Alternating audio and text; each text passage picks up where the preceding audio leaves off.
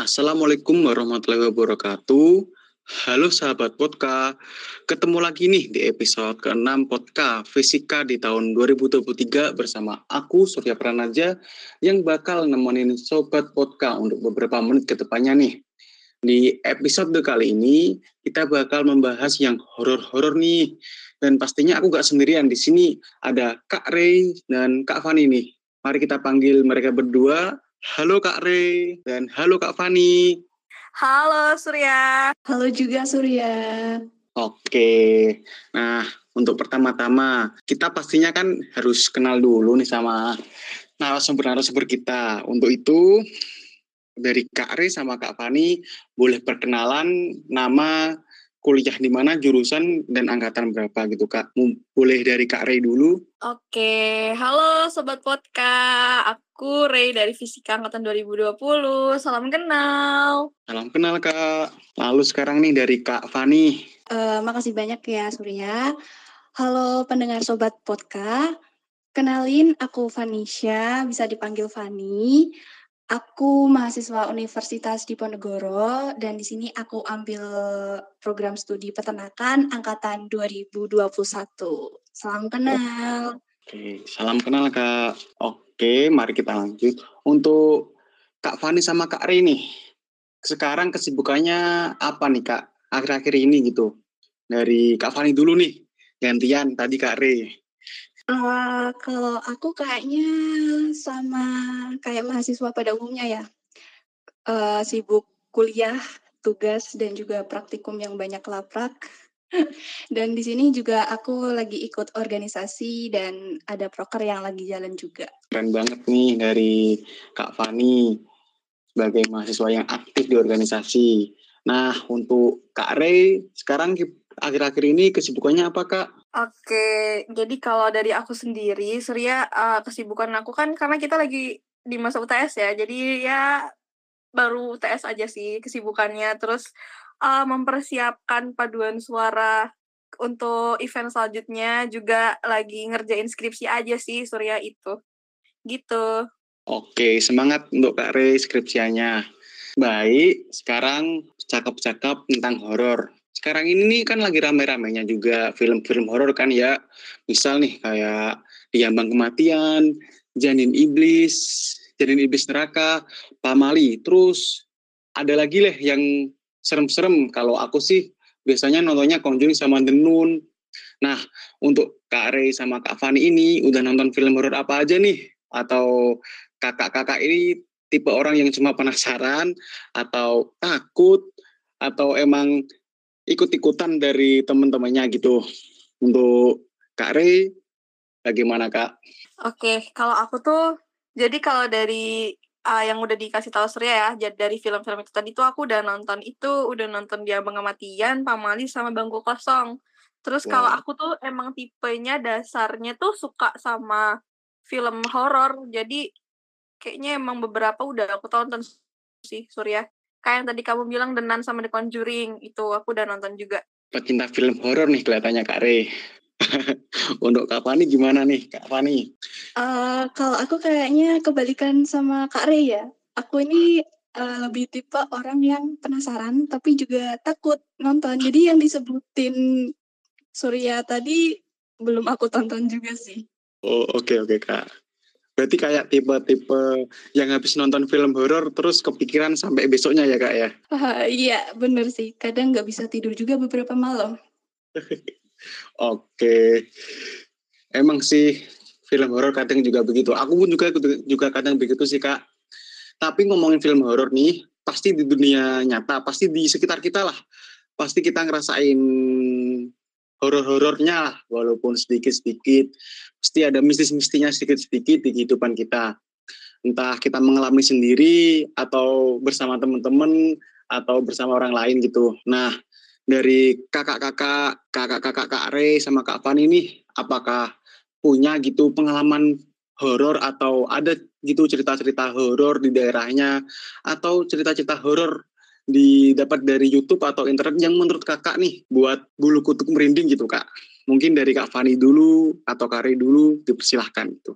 Oke, mungkin aku mau tak tentang Wonogiri ya, karena kan aku tinggalnya di Wonogiri nih, Sur. Tapi ini tuh mungkin kebanyakan orang mungkin udah pernah denger ini dan ada yang mungkin belum gitu kan dari sobat Kotka. Jadi di rumah aku uh, lebih tepatnya itu di kawasan rumah aku doang atau kayak di desaku doang itu sering terjadi hujan es. Jadi yang apa ya kayak hujannya itu uh, yang turun tuh es gitu loh. Jadi batu es kecil-kecil atau yang gede nanti kena apa kayak papan gitu kan nanti pelang dia langsung kayak pecah berkeping-keping gitu kan dia es kan sedangkan uh, temen aku yang rumahnya itu nggak terlalu jauh anggaplah kayak misalkan dari peternakan ke itu deh ke psikolog psikologi undip jadi jarak itu cuma kayak gitu doang tapi dia tuh nggak hujan dan dia tuh terang benderang nah uh, usut punya usut ternyata di daerah desa aku itu tuh punya legenda atau kayak mitosnya gitu kan. Jadi di belakang rumahku tuh kayak ada bukit,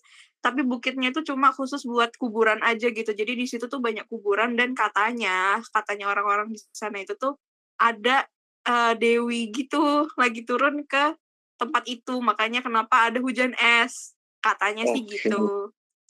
Terus juga uh, satu tuh kayaknya nih ada ada yang pernah dengar Gunung Pegat gak sih? Gunung Pegat. Dari Kak Fani pernah dengar gak Kak Fani? Gunung Pegat. Duh, gak kalau aku belum sih. Aku juga belum Kak Rey. Oh, oke. Okay. Jadi di Wonogiri itu ada gunung yang kayak kebelah gitu kan. Jadi gunungnya itu dulu pernah dibelah sama seseorang buat jadi jalan. Nah, terus mitosnya itu tuh uh, kan namanya Gunung Pegat ya atau kalau misalkan di bahasa Indonesia itu Pegat itu tuh bahasa Jawa yang artinya itu kayak putus gitu loh. Nah, uh, di situ tuh sering terjadi kecelakaan karena ulah sesuatu yang jahil dan juga mitosnya kalau misalkan ada pasangan nih mereka baru nikah terus mereka tuh lewat Gunung Pegat itu di uh, bisa dimitoskan itu katanya mereka bisa langsung cerai entah nanti uh, mereka ada bertengkar atau yang satunya itu nanti uh, meninggal gitu jadi kayak diceraikan aja gitu kayak dipisah gitu maksudnya Gitu sih, itu cerita yang ada di Wonogiri sih. Apakah itu Kak, apa di masyarakat sekitar pernah lihat penampakan-penampakan di sekitar Gunung Pegatnya gitu Kak? Atau ada mungkin teman kakak yang kakak ceritain tadi pernah lihat gitu Kak? Enggak sih, ini tuh kayak jadi mama aku sendiri ya.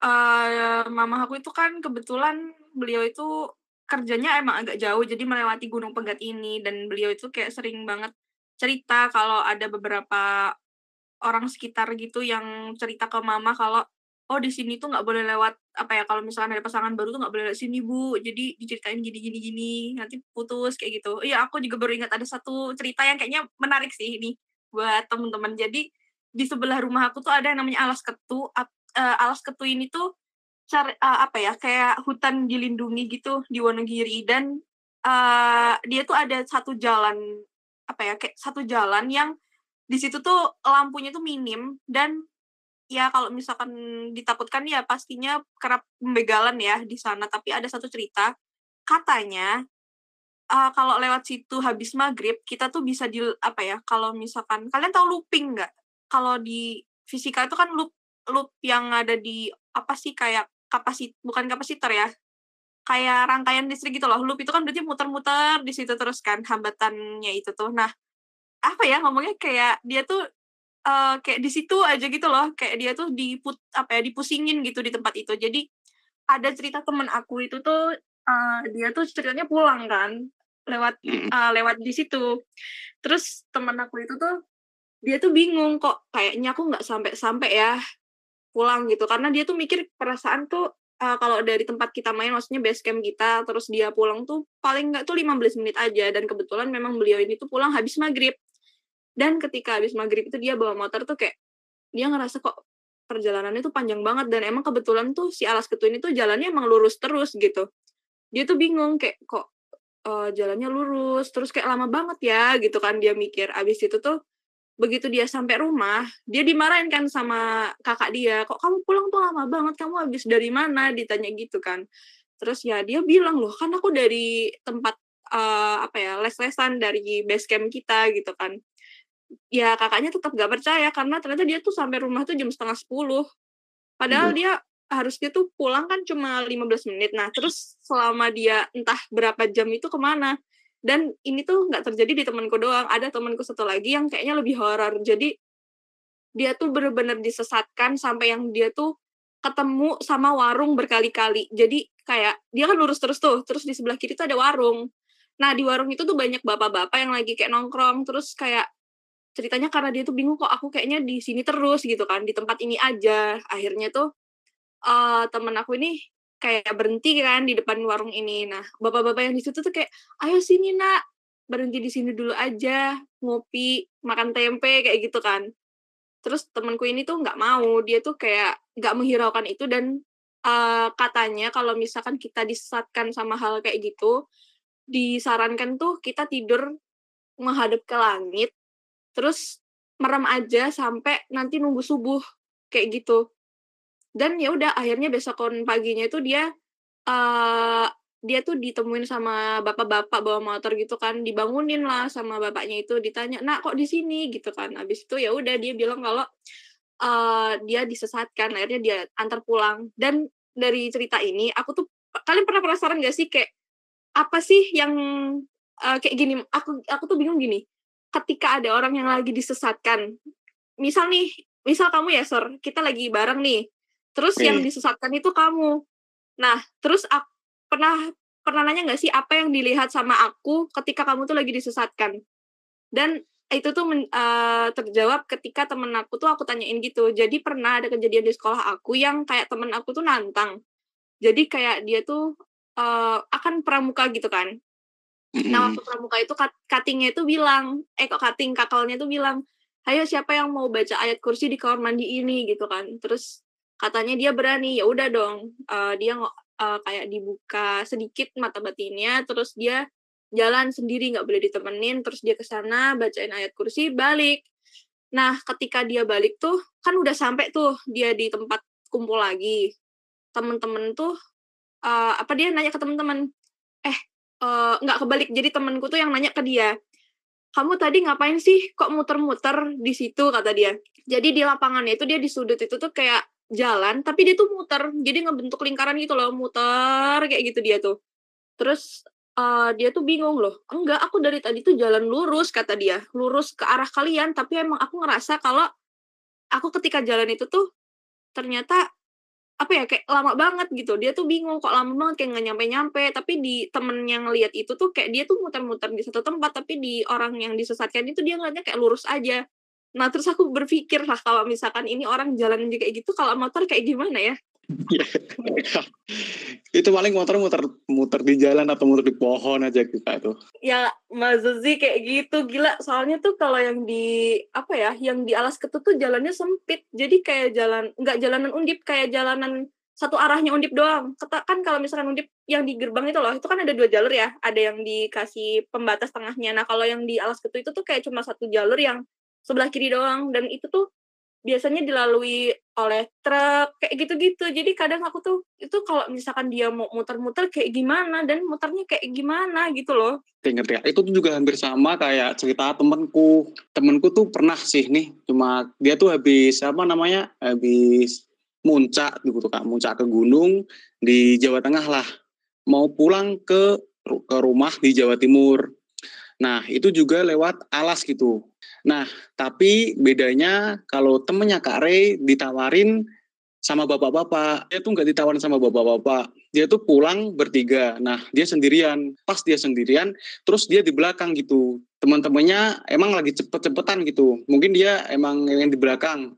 Nah, dia jalan terus, lurus, terus nggak ada apa-apa katanya. Terus dia ketemu, ketemu sama gerombolan orang pakai baju hitam tapi belakangin dia. Ketemu, ketemu pertama terus lurus terus ketemu lagi. Tapi di yang dihadapin apa yang gerombolan hitam tuh hadap ke rumah ada orang meninggal di sana. Terus dia takut kan? Dia lurus terus lagi ketemu lagi. Tapi yang yang orang hitam tuh hadap di suatu kan dia lewat jembatan kan? Nah orang-orang hitam tuh lewat dihadap di kalinya gitu yang ada di bawah jembatannya pokok terus lurus lagi sampai ketemu masjid. Di masjid dia kan belum sholat nih ceritanya. Dia belum sholat dia sholat ke sana. Sholat di masjid itu ya sepi lah pastinya. Terus habis sholat tiba-tiba kok ada orang gerombolan hitam lagi di depannya gitu. Tapi nggak ngadep dia ngadep motornya. Terus dia langsung buru-buru lari ke motornya balik lagi. Terus anehnya anehnya tuh dia sampai dicari temennya yang udah di depan naik motor katanya dia udah nunggu tiga jam gitu di depan. Aku speechless. Kayak jadi takut bawa motor kalau misalkan malam-malam lewat alas. Kayak maksudku kenapa ya? Setiap kita alas tuh pasti disesatkan. Apa karena kita yang kurang fokus apa kurang berdoa? Tapi kayak maksudku kalau dia emang jahil itu tuh fatal gitu loh. Kalau menurut dia tuh kan dia tanya sama apa sama petualah di gurunya lah mungkin. Itu mungkin memang lagi hari apesnya sih katanya. Jadi ya emang mungkin itu cuma cuma dianggap hari apa saja gitu ya udahlah gitu. Yang penting kita selamat aja sih gitu sih katanya katanya temanku itu. Ya ya juga ya alhamdulillah dia nggak kenapa-napa nggak kayak cerita yang ada di Aceh itu kan ada ya uh, cerita persis kayak kita ini tapi dia bedanya tuh kayak emang sengaja disesatkan terus nanti dia tiba-tiba apa ya kayak uh, pernah dengar gak sih kayak nanti kita disesatkan terus kita tiba-tiba tuh sadar kalau kita udah di tengah jalan terus di depannya ada truk gitu loh. Nah itu kan banyak yang meninggal karena itu kayak kayak cerita kalau di jalan kereta, kereta itu loh sur. Kayak uh, kalau di kereta kan biasanya ada orang mau lewat nanti telinganya ditutup. Jadi dia nggak tahu kalau kereta lewat nanti kelindas nah mirip-mirip kayak gini. Cuman bedanya ini di jalan aja. Ya setan gitu. Seru sih kak ya. Kalau dari kak Fani nih apakah ada cerita nih yang horor-horor dari kak Fani? Ayo kak ungkapkan semua di sini kak. Oke okay, uh, eh, aku ada sih cerita di daerah Kabupaten Semarang ya berhubung aku juga orang sana jadi cerita ini tuh sempat diperbincangkan karena pernah di-share di Twitter akun. Mungkin teman-teman podcast bisa cek sih di akun @infoungaran. Nah, jadi ceritanya itu tuh mengisahkan cerita horor di Umbul Sidomukti. Dari Surya atau Kak Rey pernah datang ke sana atau mungkin pernah dengar di Umbul Sidomukti itu? Ah, pernah datang ke sana Kak nih. Ada Pak Kak di sana Kak? Penasaran nih kita nih. Dari Kak Rey pernah belum nih ke Umbul Sidomukti? Aku belum pernah ke situ, makanya aku pengen dengerin kayak gimana nih Fani ceritanya. Ayo Kak Fani, kita udah gak sabar. Jadi cerita ini tuh terjadi beberapa tahun silam di mana Umbul Sidomukti belum ada pondok kopi dan kafe-kafe lainnya. Jadi ketika kita naik ke Umbul Sidomukti, itu tuh murni buat ngeliat pemandangan atau sekedar minum kopi dari kucingan. Nah, e, ceritanya itu berawal dari saya, katakanlah si sender ya, dan sahabatnya, sebut saja Sekar itu berniat buat menikmatin nikmatin pemandangan Ungaran dari atas gunung. Nah, naiklah mereka ke Umbul Sidomukti. Itu pada hari Selasa jam 8 malam. Nah, kata sendernya itu bilang, kalau nggak weekend itu sepi banget. Tapi karena kita seneng, suasana sepi jadi lebih romantis. Hehe. Katanya gitu. Ini sahabatan tapi romantis ya? Nggak tahu. Sahabat tapi mesra. Oke, okay. mungkin lanjut. Jadi uh, waktu di jalanan di Mawar sebelum Umbul Sidomukti masih Makadam. Ada yang tahu nggak Makadam itu apa? Nggak tahu kak, saya nggak tahu. Dari Kare tahu nggak kak? Nggak tahu. Uh, Oke, okay. Makadam itu tuh kayak jalan yang masih batu gitu loh. Oh, aku paham. Iya, ya paham, paham. Jadi kayak masih dari batu yang di apa namanya kali gitu ya? Oh. Iya. Paham kak? Nah, mereka waktu itu ke sana tuh jalannya belum sebagus sekarang gitu. Nah, sesampai di atas, itu ternyata udah banyak yang nongkrong. Mungkin ada kalau empat motor, dan di pojokan itu ada tenda jualan kopi. Nah, di situ tuh belum ada perasaan aneh. Katanya mereka tuh kayak orang normal yang fokusnya ke pemandangan, foto-foto, dan pada saat itu suasananya suasananya tuh masih rasanya dingin banget gitu. Sambil lirik kanan, kiri, mereka cari kopi. Tapi si Sekar ini dari tadi ngadep ke bawah. Nah, si sendernya ini cuek aja karena mereka uh, dia ngira dia itu cuma main HP si Sekar itu. Nah, tapi ini aneh. Tiba-tiba si Sekar ngajak pulang. Dia bilang, turun yuk ah, dingin banget gitu. Terus si Sender bilang, eh kita belum ke atas loh, mampir bentar sekalian kenapa gitu. Posisi kita kalau sekarang di parkiran arah kolam renang, kita mau ke atas arah pondok kopi. Terus si Sekar bilang, ya udah kayaknya dia pasrah sih. Terus akhirnya mereka ke spot lebih tinggi biar kelihatan. Pas perjalanan, dia noleh kanan, noleh kiri, noleh kanan, noleh kiri. Terus mukanya ditekan ke punggungku, ke punggung sender. Nah, jalan benar-benar gelap, kanan kiri pohon pisang. Padahal juga di atas ada orang nongkrong di spot atas. Gak tahu kenapa nih, tiba-tiba si Sekar ini teriak, minta turun. Dan dia sambil nangis gitu. Nah, akhirnya si sendernya ini kaget dong. Siapa yang nggak kaget tiba-tiba pada teriak apa si Sekar ini teriak sambil nangis. Oke. Ada yang bayangin kenapa? Tahu. Lanjut lanjut. Aku penasaran. Bapak Oke. ceritanya berasa horor banget kak nih. Nah, waktu itu mereka langsung heboh turun. Mereka nggak ngomong apa-apa dan si Sender ngerti ini ada sesuatu yang nggak beres. Dan akhirnya mereka turun tuh pulang. Nggak ada pembicaraan sama sekali. Dan mereka berdua sama-sama diem pas lewat jalan mawar ke bawah. Nah, sesampainya di pasar Badungan, itu udara mulai anget, bisa dirasain masuk ke tulang gitu. Akhirnya gitu, setelah di atas rasanya anyep-nyep. Terus pikiran bengap gelap juga mulai jernih. Dan akhirnya dia tanya nih ke Sekar, kamu gak apa-apa gitu. Dia ketakutan, pikirannya kosong sambil nunduk. Dia nyeletuk, kamu gak lihat di pohon pisang banyak banget ngocongnya. Gak kuat aku lihatnya, sumpah. Itu dia kira-kira kena mental nggak ya waktu ngelihat ya kena mental ya orang dia diem aja ya. Iya, gimana ya posisinya Pasti yang satu nggak tahu apa-apa, yang satu ngelihat hal-hal yang aneh, yang satunya panik bingung, yang satunya nangis gitu kan kak. Jadi si Sekar bilang, katanya ada yang ngode suruh turun. Siapa yang ngode? Ngacongnya kan berarti. Nggak tahu kenapa aku belum pernah ngalamin kayak gini, gitu kata si Sekar. Dia sambil nangis gitu.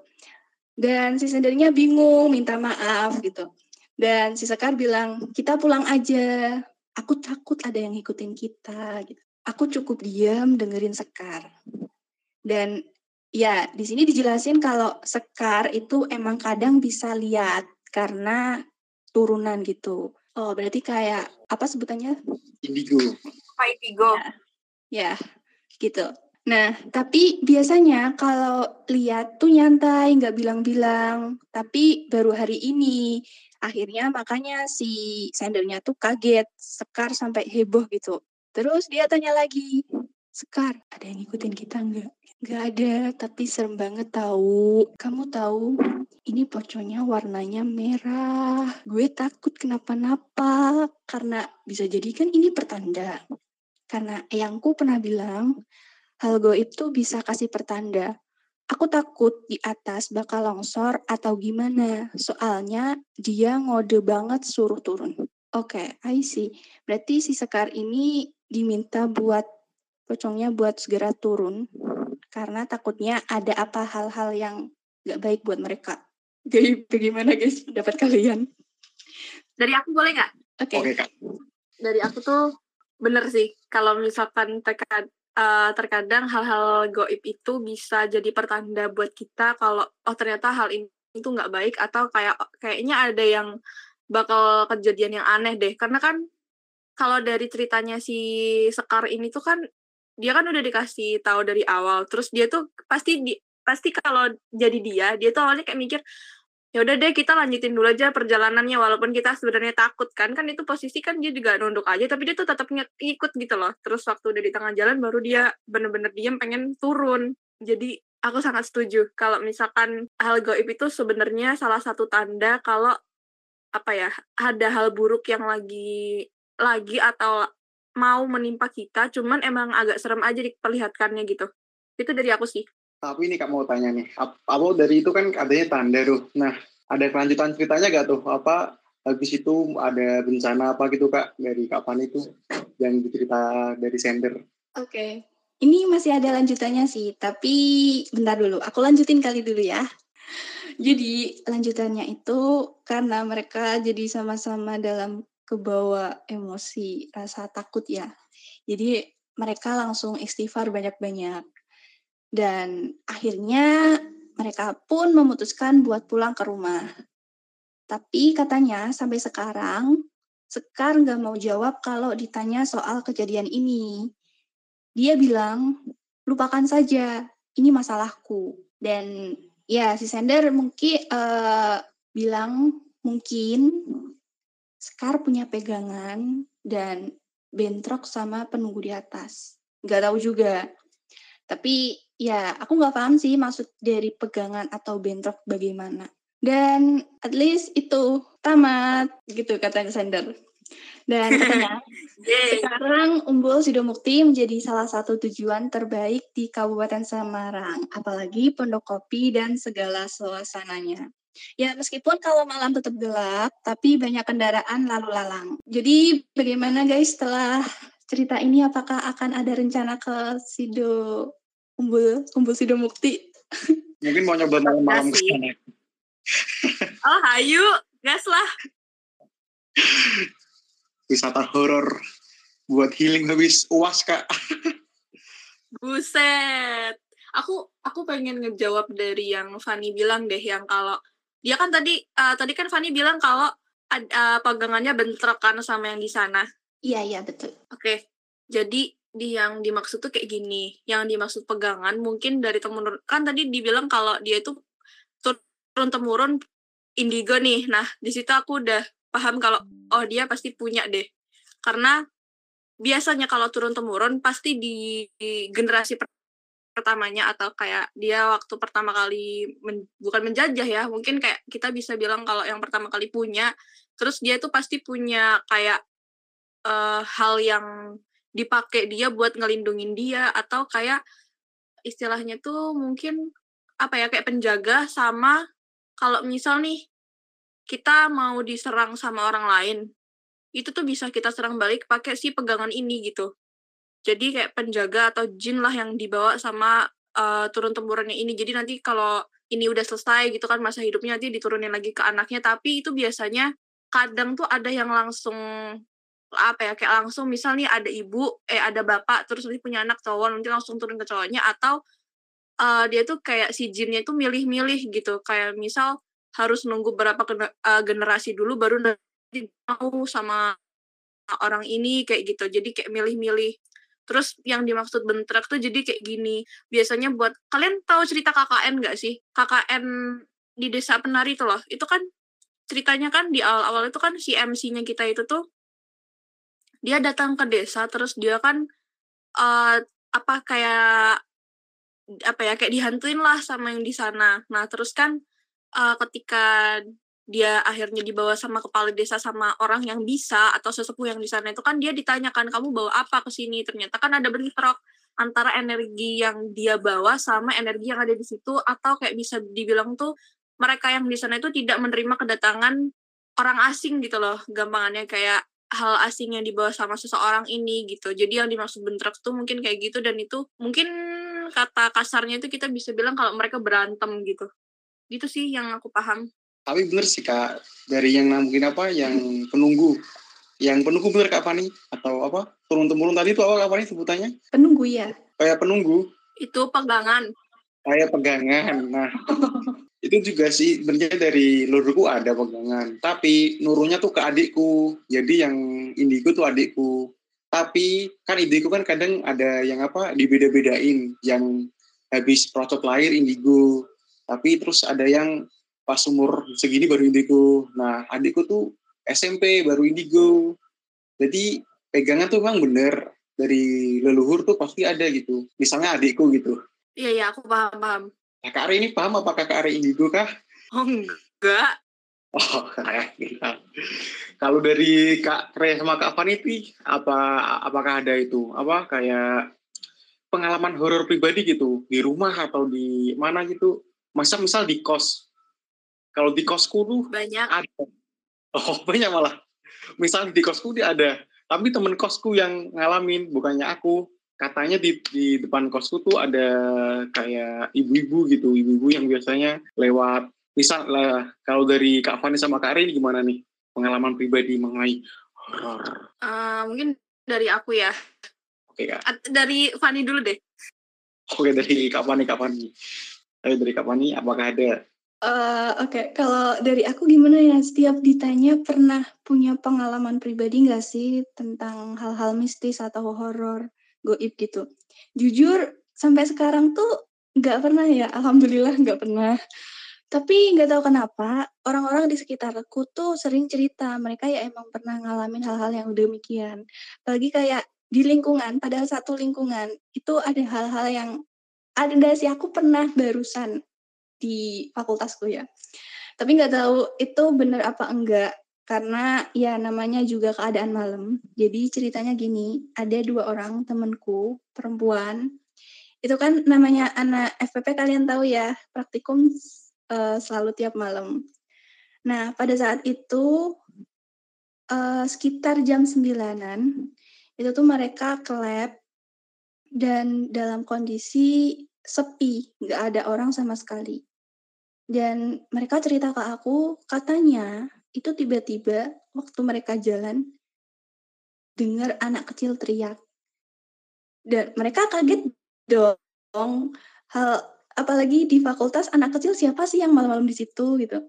Ya aku awalnya nggak percaya karena aku nggak pernah ngalamin itu dan hal apa ya kalau di logika pun ya pastinya nggak ada sih anak kecil yang di situ malam-malam lagi. Itu sih, mungkin emang benar uh, setiap sudut ruang itu kan pasti ada hal-hal yang mungkin yang nggak kita tahu. Tapi ya kita kan semua di sini cuma bisa berdoa pada Tuhan, semoga semuanya diberi perlindungan supaya keadaannya baik-baik saja gitu kan. Itu dari aku. Amin. Amin, amin. Semoga bisa ketemu juga ya pengalaman horornya gitu. Eh, malah tidak aku tidak menantikan doain, itu. gila. Tolong jangan. tidak bisa tidur nanti. Iya, iya. Iya loh. Aku mungkin mau ngelurusin ya dari yang Fanny bilang tadi kalau pasti di sudut ruangan atau di mana itu ada. Kalau aku bilang sebenarnya uh, jin ya kita tuh sebenarnya apa-apa tuh selalu berdampingan dengan mereka gitu loh. Mereka tuh sama kayak kita, cuman kita nggak bisa ngeliat mereka dan mereka pun beberapa nggak ada yang nggak bisa ngeliat kita. Jadi jatuhnya kayak kalau di manusia kita indigo, kalau mereka tuh jin yang bisa ngeliat kita tuh namanya indigo juga, tapi di kalangan mereka kayak gitu. Dan kita tuh hidup berdampingan sama mereka. Jadi kadang memang ada yang di sudut ruangan, ada yang ya kalau misalkan kita lagi duduk atau kita lagi berbaring atau gimana itu ya pasti ada juga yang lagi nemenin atau kayak apa ya kayak misalkan kita lagi duduk nih itu di depan kita itu pasti ada dia tuh ngedengerin kita atau kayak ya nemenin lah. Terus ketika kita lagi cerita horor pun pasti mereka tuh kayak penasaran gitu loh kayak ih aku lagi diceritain mereka lagi ngomongin apa ya? Kayak gitu. Dan mereka tuh jadi kayak ya mereka ngegerombol ngelilingin kita terus kayak ngedengerin kita ngobrol ini kayak gitu. Kayak gitu. Jadi aku tuh kadang uh, mikir kalau kan kalau beberapa orang awam kan mereka tuh mengatakan kalau apa ya kayak dia pasti ada di sudut ini ada di sini. Kayak mereka tuh sebenarnya kayak kita mereka melakukan aktivitas tapi emang kita nggak bisa ngeliat aja gitu sih. Ah nah terus dari cerita horornya Kak Ari yang pribadi itu gimana Kak? Aku kalau mungkin aku nggak cerita dari waktu aku masih kecil. Nanti ada dua cerita terus satunya lagi itu baru terjadi kemarin Februari ya. Uh, ya apa Maret gitu. Jadi uh, ini waktu uh, pengalaman pribadi ketika aku masih SD dulu itu aku rumahnya itu ber, jadi gini aku tuh ada di rumah dinas jadi mama aku itu kerja di puskesmas. Dan jadi ada puskesmas nih sebelah kanannya itu rumah dinasnya itu terus sebelah kirinya itu ada rumah gede banget bener-bener gede terus dia di situ tuh ada sumurnya.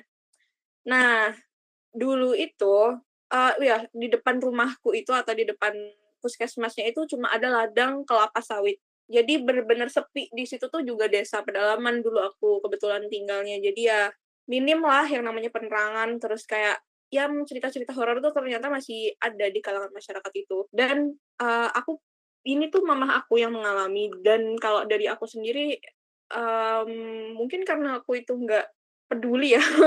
Jadi kayak aku bodo amat gitu loh mereka mau ngapain karena emang ya emang mau ngapain gitu loh.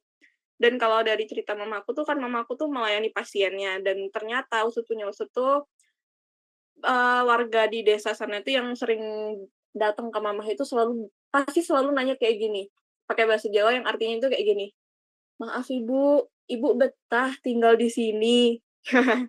Terus kan mama aku ketar ketir dong kayak lo maksudnya apa ya kok nanya kayak gini? Gitu kan. Ya udah kan ya mama bilang kalau iya bu saya uh, ke, apa ya alhamdulillah saya betah kok di sini kayak gitu kan. Nah terus kan ibunya yang berobat ini tuh nanya lagi kayak ibunya nggak takut? Gitu. Uh, apa namanya kayak ditanyain ibu nggak takut?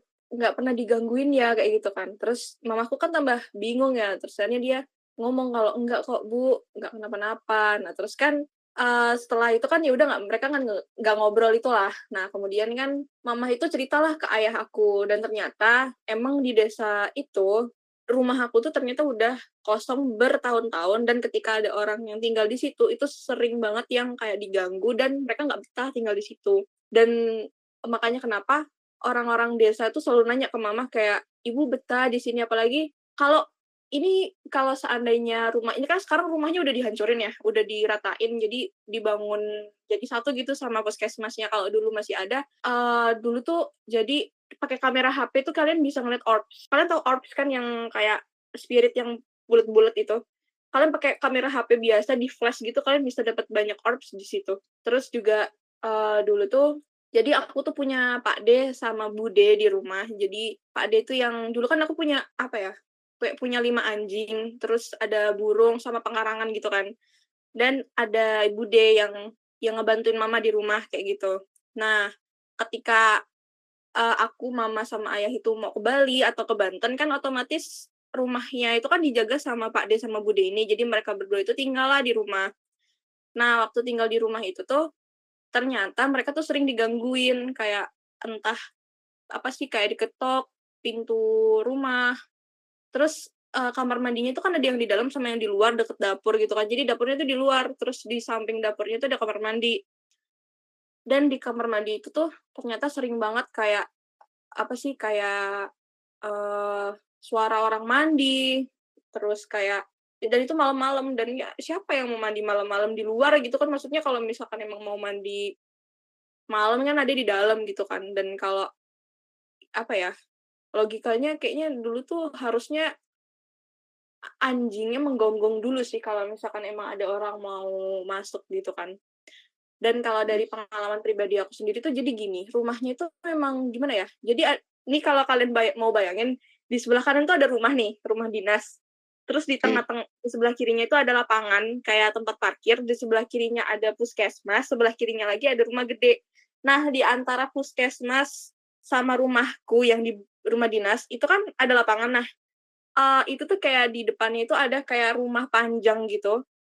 Dan udah rusak jadi kayak rumah jadi gudang obat tapi nggak kepake lagi gitu loh kalau di puskesmas. Nah pernah jadi dulu aku punya kelinci juga kan. Nah kelincinya jadi uh, rumah dinas itu lagi direnovasi. Jadi kita tuh kayak ngungsi dulu tuh di rumah yang udah nggak kepake ini gitu kan. Nah ceritanya aku lagi main si kelinciku ini. Nah habis itu kelincinya tuh kayak masuk kan. Padahal di dalam rumahnya ini tuh udah kayak kayak terbengkalai gitu loh. Jadi kayak yang dipakai buat aku sama mam, ayah aku tidur tuh cuma yang di depan-depannya aja atau kayak bukan lobby apa ya namanya? Apa ya? Sur namanya? Apa? gazebo. oh, gazebo okay. gazebo. Jadi cuma di depannya doang. Nah terus kan karena dia masuk ke dalam rumah itu ya udah aku ikut dong. Nah terus aku tuh bingung kok dia nggak ada? Terus aku makin masuk kan ke rumah yang panjang itu. Dan aku tuh nemu ada kayak asap asapnya tuh put apa hitam hitam yang kayak kalian pernah bukan hitam yang kalau bakar apa sih bakar bakar itu bukan jadi kayak hitam bekat gitu kan tapi dia bentuknya asap gitu. Dan itu tinggi. Terus dia tuh punya mata merah kan aku tuh ya nggak tahu gitu dan dia kulinci aku tuh ada di depan si asap ini.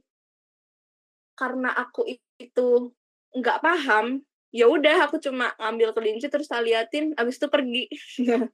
Aku nggak tahu kan abis itu uh, ketika besar ini akhirnya aku nanya ke ayah aku ayah waktu dedek kecil itu pernah lihat ini di rumah ini itu apa ya? Aku tanya. Ternyata itu tuh genderuwo punya si rumah gede ini. Jadi ternyata rumah yang gede ini tuh kayaknya dia main pesugihan terus mungkin genderuwonya lagi main gitu ya ke rumah itu ya kebetulan ketemu aja sih mungkin seperti itu. Terus waktu aku kecil tuh kan aku tuh nomaden ya jadi kayak pindah-pindah gitu loh rumahnya. Nah ada salah satu rumah yang kayaknya tuh itu bener-bener sangat dipertanyakan sebenarnya kalau buat aku sampai sekarang karena aku tuh masih bingung. Secara uh, aku tuh kan sering ditinggal di rumah sendirian ya karena mama sama aku tuh kayak ngelaju nganterin mama aku ke rumah sakit gitu kan. Nah itu di rumah itu tuh rumah yang cukup besar uh, cukup uh, gimana ya gede. Terus kita kan ngontrak di situ. Nah yang paling ini yang pertama yang paling aneh banget itu coba deh kalian pikir kayak gini. Yang punya rumah itu tuh dia tinggal di rumah joglo yang udah rusak dengan lantai dari tanah. Kalian tahu kan rumah rumah yang desa-desa zaman dulu banget gitu loh yang kayak bener-bener tanah gitu? Nah itu yang yang punya itu tuh dia tinggal di situ. Tapi dia tuh punya rumah gede banget. Gitu Terus aku tuh mikir kenapa dia nggak tinggal di situ aja? Karena aku bingung ya kayak loh uh, yang punya di mana? Karena aku nanya ke mama kan mah ini yang punya mana? Gitu. Terus katanya tuh di sebelah rumah ini. Jadi aku oh gitu kan. Begitu tahu rumahnya kayak loh jelek sekali rumahnya. Kenapa dia tidak tinggal di sini? Gitu. Masalahnya tuh rumahnya jelek. Maksud aku tuh kayak jeleknya tuh yang itu loh atapnya tuh kadang ada yang bolong. Jadi atap yang dari bata eh bata apa sih yang kayak yang penutupnya yang itulah bukan yang dari jerami lah. Itu tuh ada yang bolong ada yang rusak ada yang ketutup jerami juga. Jadi kayak maksudku loh kenapa kalian itu malah tinggal di situ? Kalian punya rumah ini loh padahal. Nah terus yang lebih aneh lagi ketika aku masuk ke rumahnya ini jadi di rumah itu tuh ada tiga kamar. Dan kalian tahu apa? Salah satu kamar itu nggak boleh dibuka sama sekali dan itu dia posisinya itu ada di depan. Jadi kalau kalian masuk nih ke rumah itu itu di waktu masuk tuh sebelah kiri itu kayak apa ya kayak ada uh, apa namanya ruang tamu. Terus sebelah kanannya itu langsung kamar tapi pintunya itu di belakang. Jadi bukan yang kayak kalian masuk nanti sebelah kanan pintu gitu bukan. Jadi masih depannya lagi. Terus di sebelah kiri tuh kayak ada ruang kecil gitu. Mungkin itu uh, dulu dipakai buat tempat sholat gitu kan uh, musola kecil terus ada di sebelah kiri ada dua kamar terus di sebelah kanan itu luas kayak uh, lantai biasa gitulah. Kayak ya cuma luas aja rumahnya. Nah terus kan kamar depan ini yang aku bilang kayak kok dia tuh kacanya itu udah beda sendiri. Jadi kacanya itu dibikin kaca yang apa ya yang lebih hitam gitu loh. Jadi kayaknya tuh bisa dilihat dari dalam tapi dari luar nggak bisa kelihatan. Itu pertama. Kedua dia itu ke uh, pin apa ya kunci pintunya tuh masih yang yang kayak lobang gitu loh. Tau gak sih yang bentuk kayak cewek pakai rok kayak apa sih? Yang bentuk kunci zaman dulu lah masih yang bolong gitu kan. Nah ya, itu tuh disumpelin juga. Jadi dia disumpelin jadi aku tuh kan iseng ya. Maksudnya kan aku penasaran ke mama kan kayak mah kok ini ada kamar satu lagi kita nggak make gitu kan. Katanya nggak boleh di situ. Terus aku oh ya udah aja kan. Nah abis itu ya udah karena aku tuh penasaran jadi aku lihat di lubang itu. Dan yang yang kelihatan lah orang disumpelin soalnya aku kaget buset kok sampai sebegitunya ya ditutup gitu loh. Dan dilarang untuk dibuka apalagi dideketin karena aku udah pernah ngeliat jadinya si pintu kamarnya itu ditutup lah pakai buffet atau lemari gitu lemari yang naruh-naruh buku gitu. Akhirnya ya udah aku kan nggak bisa ngeliat situ lagi. Dan itu kan yang kedua keanehan ketiga itu di belakang rumah. Jadi bukan di belakang apa ya kayak jadi kan tadi aku bilang kalau di dalam rumah itu ada kayak uh, luas gitu kan tempat rumahnya gitu tuh yang lantai-lantai. Nah di belakang itu baru dapur. Jadi ini nyatu lah. Nah di bagian lampu si dapurnya ini sebelahnya itu ada tali panjang warnanya biru apa hijau gitu apa gabungan dari dua warna itu dan ngebentuknya tuh ngebentuk bulat talinya. Paham nggak maksud aku gimana gimana? Kayak gimana? Bentuk bulatnya gimana? ngebentuk bulat gimana ya? Masa emang boleh ya nyebutnya di sini? Uh, kalian tahu kejadian mahasiswa yang lagi booming sekarang kan? Oh iya, tahu tahu berarti tahu tahu. Nah, tali, talinya tuh ngebentuk kayak gitu. Talinya tuh ngebentuk kayak gitu dan itu tuh udah bener-bener kayak kayaknya udah lama nggak ditempatin ya uh, rumah ini. Jadi uh, ya udah, jadi udah berdebu, udah yang sampai sarang laba-laba gitu loh. Dan mama sama ayahku tuh nggak ada yang nurunin itu. Maksudnya nggak ada yang mau ngebersihin itu sama sekali karena kan kita di situ cuma bentar aja. Jadi ya udah, akhirnya terus kita pindah dan ya nggak ada apa-apa sih ya cuma aneh aja kayak maksudnya kok kayak gitu gitu loh kenapa terus untuk cerita yang kemarin Februari tahun ini ini uh, mungkin gimana ya kalau di aku tuh ini cerita horor yang aku kasih tahu mungkin kebetulan aku nggak bisa cerita yang mungkin ketemu sama ini ini ini ya tapi yang lainnya aja lah dan jadi kalau yang ini tuh ceritanya tuh kan aku mau makan sama teman aku. Uh, anggaplah namanya ini Surya gitu ya, misal namanya Surya nih. Nah, si iya. Surya ini tuh ceritanya aku hubungin, eh aku OTW ya, dan kebetulan aku tuh nggak punya kuota waktu itu. Jadi dari kos tuh aku kayak ya udah langsung ke kos dia. Aku bilang kalau aku nggak punya kuota nanti kamu tunggu di depan ya. Aku bilang kayak gitu kan. Nah bentuk kos dia itu kayak uh, apa namanya ya? Kayak jadi buka apa nggak ada gerbangnya gitu loh jadi kayak kayak apa ya anggaplah kalau kalian bayangin kayak misal kos dia tuh depannya kayak gerbang undip deh anggaplah kayak gitu jadi kita tuh harus masuk dulu tapi dia uh, nunggu di depan gerbang undip anggaplah kayak gitu kosnya nah ceritanya tuh aku udah sampai tuh di depan kos dia. Terus aku tuh bingung kok nih anak gak keluar keluar terus kan aku gak punya kuota ya jadi aku bingung kan ngehubungin gimana. Jadi aku pakai seluler tuh. Pakai seluler pun ternyata nggak bisa dan aku tuh bingung nih anak ke mana? Kan aku udah bilang kalau aku suruh tunggu di situ. Dan uh, ketika aku itu apa namanya karena aku udah nunggu sekitar berapa ya 20 apa 30 menit lah di situ dia nggak keluar keluar akhirnya aku ke Undip dulu tuh ke jogging track aku cari wifi kan di sana ada Undip Connect itu Aku tanya, dia tuh udah nelpon ternyata. Aku bingung lah, nih anak gimana sih? Aku bingung kok dia nggak keluar. Aku telepon balik dong dia. Heh, kamu di mana? Aku tadi udah ada di kos kamu. Dan dia bilang, loh kamu emang ke sini? Aku udah nunggu kamu loh dari tadi, kata dia. Loh emang kamu di mana? Aku tanyakan. Dia bilang kalau dia tuh ada di depan situ. Tapi aku nggak ngeliat dia, dia nggak ngeliat aku. Jadi terus aku mikir, Terus ketika mereka kita lagi ada di waktu apa ya di tempat yang sama tuh siapa nih yang lagi pergi mikirku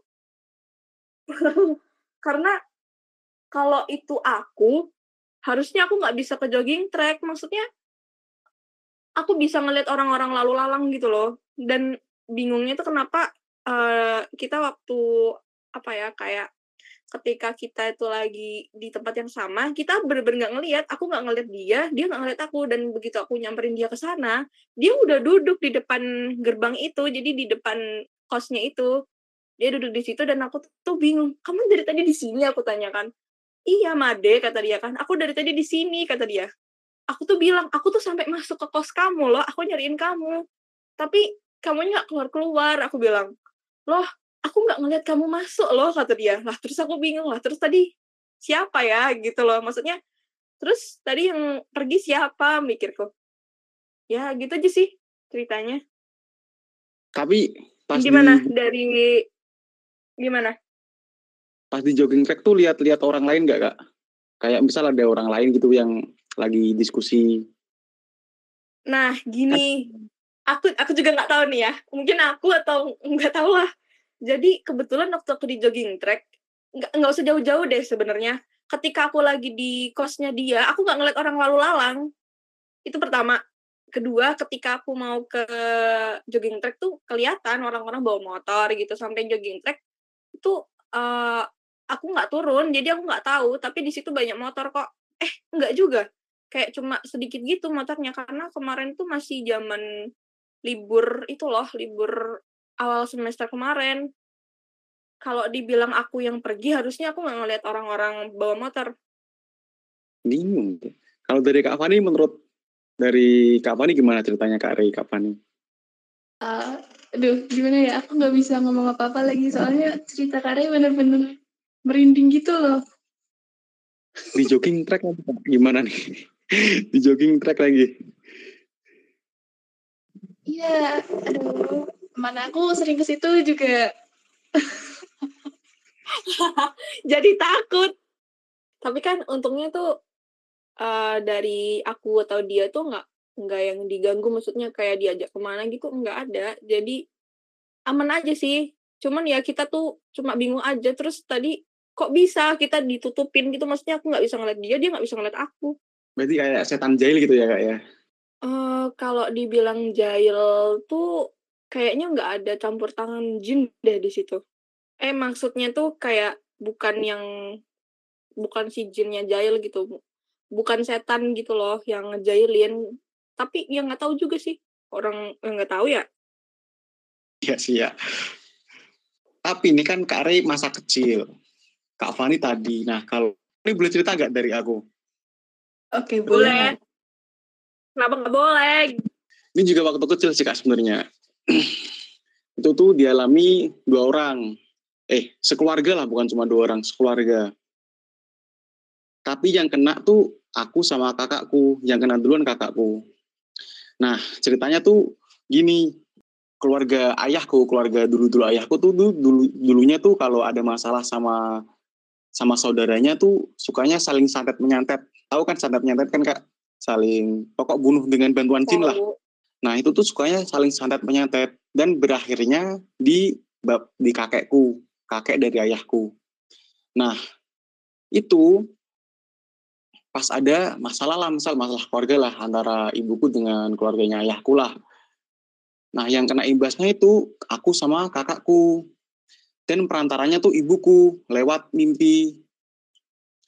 Yang pertama kan kakakku tuh. Ibuku mimpi gini. Mimpinya ada pamanku dari ayahku ngembala sapi dimasukin mau dimasukin ke rumah mau dimasukin ke rumah dan itu tuh sapi sapi putih kan ibuku bingung dong kok bisa pamanku mau mengembala sapi ke rumah gitu. Terus ditanyain ke kakekku dari ibuku. Nah, kakekku dari ibuku tuh dukun. Dukun lah pokok sebagai peramal lah di desa gitu, terkenal udah. Terus ditanyain kenapa gitu. Gak dijawab. Cuma jawabnya itu gini. Yang penting selamat gitu. Nah, kejadian beneran. Kakakku masuk rumah sakit.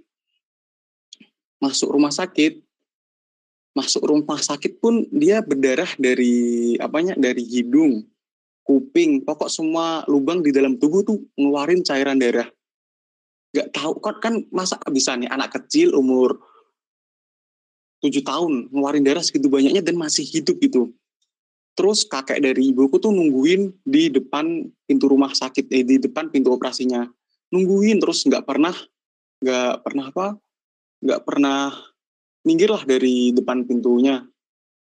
Terus tapi bener, ramalannya kan bener. Yang penting selamat dan itu memang selamat. Terus baru dijawab apa arti mimpinya setelah kakakku sembuh. Itu katanya tuh kayak jin, danyang lah. Danyang, pokok danyang. Namanya kan danyang itu. Danyang mau dimasukin ke rumah, tapi nggak bisa. Nggak bisa karena emang udah dipagerin rumahnya. Terus kalau itu bisa masuk sampai rumah, berarti nggak selamat. Terus yang kedua, setelah berapa bulan misalnya enam bulan kakakku masuk rumah sakit gantian aku yang sakit aku yang sakit ibuku pun mimpi sama lagi pamanku tapi ini gak sapi masukin beberapa ekor kambing ke rumah kunahit tapi nerobos. Terobos masuk tapi selamatnya tuh samping rumah. Eh ya samping rumah kan tetap masuk kan ya. Masuk tapi itu kambingnya warna putih. Terus lagi nggak nggak tahu lagi kan ibuku nggak maksudnya nggak ngerti lah apa itu maksudnya. Terus tanya lagi. Terus dijawabnya ya udah yang penting masih selamat lagi. Nggak dikasih tahu artinya gitu. Terus beneran aku masuk rumah sakit aku masuk rumah sakit dan di diagnosis tuh apa ya darah tinggi mana mungkin kan terus logikanya gini mana mungkin anak kecil makanya pun nggak makan aneh-aneh itu kena darah tinggi di usia kelas 1 SD, baru masuk kelas 1 SD. Tapi emang bener, terus akhirnya selamat lagi. Terus itu kan saking penasarannya tuh, dibawa ke kiai lah. Yang dibawa pas dibawa kiai itu aku. Dibawa kiai terus katanya itu gini itu darah tuh nggak darah nggak darah aslinya si anak itu tapi darah kiriman gitu katanya. Berarti yang diincar tuh dua berarti aku sama aku sama kakakku. Nah aku kan tiga bersaudara nih.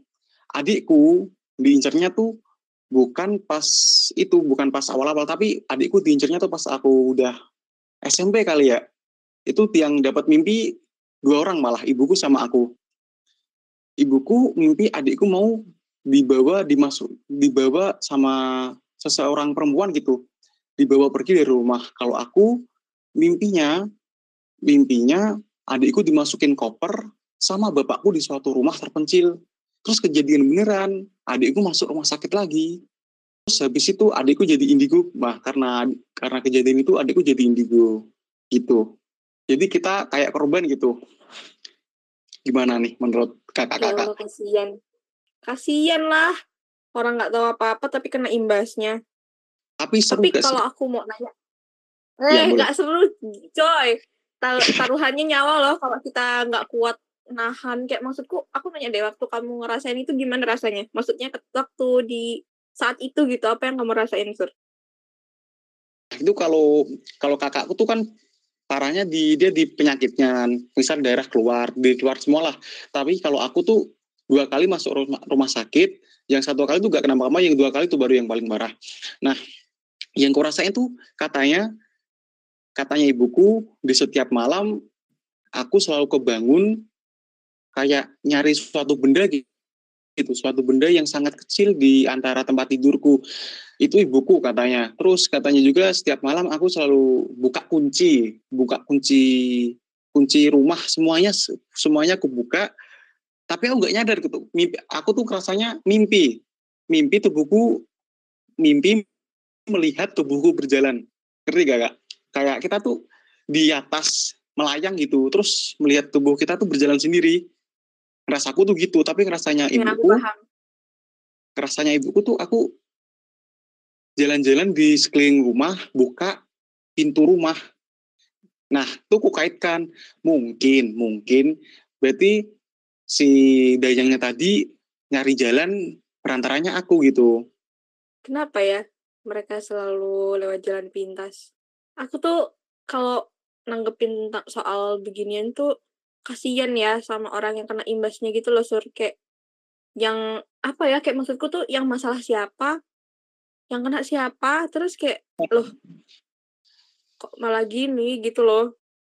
yang kena kok anaknya gitu kan aneh Eh, i- itu maksudku tuh gini loh, kayak kenapa ya orang-orang yang gimana ya? Mungkin dia ilmunya tinggi gitu loh. Jadi dia kayak mau menggunakan apa yang dia punya, tapi kayak maksudku kenapa harus di jalur yang salah? Terus kayak kenapa harus dipakai buat yang begitu? Dan kalau emang kalau emang dia mau apa ya dia mungkin iri atau kayak yang tadi kamu bilang mungkin dia tuh sebel apa gimana kenapa kalau memang lewat jalur itu kenapa harus orang lain yang kena? Kan yang bermasalah dia. Kan dia sama si A. Tapi kenapa B sama C harus kena juga?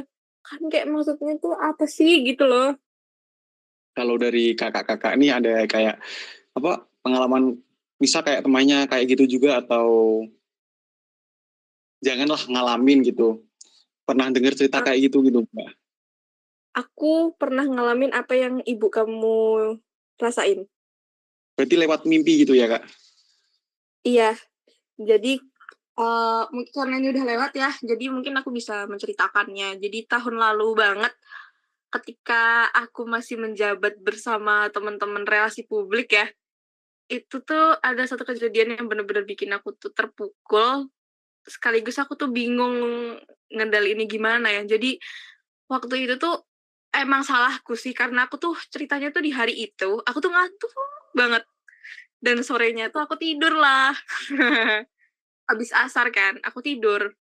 Terus di mimpi itu aku masih ingat banget Eh, jadi di situ tuh aku tuh kayak ada di suatu rumah yang aku nggak tahu itu rumahnya siapa dan di situ tuh ada ter, apa ya kayak terjadi salah satu pembunuhan ke keluargaku dan aku tuh bingung kayak kok aku mimpi kayak gini? Dan di situ aku tuh aku sadar kalau itu aku mimpi jadi aku tuh kayak berusaha untuk bangun gitu loh. Jadi kayak ayo dong bangun gitu kan. Karena stres cuy kayak maksudnya di dalam mimpi kamu harus ngeliat itu gitu loh kayak ah maksud? gitu loh dan uh, abis itu ketika aku tuh kaget maksudnya kan terpaku ya kayak ngeliat eh kok ada kayak beginian gitu kan. Itu malah diajak semakin dalam ke mimpi ketika aku tuh masih kecil. Jadi di setelah aku ngeliatin itu kayak waktu kecil aku uh, di mimpi ini tuh aku balik ke aku yang TK aku lagi main Hot Wheels mobil-mobilan di atas uh, kayak pagar tapi bukan pagar besi. Jadi pagarnya tuh terbuat dari bambu. Bambu yang dipotong-potong terus disusun gitu. Kayak anyaman gitu Kak berarti. Jadi uh, kayak bambu yang dipotong-potong terus kayak nggak nggak dianyam jadi kayak bambu biasa dipaku gitu loh jadi kayak bentuk bentuk pagar yang kayak biasa lah Nah, terus aku tuh mainin si Hot Wheels-nya itu di atas uh, Hot Wheels apa ya, kayak mobil gitu warnanya itu biru yang silver gitu kan. Jadi biru yang agak keabu-abuan, warnanya itu uh, terang tapi enggak terang banget. Jadi kayak gelap. Kalian tahu warna abu-abu yang kecampur warna biru dongker nah kayak gitu. Terus aku lagi mainin si mobil itu. Nah, terus aku tuh mulai bangun ketika aku tuh dengar suara temen aku manggil Rey, Rey, bangun kata dia kan. Aku baru bangun tuh loh. Dan aku tuh bangunnya itu bukan yang kayak kita melek pelan-pelan gitu. Enggak, jadi kayak tiba-tiba duduk. Jadi waktu lagi tidur tuh langsung kayak napas gitu. kayak gitu. Terus bangun duduk gitu loh. Tau gak sih yang duduk waktu lagi tidur terus nanti langsung duduk gitu. Dan itu tuh aku udah keringetan basah. Dan dia tuh bingung. Loh, Rey, kamu kenapa? Kata dia kan. Aku bilang, ah, enggak, gak apa-apa aku bilang kan terus dia tuh ternyata mau pergi uh, mau beli makan dia tanya kan aku mau nitip apa enggak? Aku bilang enggak enggak enggak. Terus di situ aku mulai kepikiran kayak apa nih? Eh, kok kayak gini? Gitu. Terus kalian tahu apa? Setelah aku mimpi itu selama seminggu penuh aku tuh gimana ya? Aku tuh bukan tipe yang kayak ada postingan Islam gitu loh kalau di Instagram atau di mana-mana.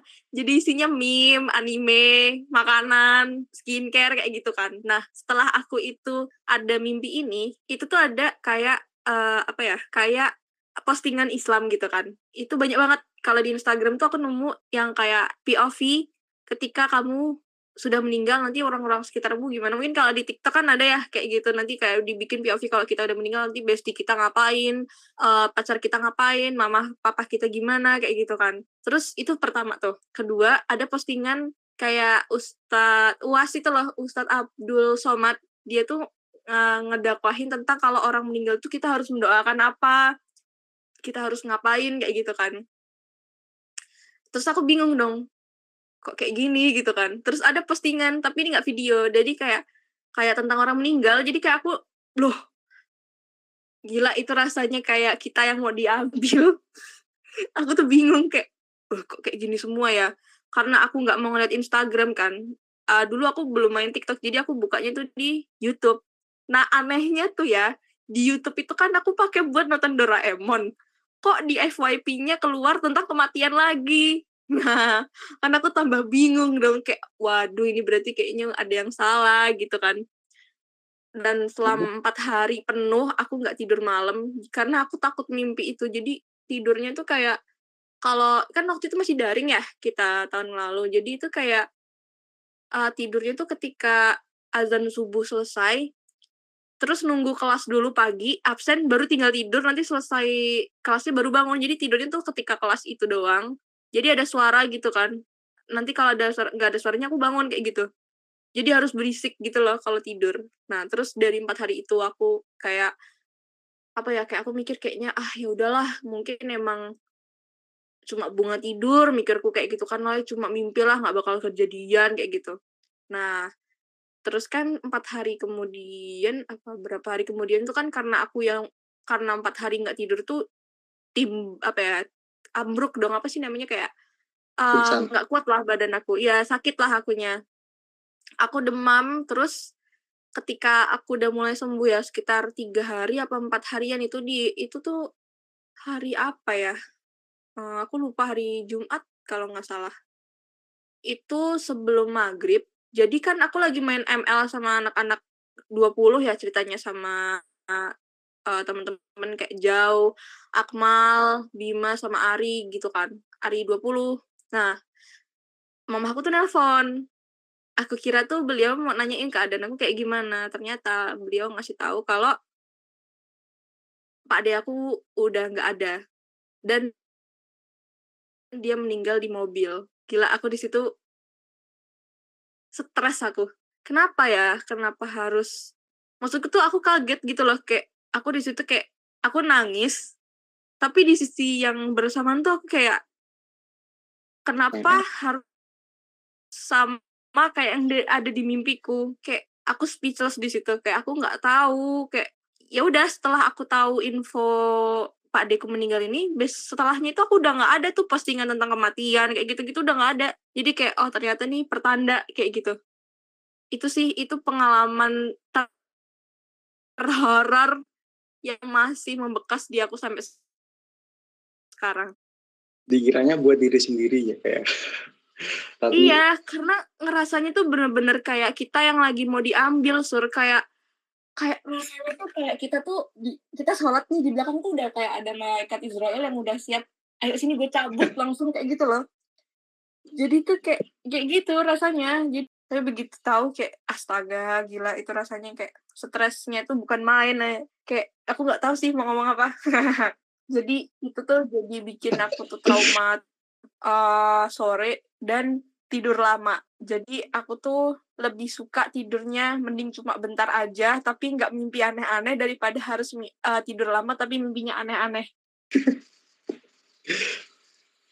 Dari Kak Fani sama Kak Re ada tambahan lagi untuk cerita horor pada malam Jumat kali ini Kak?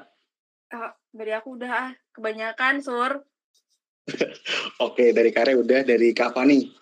Oh, aku malah juga baru sadar nih ini malam Jumat ya. ya, dilihat nih komentarnya apa cuy?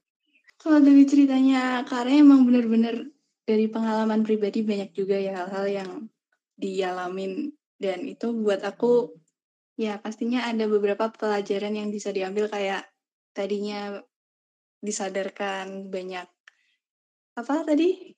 Uh, postingan-postingan Islami gitu juga ya nggak nyangka juga itu adalah sebuah kayak petunjuk. Walaupun kita yang nggak ngalamin ternyata orang yang tersayang yang kita alam yang dialamin gitu. Buat Kak Rai tetap semangat ya. Oke. Okay. santai. Udah lewat kok.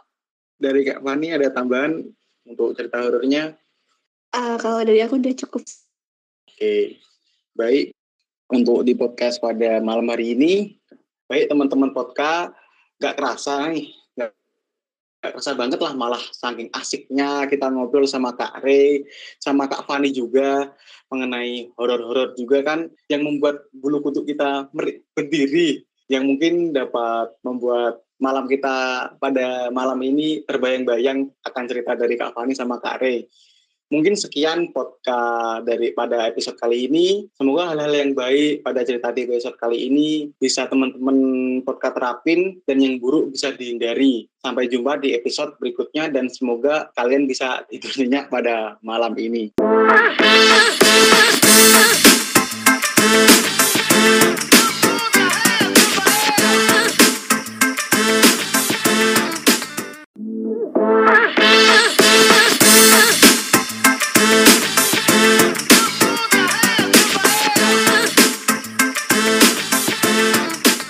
Assalamualaikum warahmatullahi wabarakatuh.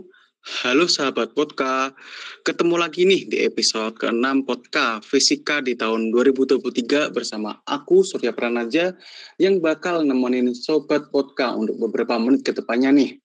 Di episode kali ini kita bakal membahas yang horor-horor nih. Dan pastinya aku gak sendirian di sini ada Kak Ray dan Kak Fani nih.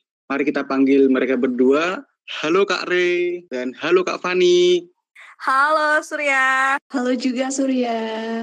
Oke, nah untuk pertama-tama kita pastinya kan harus kenal dulu nih sama narasumber-narasumber kita. Untuk itu dari Kak Re sama Kak Fani boleh perkenalan nama kuliah di mana, jurusan, dan angkatan berapa gitu Kak? Boleh dari Kak Ray dulu. Oke, halo Sobat Podka. Aku Ray dari Fisika Angkatan 2020. Salam kenal. Salam kenal Kak. Lalu sekarang nih dari Kak Fani. Uh, makasih banyak ya Surya. Halo pendengar Sobat Podka. Kenalin aku Vanisha, bisa dipanggil Fani.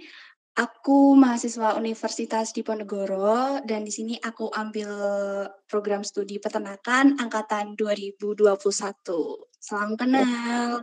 Oke, salam kenal Kak. Oke, mari kita lanjut. Untuk Kak Fani sama Kak Rini, sekarang kesibukannya apa nih Kak akhir-akhir ini gitu?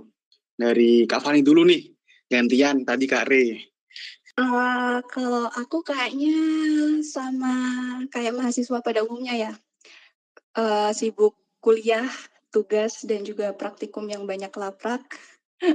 Dan di sini juga aku lagi ikut organisasi dan ada proker yang lagi jalan juga. Keren banget nih dari Kak Fani sebagai mahasiswa yang aktif di organisasi.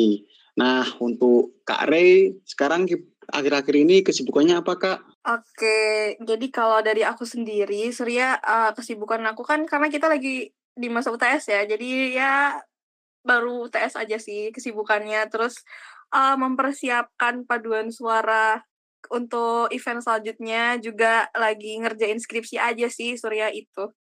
Gitu. Oke, semangat untuk Kak Re skripsianya. Baik, sekarang cakap-cakap tentang horor sekarang ini kan lagi rame-ramenya juga film-film horor kan ya. Misal nih kayak Diambang Kematian, Janin Iblis, Janin Iblis Neraka, Pamali. Terus ada lagi leh yang serem-serem. Kalau aku sih biasanya nontonnya Conjuring sama The Nun.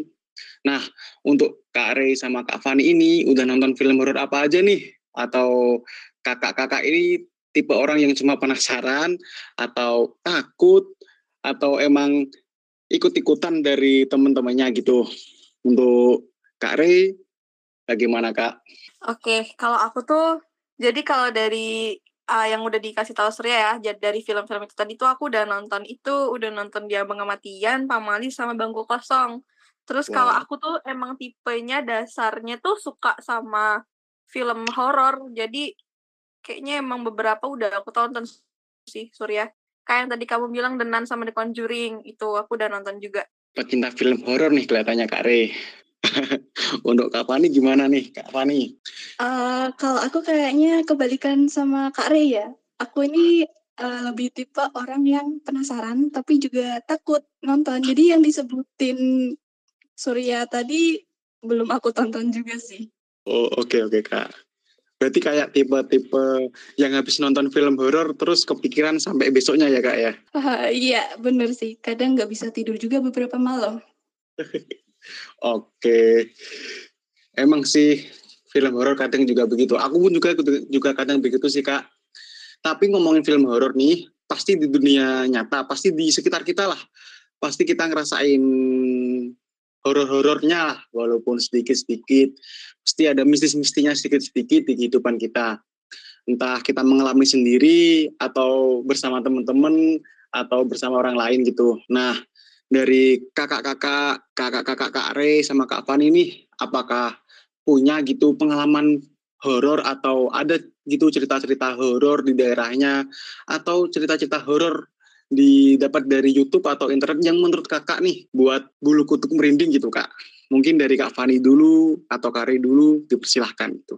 Oke, mungkin aku mau ta tentang Wonogiri ya, karena kan aku tinggalnya di Wonogiri nih Sur. Tapi ini tuh mungkin kebanyakan orang mungkin udah pernah denger ini dan ada yang mungkin belum gitu kan dari sobat podcast. Jadi di rumah aku uh, lebih tepatnya itu di kawasan rumah aku doang atau kayak di desaku doang itu sering terjadi hujan es. Jadi yang apa ya kayak hujannya itu uh, yang turun tuh es gitu loh. Jadi batu es kecil-kecil atau yang gede nanti kena apa kayak papan gitu kan nanti pelang dia langsung kayak pecah berkeping-keping gitu kan dia es kan sedangkan uh, temen aku yang rumahnya itu nggak terlalu jauh anggaplah kayak misalkan dari peternakan ke itu deh ke psikolog psikologi undip jadi jarak itu cuma kayak gitu doang tapi dia tuh nggak hujan dan dia tuh terang benderang nah uh, usut punya usut ternyata di daerah desa aku itu tuh punya legenda atau kayak mitosnya gitu kan. Jadi di belakang rumahku tuh kayak ada bukit, tapi bukitnya itu cuma khusus buat kuburan aja gitu. Jadi di situ tuh banyak kuburan dan katanya, katanya orang-orang di sana itu tuh ada uh, dewi gitu lagi turun ke tempat itu. Makanya kenapa ada hujan es. Katanya sih gitu. Terus juga uh, satu tuh kayaknya nih ada ada yang pernah dengar Gunung Pegat gak sih? Gunung Pegat. Dari Kak Fani pernah dengar gak Kak Fani? Gunung Pegat. Duh, gak kalau aku belum sih. Aku juga belum Kak Rey. Oh, oke. Okay. Jadi di Wonogiri itu ada gunung yang kayak kebelah gitu kan. Jadi gunungnya itu dulu pernah dibelah sama seseorang buat jadi jalan. Nah, terus mitosnya itu tuh uh, kan namanya Gunung Pegat ya atau kalau misalkan di bahasa Indonesia itu Pegat itu tuh bahasa Jawa yang artinya itu kayak putus gitu loh. Nah, uh, di situ tuh sering terjadi kecelakaan karena ulah sesuatu yang jahil dan juga mitosnya kalau misalkan ada pasangan nih mereka baru nikah terus mereka tuh lewat Gunung Pegat itu di uh, bisa dimitoskan itu katanya mereka bisa langsung cerai entah nanti uh, mereka ada bertengkar atau yang satunya itu nanti uh, meninggal gitu. Jadi kayak diceraikan aja gitu kayak dipisah gitu maksudnya. Gitu sih itu cerita yang ada di Wonogiri sih. Apakah itu kak apa di masyarakat sekitar pernah lihat penampakan penampakan di sekitar gunung pegatnya gitu kak? Atau ada mungkin teman kakak yang kakak ceritain tadi pernah lihat gitu kak? Enggak sih ini tuh kayak jadi mama aku sendiri ya uh, mama aku itu kan kebetulan beliau itu kerjanya emang agak jauh jadi melewati gunung pegat ini dan beliau itu kayak sering banget cerita kalau ada beberapa orang sekitar gitu yang cerita ke mama kalau oh di sini tuh nggak boleh lewat apa ya kalau misalkan ada pasangan baru tuh nggak boleh lewat sini bu. Jadi diceritain gini gini gini nanti putus kayak gitu. Iya aku juga baru ingat ada satu cerita yang kayaknya menarik sih ini buat temen-temen. Jadi di sebelah rumah aku tuh ada yang namanya alas ketu uh, alas ketu ini tuh cari uh, apa ya kayak hutan dilindungi gitu di Wonogiri dan uh, dia tuh ada satu jalan apa ya kayak satu jalan yang di situ tuh lampunya tuh minim dan ya kalau misalkan ditakutkan ya pastinya kerap pembegalan ya di sana. Tapi ada satu cerita katanya uh, kalau lewat situ habis maghrib kita tuh bisa di apa ya kalau misalkan kalian tahu looping nggak kalau di fisika itu kan loop loop yang ada di apa sih kayak kapasit bukan kapasitor ya kayak rangkaian listrik gitu loh. Loop itu kan berarti muter-muter di situ terus kan hambatannya itu tuh. Nah apa ya ngomongnya kayak dia tuh uh, kayak di situ aja gitu loh. Kayak dia tuh diput apa ya dipusingin gitu di tempat itu. Jadi ada cerita temen aku itu tuh uh, dia tuh ceritanya pulang kan lewat uh, lewat di situ. Terus temen aku itu tuh dia tuh bingung kok kayaknya aku nggak sampai sampai ya pulang gitu. Karena dia tuh mikir perasaan tuh uh, kalau dari tempat kita main maksudnya base camp kita terus dia pulang tuh paling nggak tuh 15 menit aja. Dan kebetulan memang beliau ini tuh pulang habis maghrib. Dan ketika habis maghrib itu dia bawa motor tuh kayak dia ngerasa kok perjalanannya tuh panjang banget. Dan emang kebetulan tuh si alas ketu ini tuh jalannya emang lurus terus gitu. Dia tuh bingung kayak kok uh, jalannya lurus terus kayak lama banget ya gitu kan dia mikir. Abis itu tuh begitu dia sampai rumah dia dimarahin kan sama kakak dia kok kamu pulang tuh lama banget? Kamu habis dari mana? Ditanya gitu kan. Terus ya dia bilang loh kan aku dari tempat uh, apa ya les-lesan dari base camp kita gitu kan. Ya kakaknya tetap gak percaya karena ternyata dia tuh sampai rumah tuh jam setengah sepuluh. Padahal hmm. dia harusnya tuh pulang kan cuma 15 menit. Nah terus selama dia entah berapa jam itu ke mana dan ini tuh nggak terjadi di temanku doang ada temanku satu lagi yang kayaknya lebih horor. Jadi dia tuh bener-bener disesatkan sampai yang dia tuh ketemu sama warung berkali-kali. Jadi kayak dia kan lurus terus tuh terus di sebelah kiri tuh ada warung. Nah di warung itu tuh banyak bapak-bapak yang lagi kayak nongkrong terus kayak ceritanya karena dia tuh bingung kok aku kayaknya di sini terus gitu kan di tempat ini aja. Akhirnya tuh uh, temen aku ini kayak berhenti kan di depan warung ini. Nah, bapak-bapak yang di situ tuh kayak, ayo sini nak, berhenti di sini dulu aja, ngopi, makan tempe kayak gitu kan. Terus temanku ini tuh nggak mau, dia tuh kayak nggak menghiraukan itu dan uh, katanya kalau misalkan kita disesatkan sama hal kayak gitu, disarankan tuh kita tidur menghadap ke langit, terus merem aja sampai nanti nunggu subuh kayak gitu dan ya udah akhirnya besokon paginya itu dia uh, dia tuh ditemuin sama bapak-bapak bawa motor gitu kan dibangunin lah sama bapaknya itu ditanya nak kok di sini? Gitu kan. Habis itu ya udah dia bilang kalau uh, dia disesatkan akhirnya dia antar pulang. Dan dari cerita ini aku tuh kalian pernah penasaran gak sih kayak apa sih yang uh, kayak gini aku aku tuh bingung gini ketika ada orang yang lagi disesatkan misal nih misal kamu ya Sor kita lagi bareng nih terus yang disesatkan itu kamu. Nah terus aku pernah pernah nanya nggak sih apa yang dilihat sama aku ketika kamu tuh lagi disesatkan?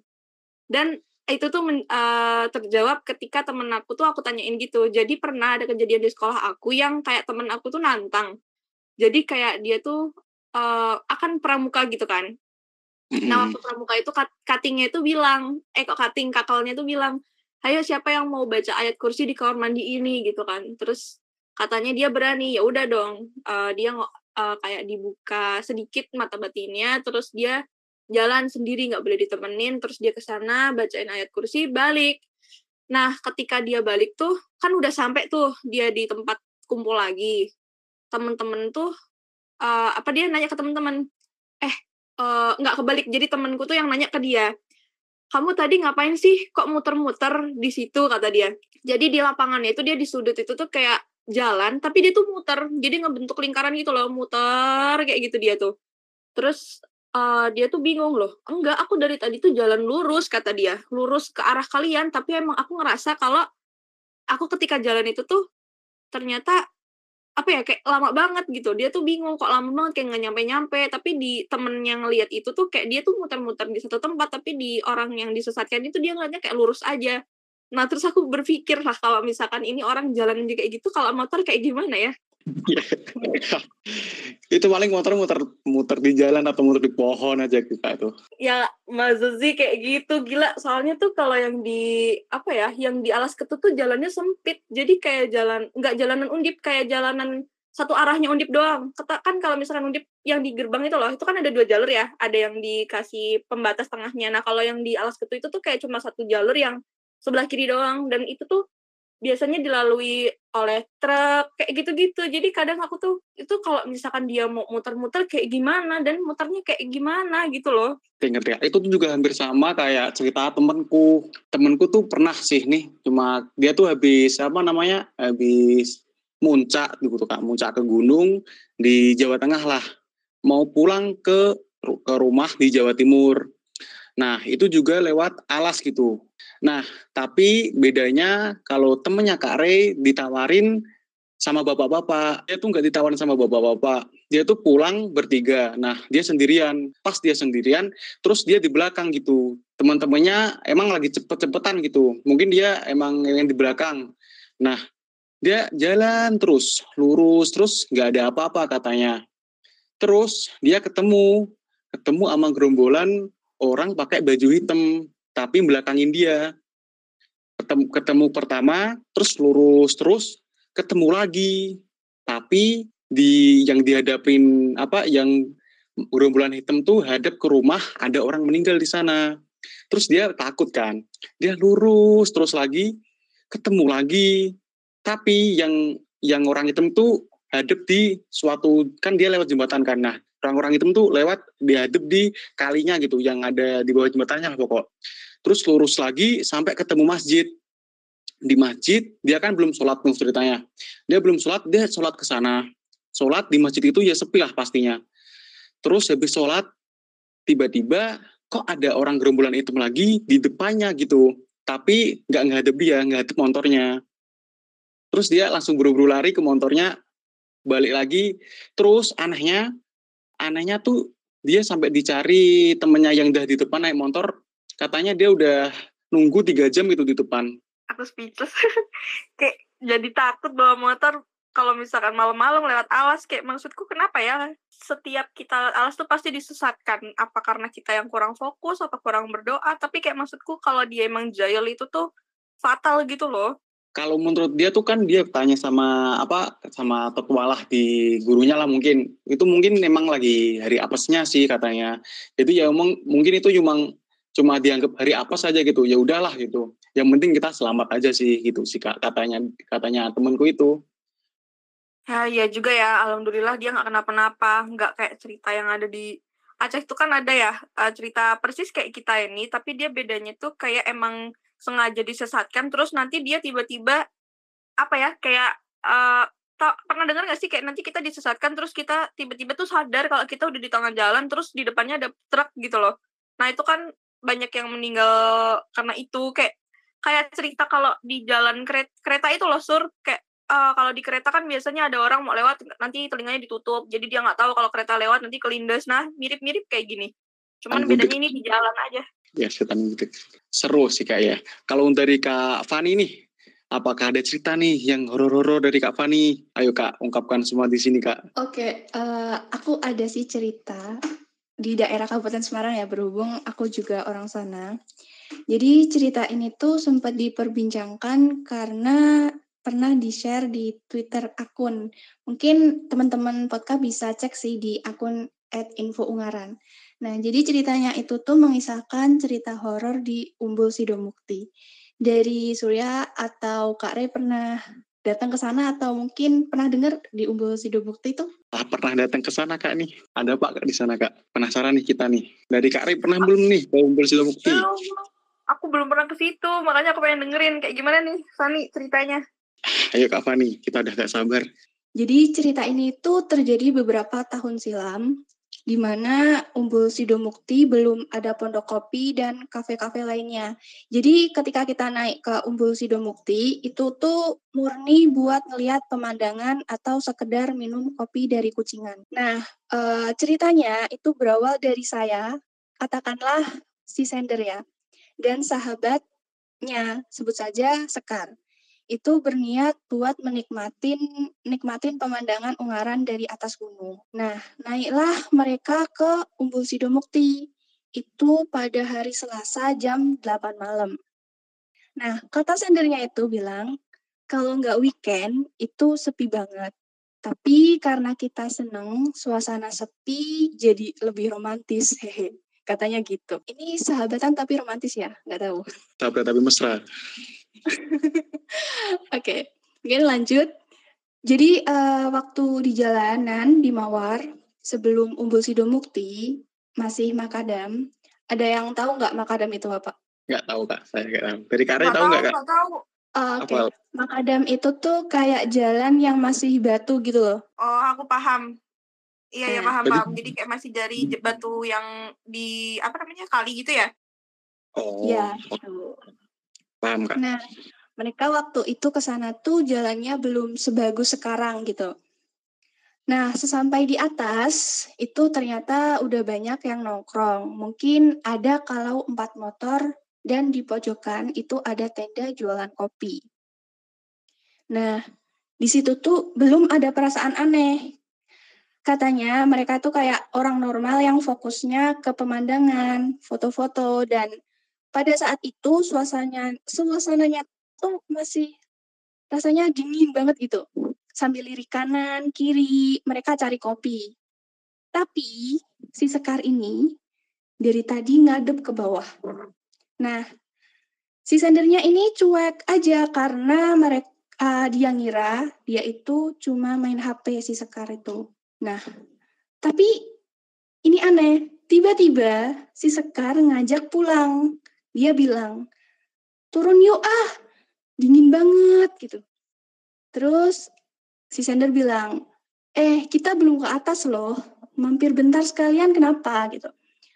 Posisi kita kalau sekarang di parkiran arah kolam renang, kita mau ke atas arah pondok kopi. Terus si Sekar bilang, ya udah, kayaknya dia pasrah sih. Terus akhirnya mereka ke spot lebih tinggi biar kelihatan. Pas perjalanan, dia noleh kanan, noleh kiri, noleh kanan, noleh kiri. Terus mukanya ditekan ke punggungku, ke punggung sender. Nah, jalan benar-benar gelap, kanan kiri pohon pisang. Padahal juga di atas ada orang nongkrong di spot atas. Gak tahu kenapa nih, tiba-tiba si Sekar ini teriak, minta turun. Dan dia sambil nangis gitu. Nah, akhirnya si sendernya ini kaget dong.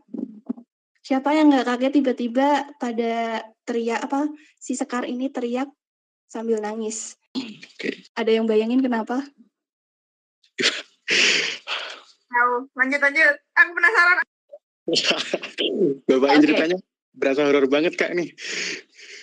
Nah, waktu itu mereka langsung heboh turun. Mereka nggak ngomong apa-apa dan si Sender ngerti ini ada sesuatu yang nggak beres. Dan akhirnya mereka turun tuh pulang.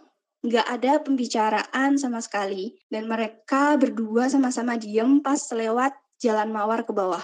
Nah, sesampainya di pasar Badungan, itu udara mulai anget, bisa dirasain masuk ke tulang gitu. Akhirnya gitu, setelah di atas rasanya anyep-nyep. Terus pikiran bengap gelap juga mulai jernih. Dan akhirnya dia tanya nih ke Sekar, kamu gak apa-apa gitu. Dia ketakutan, pikirannya kosong sambil nunduk. Dia nyeletuk, kamu gak lihat di pohon pisang banyak banget ngocongnya. Gak kuat aku liatnya, sumpah. Itu dia kira-kira kena mental nggak ya waktu ngelihat yang kena mental ya orang dia diem aja ya. Iya, gimana ya posisinya Pasti yang satu nggak tahu apa-apa, yang satu ngelihat hal-hal yang aneh, yang satunya panik bingung, yang satunya nangis gitu kan kak. Jadi si Sekar bilang, katanya ada yang ngode suruh turun. Siapa yang ngode? Ngacongnya kan berarti. Nggak tahu kenapa aku belum pernah ngalamin kayak gini, gitu kata si Sekar. Dia sambil nangis gitu. Dan si sendernya bingung, minta maaf gitu. Dan si Sekar bilang, kita pulang aja. Aku takut ada yang ngikutin kita. Gitu. Aku cukup diam dengerin Sekar. Dan ya di sini dijelasin kalau Sekar itu emang kadang bisa lihat karena turunan gitu. Oh berarti kayak apa sebutannya? Indigo. Pak Ipigo. Ya gitu. Nah tapi biasanya kalau lihat tuh nyantai nggak bilang-bilang. Tapi baru hari ini akhirnya makanya si sendernya tuh kaget Sekar sampai heboh gitu. Terus dia tanya lagi Sekar ada yang ngikutin kita nggak? Nggak ada tapi serem banget tahu kamu tahu ini pocongnya warnanya merah. Gue takut kenapa-napa karena bisa jadi kan ini pertanda. Karena eyangku pernah bilang hal goib tuh bisa kasih pertanda Aku takut di atas bakal longsor atau gimana. Soalnya dia ngode banget suruh turun. Oke, I see. Berarti si Sekar ini diminta buat pocongnya buat segera turun karena takutnya ada apa hal-hal yang gak baik buat mereka. Jadi bagaimana guys pendapat kalian? Dari aku boleh nggak? Oke. Oke kak. Dari aku tuh bener sih kalau misalkan terkad eh, terkadang hal-hal goib itu bisa jadi pertanda buat kita kalau oh ternyata hal ini itu nggak baik atau kayak kayaknya ada yang bakal kejadian yang aneh deh. Karena kan kalau dari ceritanya si Sekar ini tuh kan dia kan udah dikasih tahu dari awal terus dia tuh pasti di pasti kalau jadi dia dia tuh awalnya kayak mikir ya udah deh kita lanjutin dulu aja perjalanannya walaupun kita sebenarnya takut kan. Kan itu posisi kan dia juga nunduk aja tapi dia tuh tetap ngikut gitu loh. Terus waktu udah di tengah jalan baru dia bener-bener diem pengen turun. Jadi aku sangat setuju kalau misalkan hal goib itu sebenarnya salah satu tanda kalau apa ya ada hal buruk yang lagi lagi atau mau menimpa kita cuman emang agak serem aja diperlihatkannya gitu. Itu dari aku sih Tapi ini kak mau tanya nih, ap- apa dari itu kan adanya tanda tuh. Nah, ada kelanjutan ceritanya gak tuh? Apa habis itu ada bencana apa gitu kak dari kapan itu yang dicerita dari sender? Oke. Ini masih ada lanjutannya sih, tapi bentar dulu. Aku lanjutin kali dulu ya. Jadi lanjutannya itu karena mereka jadi sama-sama dalam kebawa emosi rasa takut ya. Jadi mereka langsung istighfar banyak-banyak. Dan akhirnya mereka pun memutuskan buat pulang ke rumah. Tapi katanya sampai sekarang Sekar nggak mau jawab kalau ditanya soal kejadian ini. Dia bilang, lupakan saja, ini masalahku. Dan ya si Sender mungkin eh, bilang mungkin Sekar punya pegangan dan bentrok sama penunggu di atas. Nggak tahu juga. Tapi ya aku nggak paham sih maksud dari pegangan atau bentrok bagaimana. Dan at least itu tamat gitu kata Sander. Dan katanya sekarang Umbul Sidomukti menjadi salah satu tujuan terbaik di Kabupaten Semarang, apalagi Pondok Kopi dan segala suasananya. Ya, meskipun kalau malam tetap gelap, tapi banyak kendaraan lalu lalang. Jadi, bagaimana guys setelah cerita ini apakah akan ada rencana ke Sido Umbul, Umbul Sido Mukti? Mungkin mau nyoba malam-malam ke sana. oh, hayu, gas lah. Wisata horor buat healing habis uas kak. Buset. Aku aku pengen ngejawab dari yang Fanny bilang deh yang kalau dia kan tadi uh, tadi kan Fanny bilang kalau uh, pegangannya bentrok kan sama yang di sana. Iya iya betul. Oke. Okay. Jadi di yang dimaksud tuh kayak gini. Yang dimaksud pegangan mungkin dari temen kan tadi dibilang kalau dia itu turun temurun indigo nih. Nah, di situ aku udah paham kalau oh dia pasti punya deh. Karena biasanya kalau turun temurun pasti di, di generasi pertamanya atau kayak dia waktu pertama kali men, bukan menjajah ya mungkin kayak kita bisa bilang kalau yang pertama kali punya terus dia itu pasti punya kayak uh, hal yang dipakai dia buat ngelindungin dia atau kayak istilahnya tuh mungkin apa ya kayak penjaga sama kalau misal nih kita mau diserang sama orang lain itu tuh bisa kita serang balik pakai si pegangan ini gitu. Jadi kayak penjaga atau jin lah yang dibawa sama uh, turun temurunnya ini. Jadi nanti kalau ini udah selesai gitu kan masa hidupnya nanti diturunin lagi ke anaknya. Tapi itu biasanya kadang tuh ada yang langsung apa ya kayak langsung misal nih ada ibu eh ada bapak terus nanti punya anak cowok nanti langsung turun ke cowoknya atau uh, dia tuh kayak si jinnya itu milih-milih gitu kayak misal harus nunggu berapa uh, generasi dulu baru nanti mau sama orang ini kayak gitu jadi kayak milih-milih Terus yang dimaksud bentrok tuh jadi kayak gini. Biasanya buat kalian tahu cerita KKN nggak sih? KKN di desa penari itu loh. Itu kan ceritanya kan di awal-awal itu kan si MC-nya kita itu tuh dia datang ke desa terus dia kan uh, apa kayak apa ya kayak dihantuin lah sama yang di sana. Nah terus kan uh, ketika dia akhirnya dibawa sama kepala desa sama orang yang bisa atau sesepuh yang di sana itu kan dia ditanyakan kamu bawa apa ke sini ternyata kan ada bentrok antara energi yang dia bawa sama energi yang ada di situ atau kayak bisa dibilang tuh mereka yang di sana itu tidak menerima kedatangan orang asing gitu loh gampangannya kayak hal asing yang dibawa sama seseorang ini gitu. Jadi yang dimaksud bentrok tuh mungkin kayak gitu dan itu mungkin kata kasarnya itu kita bisa bilang kalau mereka berantem gitu. Gitu sih yang aku paham.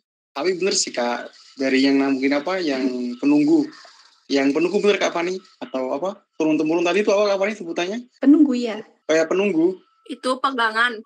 Kayak pegangan nah itu juga sih sebenarnya dari lurku ada pegangan tapi nurunya tuh ke adikku jadi yang indigo tuh adikku tapi kan indigo kan kadang ada yang apa dibeda-bedain yang habis procot lahir indigo tapi terus ada yang pas umur segini baru indigo. Nah, adikku tuh SMP baru indigo.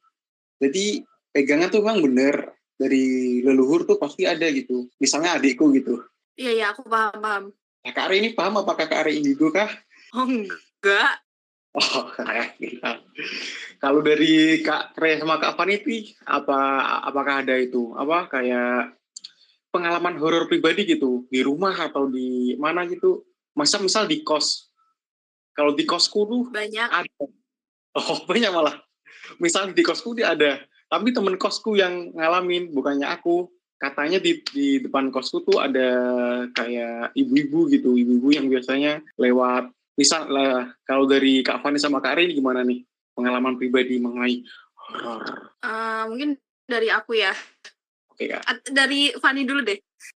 Oke dari Kak Fani, Kak Fani.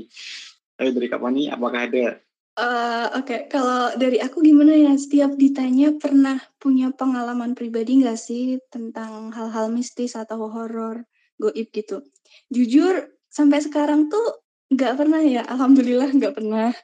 Tapi nggak tahu kenapa orang-orang di sekitarku tuh sering cerita mereka ya emang pernah ngalamin hal-hal yang demikian. Apalagi kayak di lingkungan, pada satu lingkungan itu ada hal-hal yang ada sih aku pernah barusan di fakultasku ya.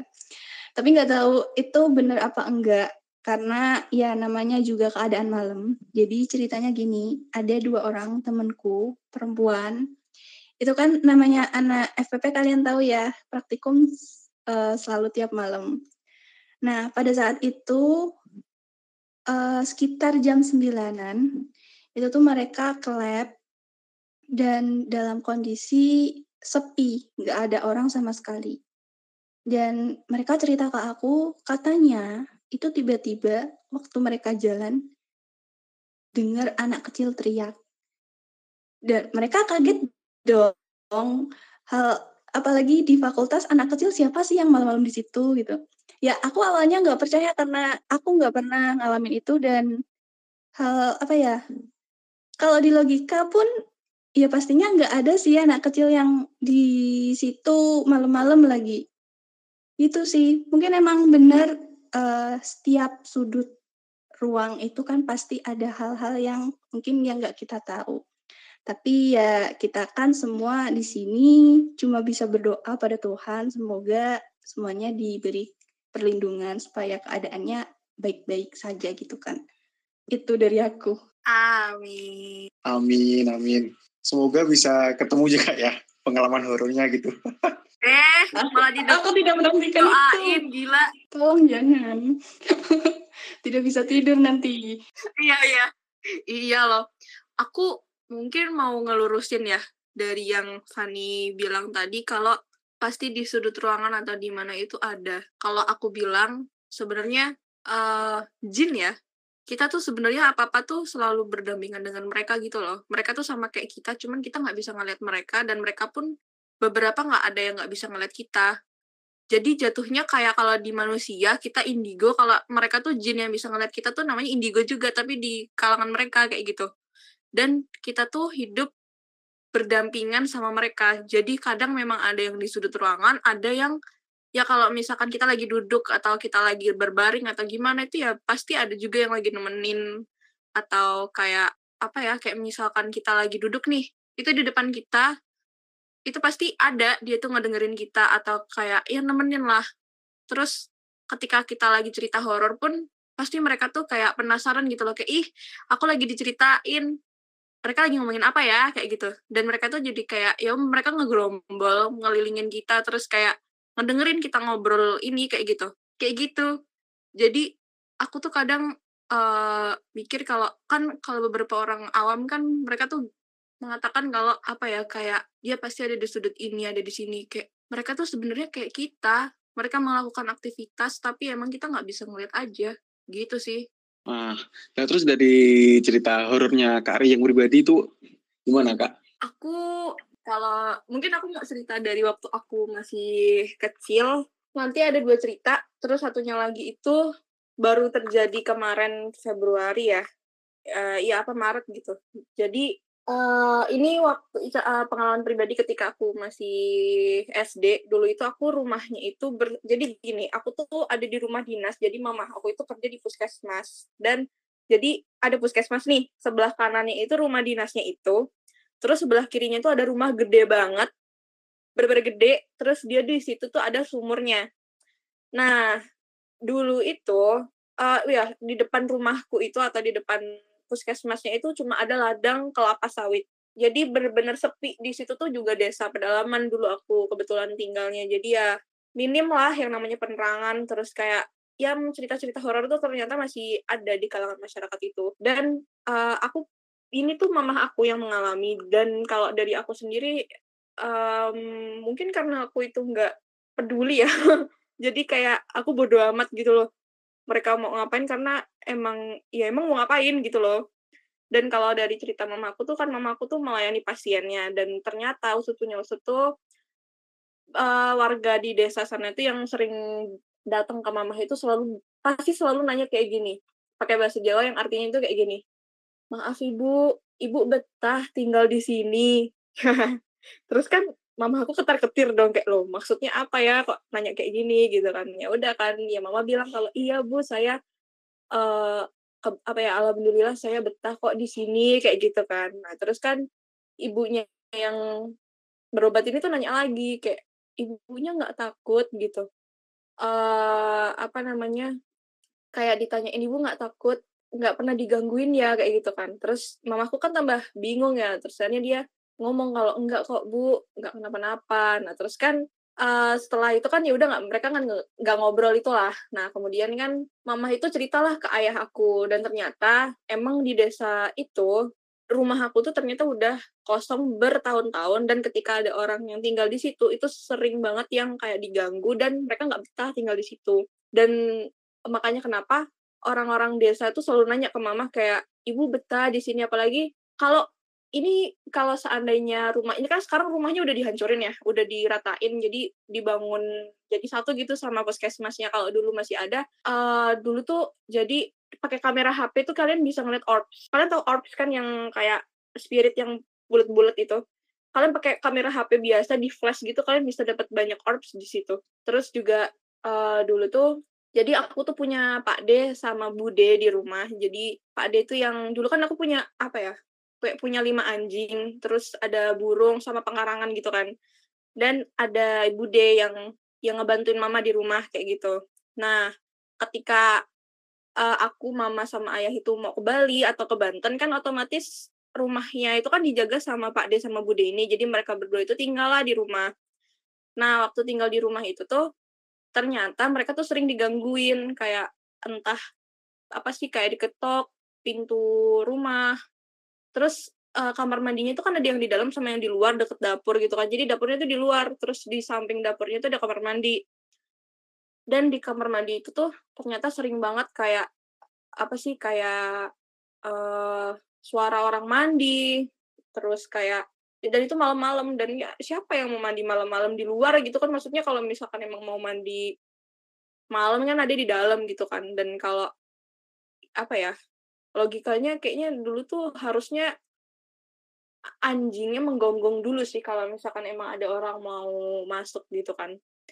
Dan kalau dari pengalaman pribadi aku sendiri tuh jadi gini, rumahnya itu memang gimana ya? Jadi ini kalau kalian bay mau bayangin di sebelah kanan tuh ada rumah nih, rumah dinas.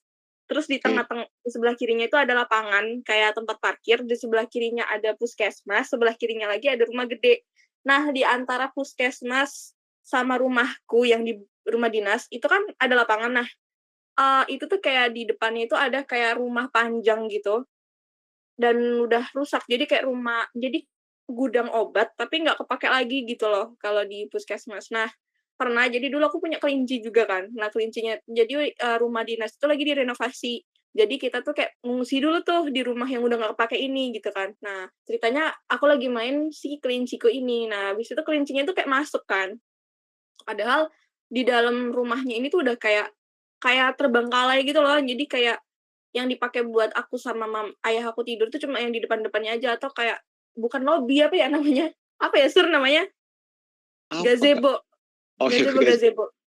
Jadi cuma di depannya doang. Nah, terus kan karena dia masuk ke dalam rumah itu ya udah aku ikut dong. Nah, terus aku tuh bingung kok dia nggak ada. Terus aku makin masuk kan ke rumah yang panjang itu dan aku tuh nemu ada kayak asap asapnya tuh put apa hitam hitam yang kayak kalian pernah bukan hitam yang kalau bakar apa sih bakar bakar itu bukan jadi kayak hitam bekat gitu kan tapi dia bentuknya asap gitu.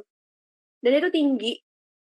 Terus dia tuh punya mata merah kan aku tuh ya nggak tahu gitu dan dia kulinci aku tuh ada di depan si asap ini. Karena aku itu nggak paham ya udah aku cuma ngambil kelinci terus tak liatin abis itu pergi. Aku nggak tahu kan abis itu uh, ketika besar ini akhirnya aku nanya ke ayah aku ayah waktu dedek kecil itu pernah lihat ini di rumah ini itu apa ya? Aku tanya. Ternyata itu tuh genderuwo punya si rumah gede ini. Jadi ternyata rumah yang gede ini tuh kayaknya dia main pesugihan terus mungkin genderuwonya lagi main gitu ya ke rumah itu ya kebetulan ketemu aja sih mungkin seperti itu.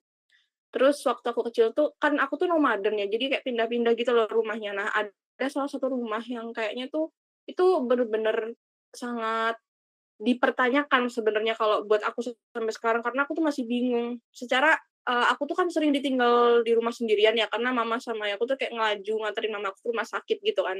Nah itu di rumah itu tuh rumah yang cukup besar uh, cuk be, uh, gimana ya gede. Terus kita kan ngontrak di situ. Nah yang paling ini yang pertama yang paling aneh banget itu coba deh kalian pikir kayak gini. Yang punya rumah itu tuh dia tinggal di rumah joglo yang udah rusak dengan lantai dari tanah. Kalian tahu kan rumah rumah yang desa-desa zaman dulu banget gitu loh yang kayak bener-bener tanah gitu? Nah itu yang yang punya itu tuh dia tinggal di situ. Tapi dia tuh punya rumah gede banget. Gitu Terus aku tuh mikir kenapa dia nggak tinggal di situ aja?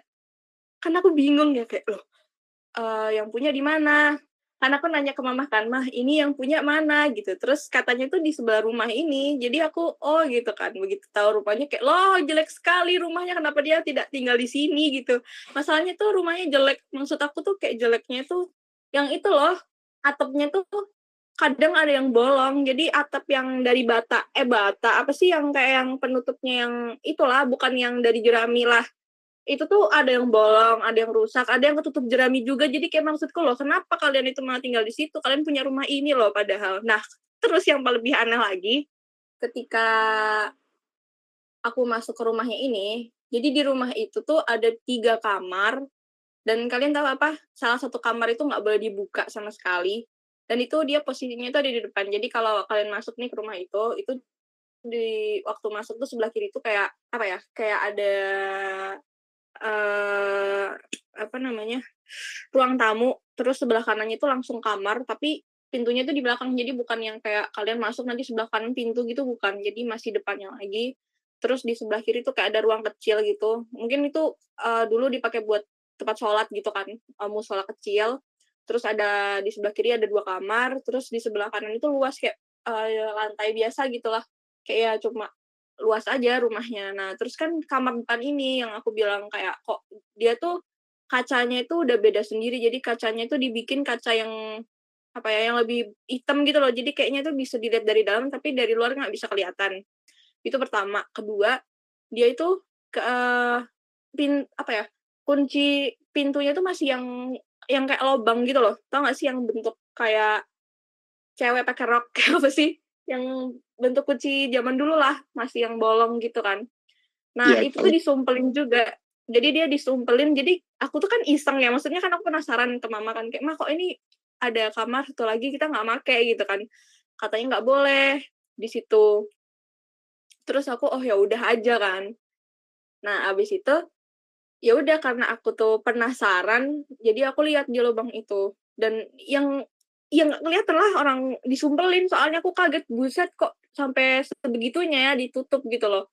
Dan dilarang untuk dibuka apalagi dideketin karena aku udah pernah ngeliat jadinya si pintu kamarnya itu ditutup lah pakai buffet atau lemari gitu lemari yang naruh-naruh buku gitu.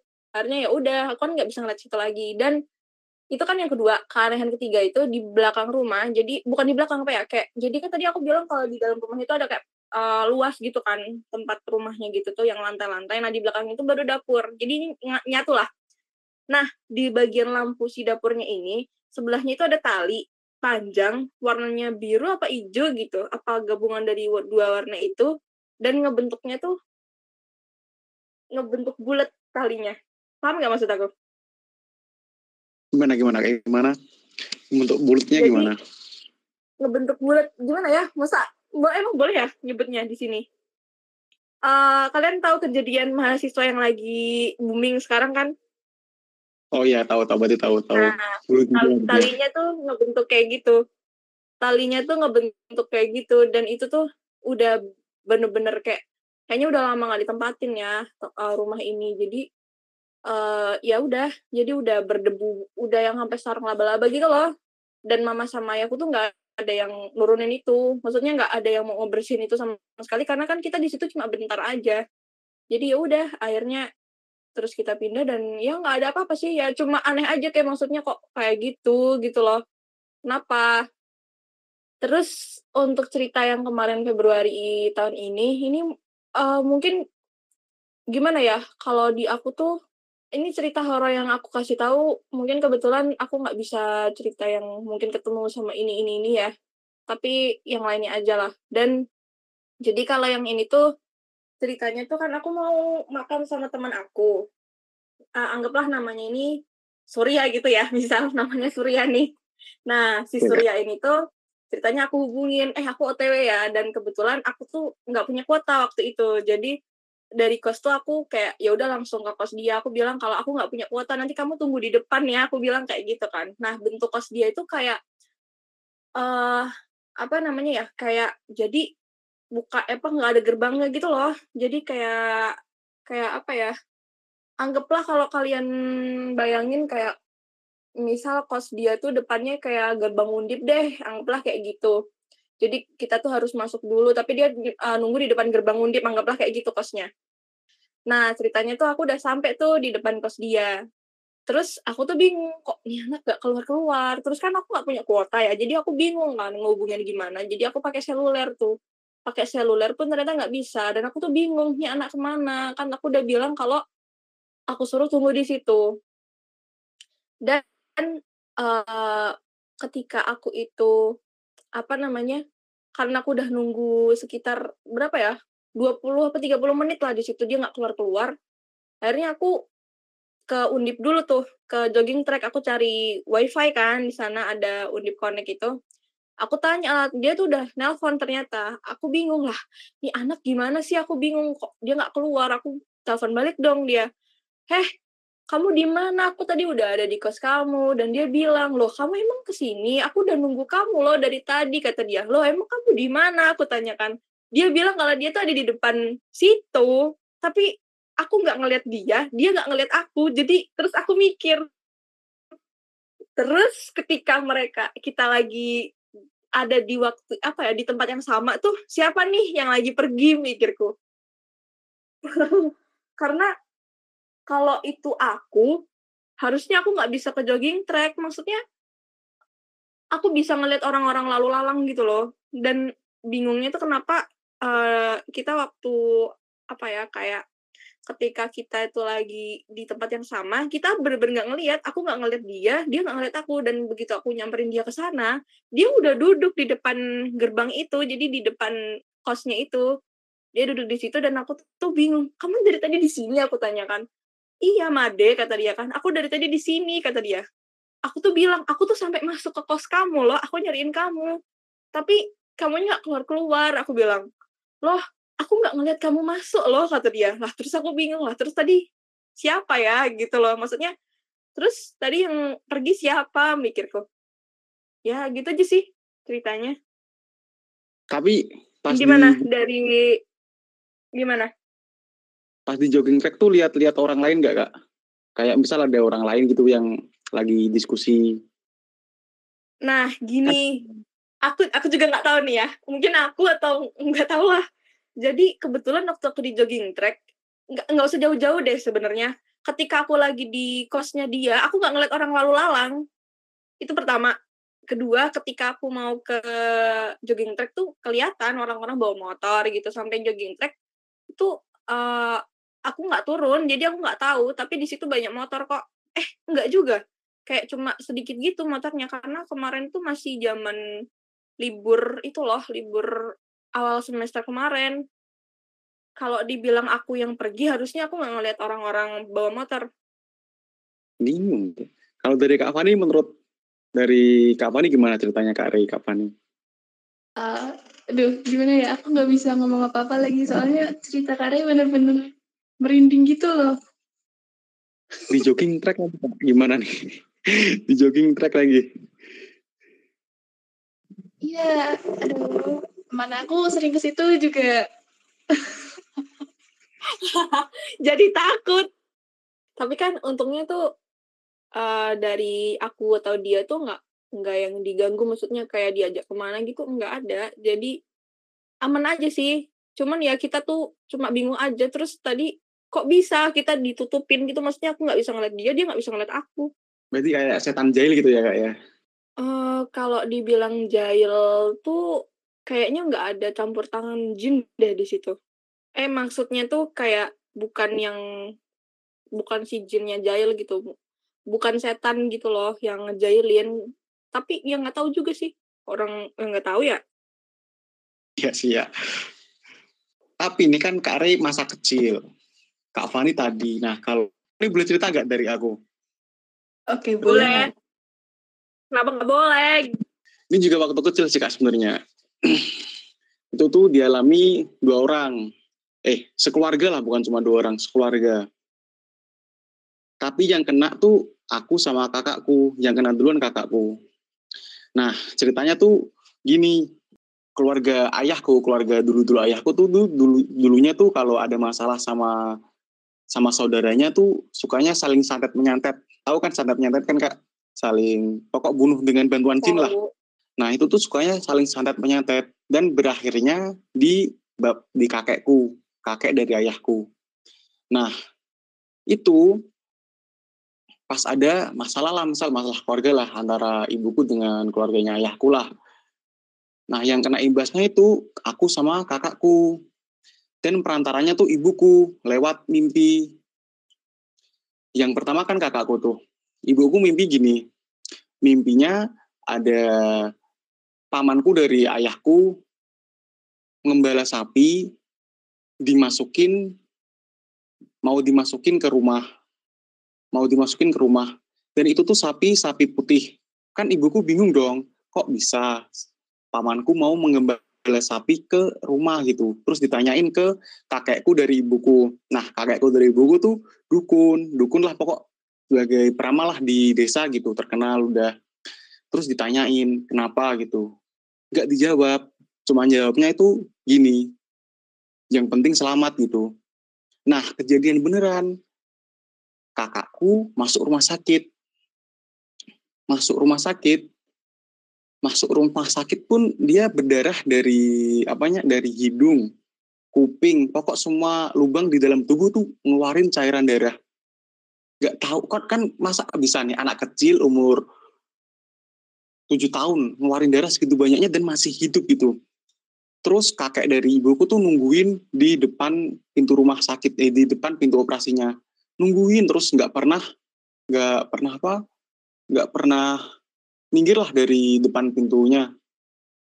Terus tapi bener, ramalannya kan bener. Yang penting selamat dan itu memang selamat. Terus baru dijawab apa arti mimpinya setelah kakakku sembuh. Itu katanya tuh kayak jin, danyang lah. Danyang, pokok danyang. Namanya kan danyang itu. Danyang mau dimasukin ke rumah, tapi nggak bisa. Nggak bisa karena emang udah dipagerin rumahnya. Terus kalau itu bisa masuk sampai rumah, berarti nggak selamat. Terus yang kedua, setelah berapa bulan misalnya enam bulan kakakku masuk rumah sakit gantian aku yang sakit aku yang sakit ibuku pun mimpi sama lagi pamanku tapi ini gak sapi masukin beberapa ekor kambing ke rumah kunahit tapi nerobos terobos masuk tapi selamatnya tuh samping rumah. Eh ya samping rumah kan tetap masuk kan ya masuk tapi itu kambingnya warna putih. Terus lagi nggak nggak tahu lagi kan ibuku nggak maksudnya nggak ngerti lah apa itu maksudnya. Terus tanya lagi. Terus dijawabnya ya udah yang penting masih selamat lagi. Nggak dikasih tahu artinya gitu. Terus beneran aku masuk rumah sakit aku masuk rumah sakit dan di diagnosis tuh apa ya darah tinggi mana mungkin kan terus logikanya gini mana mungkin anak kecil makanya pun nggak makan aneh-aneh itu nak darah tinggi di usia kelas 1 SD, baru masuk kelas 1 SD. Tapi emang bener, terus akhirnya selamat lagi. Terus itu kan sangat penasarannya tuh, dibawa ke kiai lah. Yang dibawa pas dibawa kiai itu aku. Dibawa kiai, terus katanya itu gini, itu darah tuh nggak darah nggak darah aslinya si anak itu, tapi darah kiriman gitu katanya. Jadi yang diincar tuh dua berarti aku sama aku sama kakakku. Nah aku kan tiga bersaudara nih. Adikku diincernya tuh bukan pas itu bukan pas awal-awal tapi adikku diincernya tuh pas aku udah SMP kali ya. Itu yang dapat mimpi dua orang malah ibuku sama aku ibuku mimpi adikku mau dibawa dimasuk dibawa sama seseorang perempuan gitu dibawa pergi dari rumah kalau aku mimpinya mimpinya adikku dimasukin koper sama bapakku di suatu rumah terpencil. Terus kejadian beneran, adikku masuk rumah sakit lagi. Terus habis itu adikku jadi indigo, bah karena karena kejadian itu adikku jadi indigo gitu. Jadi kita kayak korban gitu.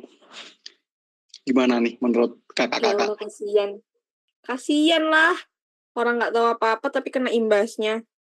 Tapi seru Tapi kalau aku mau nanya, Ya, eh nggak seru, coy. Tar- Taruhannya nyawa loh kalau kita nggak kuat nahan. Kayak maksudku, aku nanya deh waktu kamu ngerasain itu gimana rasanya? Maksudnya waktu di saat itu gitu, apa yang kamu rasain, Sur?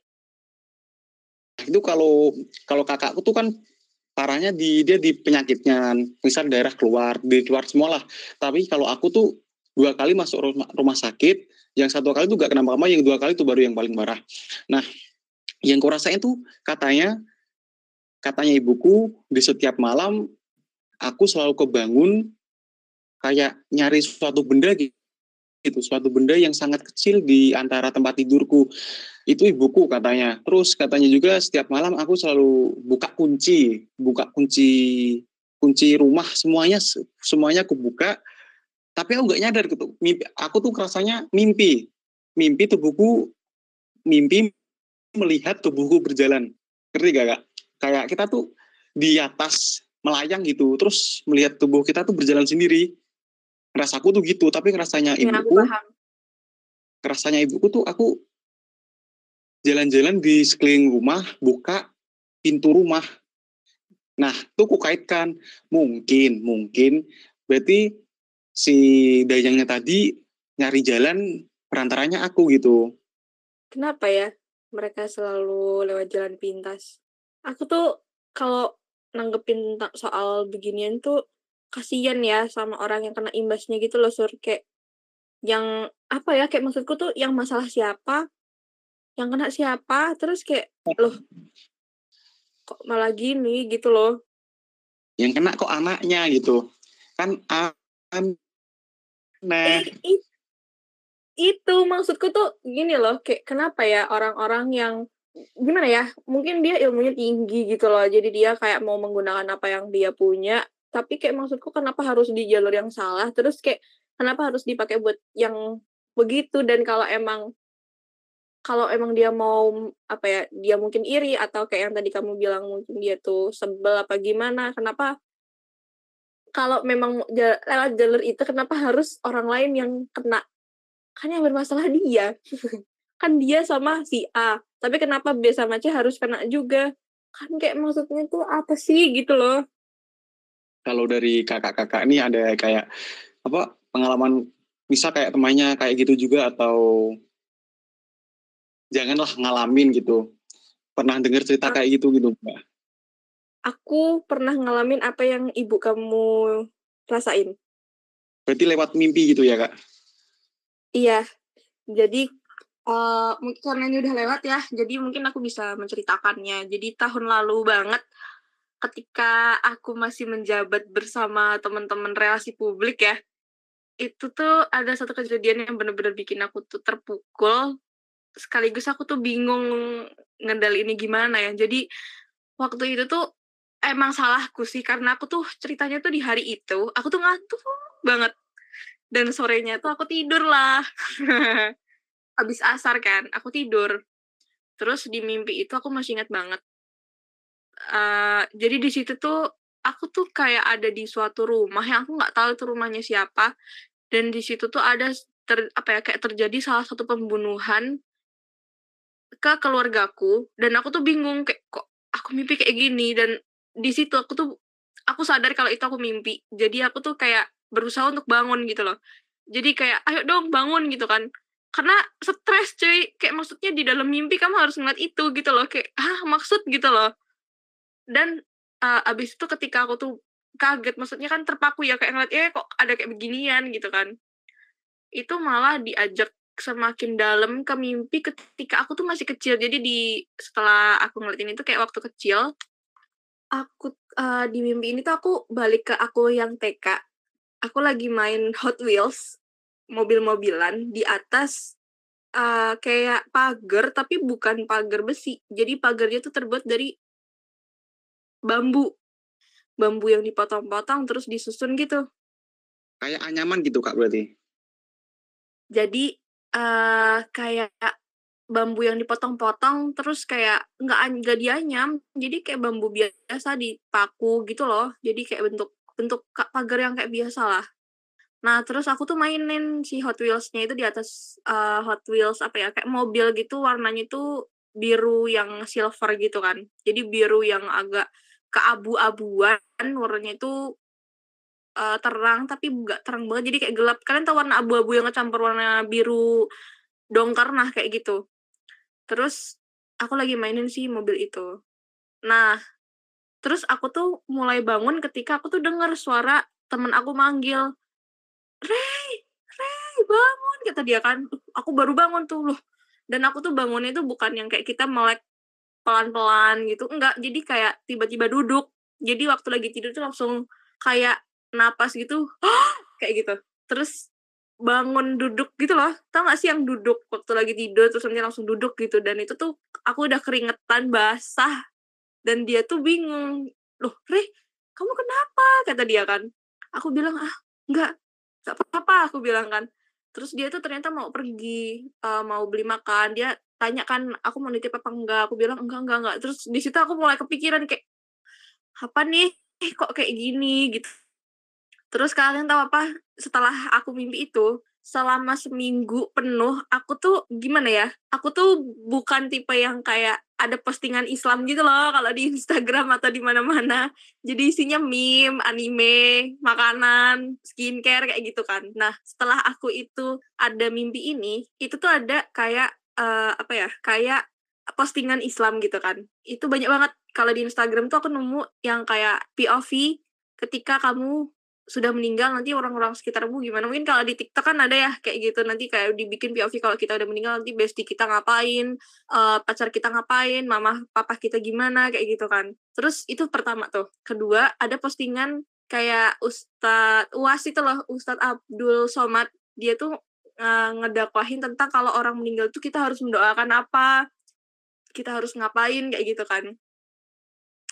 Terus aku bingung dong kok kayak gini gitu kan. Terus ada postingan tapi ini nggak video. Jadi kayak kayak tentang orang meninggal. Jadi kayak aku loh gila itu rasanya kayak kita yang mau diambil. Aku tuh bingung kayak kok kayak gini semua ya? Karena aku nggak mau ngeliat Instagram kan. Uh, dulu aku belum main TikTok jadi aku bukanya tuh di YouTube. Nah anehnya tuh ya di YouTube itu kan aku pakai buat nonton Doraemon. Kok di FYP-nya keluar tentang kematian lagi Nah, kan aku tambah bingung dong kayak waduh ini berarti kayaknya ada yang salah gitu kan. Dan selama empat hari penuh aku nggak tidur malam karena aku takut mimpi itu. Jadi tidurnya tuh kayak kalau kan waktu itu masih daring ya kita tahun lalu. Jadi itu kayak uh, tidurnya tuh ketika azan subuh selesai terus nunggu kelas dulu pagi, absen baru tinggal tidur, nanti selesai kelasnya baru bangun. Jadi tidurnya tuh ketika kelas itu doang jadi ada suara gitu kan. Nanti kalau ada nggak ada suaranya aku bangun kayak gitu. Jadi harus berisik gitu loh kalau tidur. Nah terus dari empat hari itu aku kayak apa ya kayak aku mikir kayaknya ah ya udahlah mungkin emang cuma bunga tidur mikirku kayak gitu kan lah cuma mimpi lah nggak bakal kejadian kayak gitu. Nah terus kan empat hari kemudian apa berapa hari kemudian itu kan karena aku yang karena empat hari nggak tidur tuh tim apa ya ambruk dong apa sih namanya kayak nggak uh, kuat lah badan aku. Ya sakit lah akunya. Aku demam terus ketika aku udah mulai sembuh ya sekitar tiga hari apa empat harian itu di itu tuh hari apa ya? Uh, aku lupa hari Jumat kalau nggak salah. Itu sebelum maghrib. Jadi kan aku lagi main ML sama anak-anak 20 ya ceritanya sama uh, teman-teman kayak Jauh, Akmal, Bima sama Ari gitu kan. Ari 20. Nah, mama aku tuh nelpon. Aku kira tuh beliau mau nanyain keadaan aku kayak gimana. Ternyata beliau ngasih tahu kalau Pak Ade aku udah nggak ada. Dan dia meninggal di mobil. Gila aku di situ stres aku. Kenapa ya? Kenapa harus maksudku tuh aku kaget gitu loh kayak aku di situ kayak aku nangis tapi di sisi yang bersamaan tuh aku kayak kenapa harus sama kayak yang ada di mimpiku kayak aku speechless di situ kayak aku nggak tahu kayak ya udah setelah aku tahu info Pak Deku meninggal ini, setelahnya itu aku udah nggak ada tuh postingan tentang kematian kayak gitu-gitu udah nggak ada. Jadi kayak oh ternyata nih pertanda kayak gitu. itu sih itu pengalaman terhoror yang masih membekas di aku sampai sekarang. Dikiranya buat diri sendiri ya kayak. Tapi... Iya, karena ngerasanya tuh bener-bener kayak kita yang lagi mau diambil sur kayak kayak rasanya tuh kayak kita tuh di, kita sholat nih di belakang tuh udah kayak ada malaikat Israel yang udah siap ayo sini gue cabut langsung kayak gitu loh jadi tuh kayak kayak gitu rasanya jadi tapi begitu tahu kayak astaga gila itu rasanya kayak stresnya tuh bukan main eh. Kayak aku nggak tahu sih mau ngomong apa jadi itu tuh jadi bikin aku tuh trauma uh, sore dan tidur lama jadi aku tuh lebih suka tidurnya mending cuma bentar aja tapi nggak mimpi aneh-aneh daripada harus uh, tidur lama tapi mimpinya aneh-aneh dari Kak Fani sama Kak Re ada tambahan lagi untuk cerita horor pada malam Jumat kali ini Kak? Uh, dari aku udah kebanyakan Sur. Oke dari Kak Re udah dari Kak Fani. Oh, aku malah juga baru sadar nih ini malam Jumat ya. ya, ya dilihat nih komentarnya apa cuy. Kalau dari ceritanya Kare emang bener-bener dari pengalaman pribadi banyak juga ya hal-hal yang dialamin dan itu buat aku ya pastinya ada beberapa pelajaran yang bisa diambil kayak tadinya disadarkan banyak apa tadi uh, postingan-postingan Islami gitu juga ya. Nggak nyangka juga itu adalah sebuah kayak petunjuk. Walaupun kita yang nggak ngalamin ternyata orang yang tersayang yang kita alam yang dialamin gitu. Buat Kak Rai tetap semangat ya. Oke. Okay santai. Udah lewat kok. Dari Kak Fani ada tambahan untuk cerita horornya? Uh, kalau dari aku udah cukup. Oke baik untuk di podcast pada malam hari ini baik teman-teman podcast gak kerasa nih gak, gak kerasa banget lah malah saking asiknya kita ngobrol sama Kak Rey sama Kak Fani juga mengenai horor-horor juga kan yang membuat bulu kuduk kita berdiri yang mungkin dapat membuat malam kita pada malam ini terbayang-bayang akan cerita dari Kak Fani sama Kak Rey.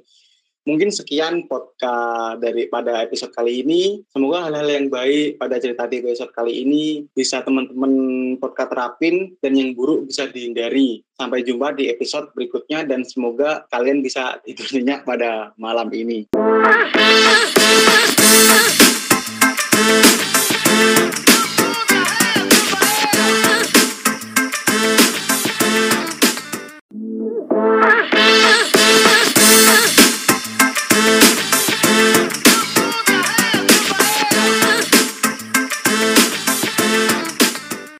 Assalamualaikum warahmatullahi wabarakatuh. Halo sahabat Podka, ketemu lagi nih di episode ke-6 Podka Fisika di tahun 2023 bersama aku Surya Pranaja yang bakal nemenin sobat Podka untuk beberapa menit ke depannya nih. Di episode kali ini kita bakal membahas yang horor-horor nih. Dan pastinya aku gak sendirian di sini ada Kak Ray dan Kak Fani nih. Mari kita panggil mereka berdua Halo Kak Re dan halo Kak Fani. Halo Surya. Halo juga Surya.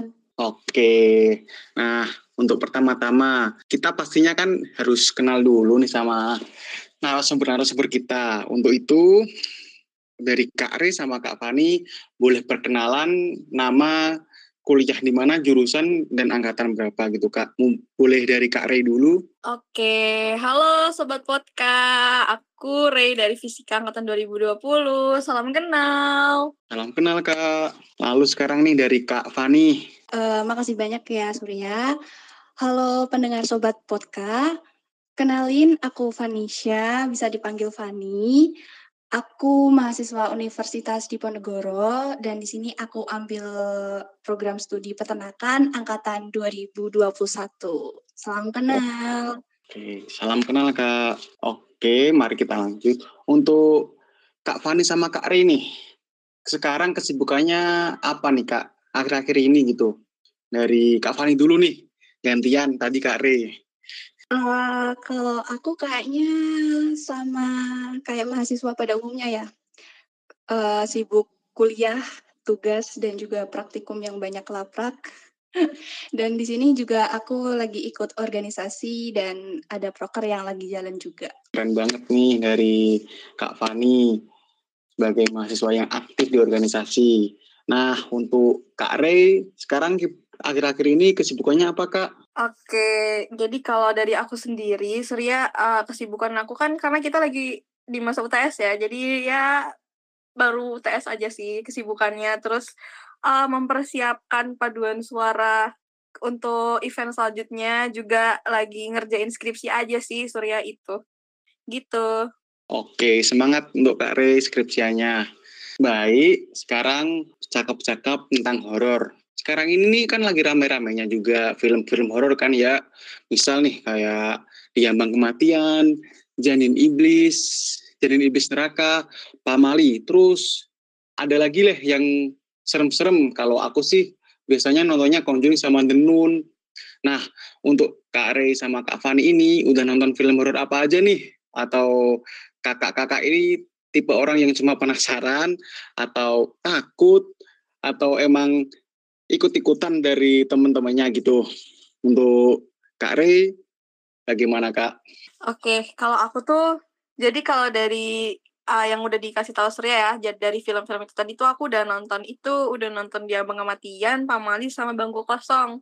Terus wow. kalau aku tuh emang tipenya dasarnya tuh suka sama film horor, jadi kayaknya emang beberapa udah aku tonton sih Surya kayak yang tadi kamu bilang Denan sama The Conjuring itu aku udah nonton juga pecinta film horor nih kelihatannya Kak Re untuk Kak Fani gimana nih Kak Fani? Uh, kalau aku kayaknya kebalikan sama Kak Re ya aku ini uh, lebih tipe orang yang penasaran tapi juga takut nonton jadi yang disebutin Surya tadi belum aku tonton juga sih. Oh oke okay, oke okay, kak. Berarti kayak tipe-tipe yang habis nonton film horor terus kepikiran sampai besoknya ya kak ya? Uh, iya bener sih. Kadang nggak bisa tidur juga beberapa malam. Oke. Emang sih film horor kadang juga begitu. Aku pun juga juga kadang begitu sih kak. Tapi ngomongin film horor nih, pasti di dunia nyata, pasti di sekitar kita lah.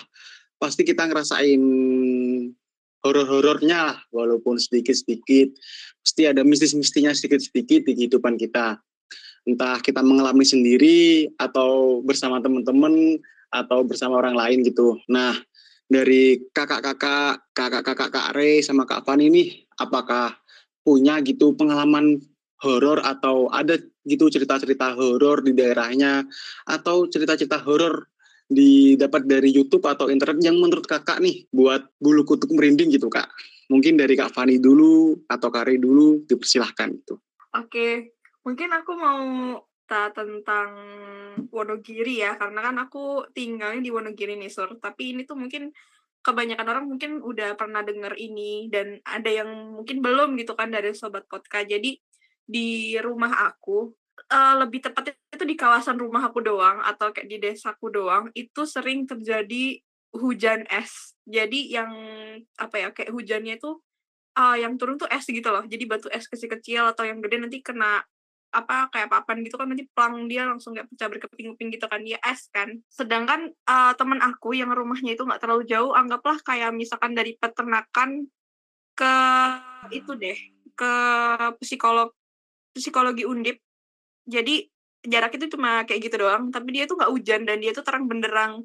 Nah uh, usut punya usut ternyata di daerah desa aku itu tuh punya legenda atau kayak mitosnya gitu kan. Jadi di belakang rumahku tuh kayak ada bukit tapi bukitnya itu cuma khusus buat kuburan aja gitu. Jadi di situ tuh banyak kuburan dan katanya katanya orang-orang di sana itu tuh ada uh, dewi gitu lagi turun ke tempat itu. Makanya kenapa ada hujan es katanya okay. sih gitu terus juga uh, satu tuh kayaknya nih ada ada yang pernah dengar Gunung Pegat gak sih Gunung Pegat dari Kak Fani pernah dengar gak Kak Fani Gunung Pegat Duh, gak kalau aku belum sih aku juga belum Kak Rey oh oke okay. jadi di Wonogiri itu ada gunung yang kayak kebelah gitu kan. Jadi gunungnya itu dulu pernah dibelah sama seseorang buat jadi jalan. Nah, terus mitosnya itu tuh uh, kan namanya Gunung Pegat ya atau kalau misalkan di bahasa Indonesia itu Pegat itu tuh bahasa Jawa yang artinya itu kayak putus gitu loh.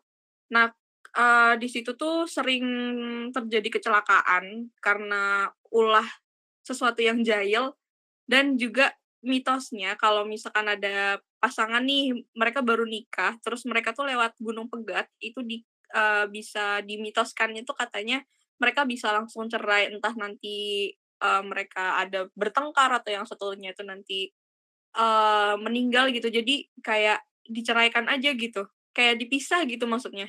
Gitu sih itu cerita yang ada di Wonogiri sih.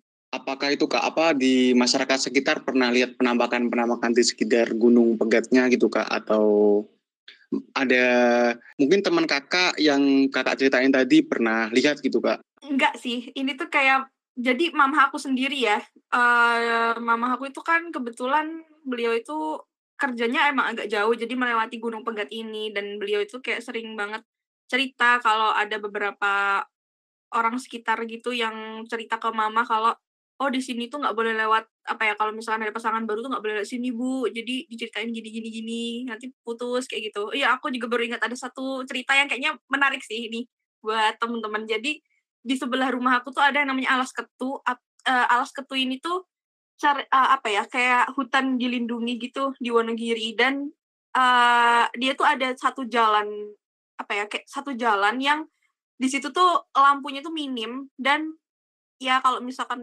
ditakutkan ya pastinya kerap pembegalan ya di sana. Tapi ada satu cerita katanya uh, kalau lewat situ habis maghrib kita tuh bisa di apa ya kalau misalkan kalian tahu looping nggak kalau di fisika itu kan loop loop yang ada di apa sih kayak kapasit bukan kapasitor ya kayak rangkaian listrik gitu loh. Loop itu kan berarti muter-muter di situ terus kan hambatannya itu tuh. Nah apa ya ngomongnya kayak dia tuh uh, kayak di situ aja gitu loh kayak dia tuh diput apa ya dipusingin gitu di tempat itu. Jadi ada cerita temen aku itu tuh uh, dia tuh ceritanya pulang kan lewat uh, lewat di situ.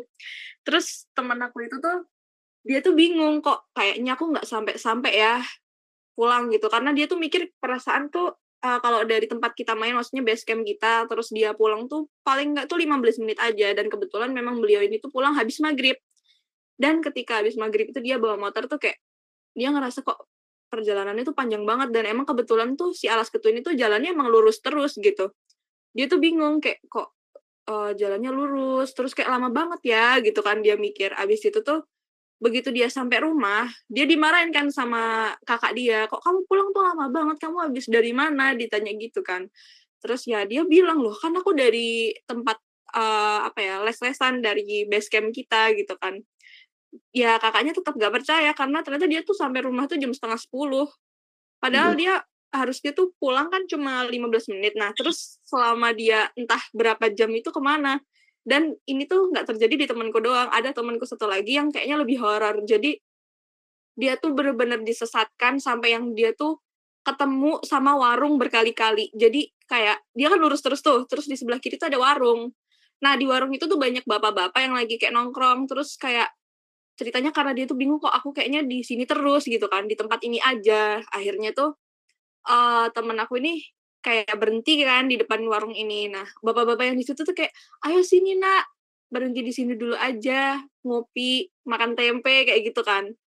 Terus temanku ini tuh nggak mau dia tuh kayak nggak menghiraukan itu dan uh, katanya kalau misalkan kita disesatkan sama hal kayak gitu disarankan tuh kita tidur menghadap ke langit terus merem aja sampai nanti nunggu subuh kayak gitu dan ya udah akhirnya besokon paginya itu dia uh, dia tuh ditemuin sama bapak-bapak bawa motor gitu kan dibangunin lah sama bapaknya itu ditanya nak kok di sini? Gitu kan. Habis itu ya udah dia bilang kalau uh, dia disesatkan akhirnya dia antar pulang. Dan dari cerita ini aku tuh kalian pernah penasaran gak sih kayak apa sih yang uh, kayak gini aku aku tuh bingung gini ketika ada orang yang lagi disesatkan misal nih misal kamu ya Sor kita lagi bareng nih terus hmm. yang disesatkan itu kamu. Nah terus aku pernah pernah nanya nggak sih apa yang dilihat sama aku ketika kamu tuh lagi disesatkan? Dan itu tuh men, uh, terjawab ketika temen aku tuh aku tanyain gitu. Jadi pernah ada kejadian di sekolah aku yang kayak temen aku tuh nantang. Jadi kayak dia tuh uh, akan pramuka gitu kan. Nah waktu pramuka itu cuttingnya itu bilang, eh kok cutting kakalnya itu bilang, ayo siapa yang mau baca ayat kursi di kamar mandi ini? Gitu kan. Terus katanya dia berani ya udah dong uh, dia uh, kayak dibuka sedikit mata batinnya terus dia jalan sendiri nggak boleh ditemenin terus dia ke sana bacain ayat kursi balik. Nah ketika dia balik tuh kan udah sampai tuh dia di tempat kumpul lagi. Temen-temen tuh uh, apa dia nanya ke temen-temen eh uh, nggak kebalik jadi temenku tuh yang nanya ke dia. Kamu tadi ngapain sih kok muter-muter di situ? kata dia. Jadi di lapangannya itu dia di sudut itu tuh kayak jalan tapi dia tuh muter. Jadi ngebentuk lingkaran gitu loh muter kayak gitu dia tuh. Terus uh, dia tuh bingung loh enggak aku dari tadi tuh jalan lurus kata dia. Lurus ke arah kalian tapi emang aku ngerasa kalau aku ketika jalan itu tuh ternyata apa ya kayak lama banget gitu. Dia tuh bingung kok lama banget kayak nggak nyampe nyampe tapi di temen yang ngeliat itu tuh kayak dia tuh muter-muter di satu tempat tapi di orang yang disesatkan itu dia ngeliatnya kayak lurus aja Nah, terus aku berpikir lah kalau misalkan ini orang jalan juga kayak gitu, kalau motor kayak gimana ya? itu paling motor muter muter di jalan atau muter di pohon aja kita tuh. Ya, Mas Zuzi kayak gitu gila. Soalnya tuh kalau yang di apa ya, yang di alas ketut tuh jalannya sempit. Jadi kayak jalan nggak jalanan undip, kayak jalanan satu arahnya undip doang. Kan kalau misalkan undip yang di gerbang itu loh, itu kan ada dua jalur ya. Ada yang dikasih pembatas tengahnya. Nah, kalau yang di alas ketut itu tuh kayak cuma satu jalur yang sebelah kiri doang. Dan itu tuh biasanya dilalui oleh truk kayak gitu-gitu. Jadi kadang aku tuh itu kalau misalkan dia mau muter-muter kayak gimana dan muternya kayak gimana gitu loh. Inget ya itu tuh juga hampir sama kayak cerita temenku temenku tuh pernah sih nih cuma dia tuh habis apa namanya habis muncak gitu kak. Muncak ke gunung di Jawa Tengah lah. Mau pulang ke ke rumah di Jawa Timur. Nah itu juga lewat alas gitu Nah, tapi bedanya kalau temennya Kak Ray ditawarin sama bapak-bapak, dia tuh nggak ditawarin sama bapak-bapak. Dia tuh pulang bertiga. Nah, dia sendirian. Pas dia sendirian, terus dia di belakang gitu. Teman-temannya emang lagi cepet-cepetan gitu. Mungkin dia emang yang di belakang. Nah, dia jalan terus, lurus, terus nggak ada apa-apa katanya. Terus dia ketemu, ketemu sama gerombolan orang pakai baju hitam tapi belakangin dia. Ketemu, ketemu pertama terus lurus terus ketemu lagi. Tapi di yang dihadapin apa yang gerombolan hitam tuh hadap ke rumah ada orang meninggal di sana. Terus dia takut kan? Dia lurus terus lagi ketemu lagi. Tapi yang yang orang hitam tuh hadap di suatu kan dia lewat jembatan nah orang-orang hitam tuh lewat dihadap di kalinya gitu yang ada di bawah jembatannya pokok. Terus lurus lagi sampai ketemu masjid. Di masjid dia kan belum sholat nih ceritanya. Dia belum sholat dia sholat ke sana. Sholat di masjid itu ya sepi lah pastinya. Terus habis sholat tiba-tiba kok ada orang gerombolan itu lagi di depannya gitu. Tapi nggak ngadep dia ngadep motornya. Terus dia langsung buru-buru lari ke motornya balik lagi terus anehnya anehnya tuh dia sampai dicari temennya yang udah di depan naik motor katanya dia udah nunggu tiga jam itu di depan. Aku speechless. kayak jadi takut bawa motor kalau misalkan malam-malam lewat alas kayak maksudku kenapa ya setiap kita alas tuh pasti disesatkan apa karena kita yang kurang fokus atau kurang berdoa tapi kayak maksudku kalau dia emang jahil itu tuh fatal gitu loh kalau menurut dia tuh kan dia tanya sama apa sama petualah di gurunya lah mungkin. Itu mungkin memang lagi hari apesnya sih katanya. Jadi ya mungkin itu cuma cuma dianggap hari apa saja gitu. Ya udahlah gitu. Yang penting kita selamat aja sih gitu sih katanya katanya temanku itu. Ya ya juga ya. Alhamdulillah dia nggak kenapa-napa. Nggak kayak cerita yang ada di Aceh itu kan ada ya uh, cerita persis kayak kita ini. Tapi dia bedanya tuh kayak emang sengaja disesatkan terus nanti dia tiba-tiba apa ya kayak uh, pernah dengar gak sih kayak nanti kita disesatkan terus kita tiba-tiba tuh sadar kalau kita udah di tengah jalan terus di depannya ada truk gitu loh. Nah itu kan banyak yang meninggal karena itu kayak kayak cerita kalau di jalan kereta, kereta itu loh sur. Kayak uh, kalau di kereta kan biasanya ada orang mau lewat nanti telinganya ditutup jadi dia nggak tahu kalau kereta lewat nanti kelindes. Nah mirip-mirip kayak gini. Cuman bedanya ini di jalan aja ya setan gitu seru sih kak ya kalau dari kak Fani nih apakah ada cerita nih yang horor-horor dari Kak Fani? Ayo Kak, ungkapkan semua di sini Kak. Oke, uh, aku ada sih cerita di daerah Kabupaten Semarang ya berhubung aku juga orang sana. Jadi cerita ini tuh sempat diperbincangkan karena pernah di-share di Twitter akun. Mungkin teman-teman podcast bisa cek sih di akun @infoungaran. Nah, jadi ceritanya itu tuh mengisahkan cerita horor di Umbul Sidomukti. Dari Surya atau Kak Rey pernah datang ke sana atau mungkin pernah dengar di Umbul Sidomukti itu? Ah, pernah datang ke sana Kak nih. Ada Pak Kak di sana Kak? Penasaran nih kita nih. Dari Kak Rey pernah belum nih ke Umbul Sidomukti? Belum, aku belum pernah ke situ, makanya aku pengen dengerin kayak gimana nih Fani ceritanya. Ayo Kak Fani, kita udah gak sabar. Jadi cerita ini tuh terjadi beberapa tahun silam di mana Umbul Sidomukti belum ada pondok kopi dan kafe-kafe lainnya. Jadi ketika kita naik ke Umbul Sidomukti, itu tuh murni buat ngeliat pemandangan atau sekedar minum kopi dari kucingan. Nah, e, ceritanya itu berawal dari saya, katakanlah si sender ya, dan sahabatnya, sebut saja Sekar itu berniat buat menikmatin nikmatin pemandangan Ungaran dari atas gunung. Nah, naiklah mereka ke Umbul Sidomukti. Itu pada hari Selasa jam 8 malam. Nah, kata sendernya itu bilang, kalau nggak weekend itu sepi banget. Tapi karena kita seneng, suasana sepi jadi lebih romantis. Hehe. Katanya gitu. Ini sahabatan tapi romantis ya? Nggak tahu. Sahabat tapi mesra. Oke, okay. lanjut. Jadi uh, waktu di jalanan di Mawar sebelum Umbul Sidomukti masih Makadam. Ada yang tahu nggak Makadam itu apa? Nggak tahu kak, saya nggak tahu. Dari Kare tahu nggak kak? Nggak tahu. Uh, Oke, okay. Makadam itu tuh kayak jalan yang masih batu gitu loh. Oh, aku paham. Iya, ya, ya paham, paham. Jadi kayak masih dari batu yang di apa namanya kali gitu ya? Oh. Iya. Gitu. Paham kak. Nah, mereka waktu itu ke sana tuh jalannya belum sebagus sekarang gitu. Nah, sesampai di atas, itu ternyata udah banyak yang nongkrong. Mungkin ada kalau empat motor, dan di pojokan itu ada tenda jualan kopi. Nah, di situ tuh belum ada perasaan aneh. Katanya mereka tuh kayak orang normal yang fokusnya ke pemandangan, foto-foto, dan pada saat itu suasananya suasananya tuh masih rasanya dingin banget gitu. Sambil lirik kanan, kiri, mereka cari kopi. Tapi si Sekar ini dari tadi ngadep ke bawah. Nah, si sendernya ini cuek aja karena mereka uh, dia ngira dia itu cuma main HP si Sekar itu. Nah, tapi ini aneh. Tiba-tiba si Sekar ngajak pulang dia bilang, turun yuk ah, dingin banget gitu. Terus si sender bilang, eh kita belum ke atas loh, mampir bentar sekalian kenapa gitu. Posisi kita kalau sekarang di parkiran arah kolam renang, kita mau ke atas arah pondok kopi. Terus si Sekar bilang, ya udah, kayaknya dia pasrah sih. Terus akhirnya mereka ke spot lebih tinggi biar kelihatan.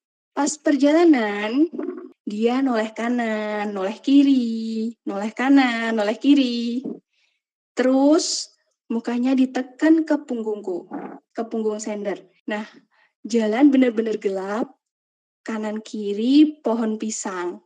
Padahal juga di atas ada orang nongkrong di spot atas. Gak tahu kenapa nih, tiba-tiba si Sekar ini teriak, minta turun. Dan dia sambil nangis gitu. Nah, akhirnya si sendernya ini kaget dong. Siapa yang nggak kaget tiba-tiba pada teriak apa si Sekar ini teriak sambil nangis. Okay. Ada yang bayangin kenapa? Tahu, lanjut lanjut. Aku penasaran. Bapak okay. ceritanya berasa horor banget kak nih. Nah, waktu itu mereka langsung heboh turun mereka nggak ngomong apa-apa dan si sender ngerti ini ada sesuatu yang nggak beres. Dan akhirnya mereka turun tuh pulang. Nggak ada pembicaraan sama sekali. Dan mereka berdua sama-sama diem pas lewat jalan mawar ke bawah. Nah, sesampainya di pasar Badungan, itu udara mulai anget, bisa dirasain masuk ke tulang gitu. Akhirnya gitu, setelah di atas rasanya nyep-nyep. Terus pikiran bengap gelap juga mulai jernih dan akhirnya dia tanya nih ke Sekar, kamu gak apa-apa gitu. Dia ketakutan, pikirannya kosong sambil nunduk. Dia nyeletuk, kamu gak lihat di pohon pisang banyak banget ngocongnya. Gak kuat aku lihatnya, sumpah. Itu dia kira-kira kena mental nggak ya waktu ngelihat yang kena mental ya orang dia diem aja ya?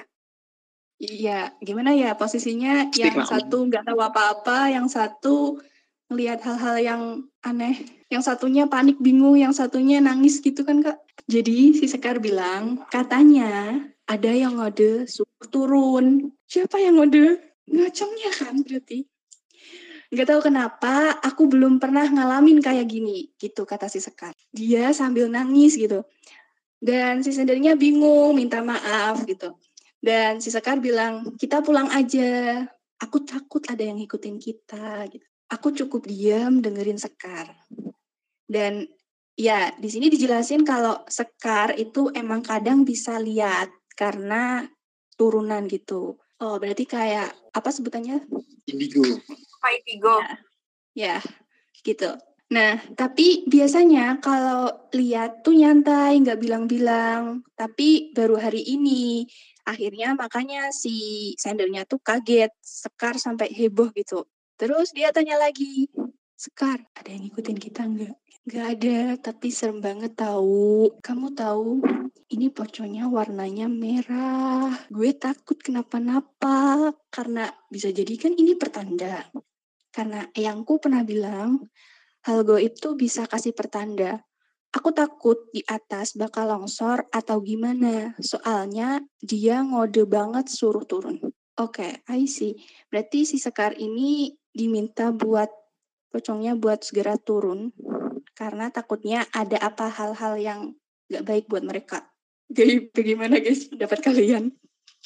Dari aku boleh nggak? Oke. Okay. Okay, Dari aku tuh bener sih kalau misalkan terkad, uh, terkadang hal-hal goib itu bisa jadi pertanda buat kita kalau oh ternyata hal ini itu nggak baik atau kayak kayaknya ada yang bakal kejadian yang aneh deh. Karena kan kalau dari ceritanya si Sekar ini tuh kan dia kan udah dikasih tahu dari awal terus dia tuh pasti di pasti kalau jadi dia dia tuh awalnya kayak mikir ya udah deh kita lanjutin dulu aja perjalanannya walaupun kita sebenarnya takut kan kan itu posisi kan dia juga nunduk aja tapi dia tuh tetap ngikut gitu loh terus waktu udah di tengah jalan baru dia bener-bener diem pengen turun jadi aku sangat setuju kalau misalkan hal goib itu sebenarnya salah satu tanda kalau apa ya ada hal buruk yang lagi lagi atau mau menimpa kita, cuman emang agak serem aja diperlihatkannya gitu. Itu dari aku sih. Tapi ini kak mau tanya nih, apa dari itu kan adanya tanda tuh. Nah, ada kelanjutan ceritanya gak tuh? Apa habis itu ada bencana apa gitu kak dari kapan itu yang dicerita dari sender? Oke, okay. ini masih ada lanjutannya sih, tapi bentar dulu. Aku lanjutin kali dulu ya.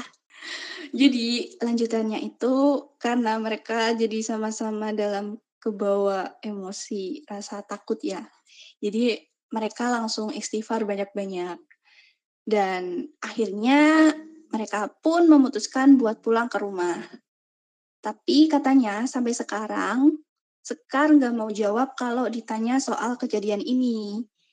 Dia bilang, lupakan saja, ini masalahku. Dan ya si Sender mungkin uh, bilang mungkin Sekar punya pegangan dan bentrok sama penunggu di atas. Gak tahu juga. Tapi ya aku nggak paham sih maksud dari pegangan atau bentrok bagaimana. Dan at least itu tamat gitu kata Sender. Dan katanya sekarang Umbul Sidomukti menjadi salah satu tujuan terbaik di Kabupaten Semarang, apalagi Pondok Kopi dan segala suasananya. Ya, meskipun kalau malam tetap gelap, tapi banyak kendaraan lalu lalang. Jadi, bagaimana guys setelah cerita ini apakah akan ada rencana ke Sido Umbul, Umbul Sido Mukti? Mungkin mau nyoba malam-malam ke sana. Oh, hayu, gas lah. Wisata horor buat healing habis uas, Kak. Buset. Aku aku pengen ngejawab dari yang Fanny bilang deh yang kalau dia kan tadi uh, tadi kan Fanny bilang kalau uh, pegangannya bentrok kan sama yang di sana. Iya iya betul. Oke, okay. jadi di yang dimaksud tuh kayak gini. Yang dimaksud pegangan mungkin dari temurun kan tadi dibilang kalau dia itu turun temurun indigo nih. Nah, di situ aku udah paham kalau oh dia pasti punya deh. Karena biasanya kalau turun temurun pasti di, di generasi pertamanya atau kayak dia waktu pertama kali men, bukan menjajah ya mungkin kayak kita bisa bilang kalau yang pertama kali punya terus dia tuh pasti punya kayak uh, hal yang dipakai dia buat ngelindungin dia atau kayak istilahnya tuh mungkin apa ya kayak penjaga sama kalau misal nih kita mau diserang sama orang lain itu tuh bisa kita serang balik pakai si pegangan ini gitu.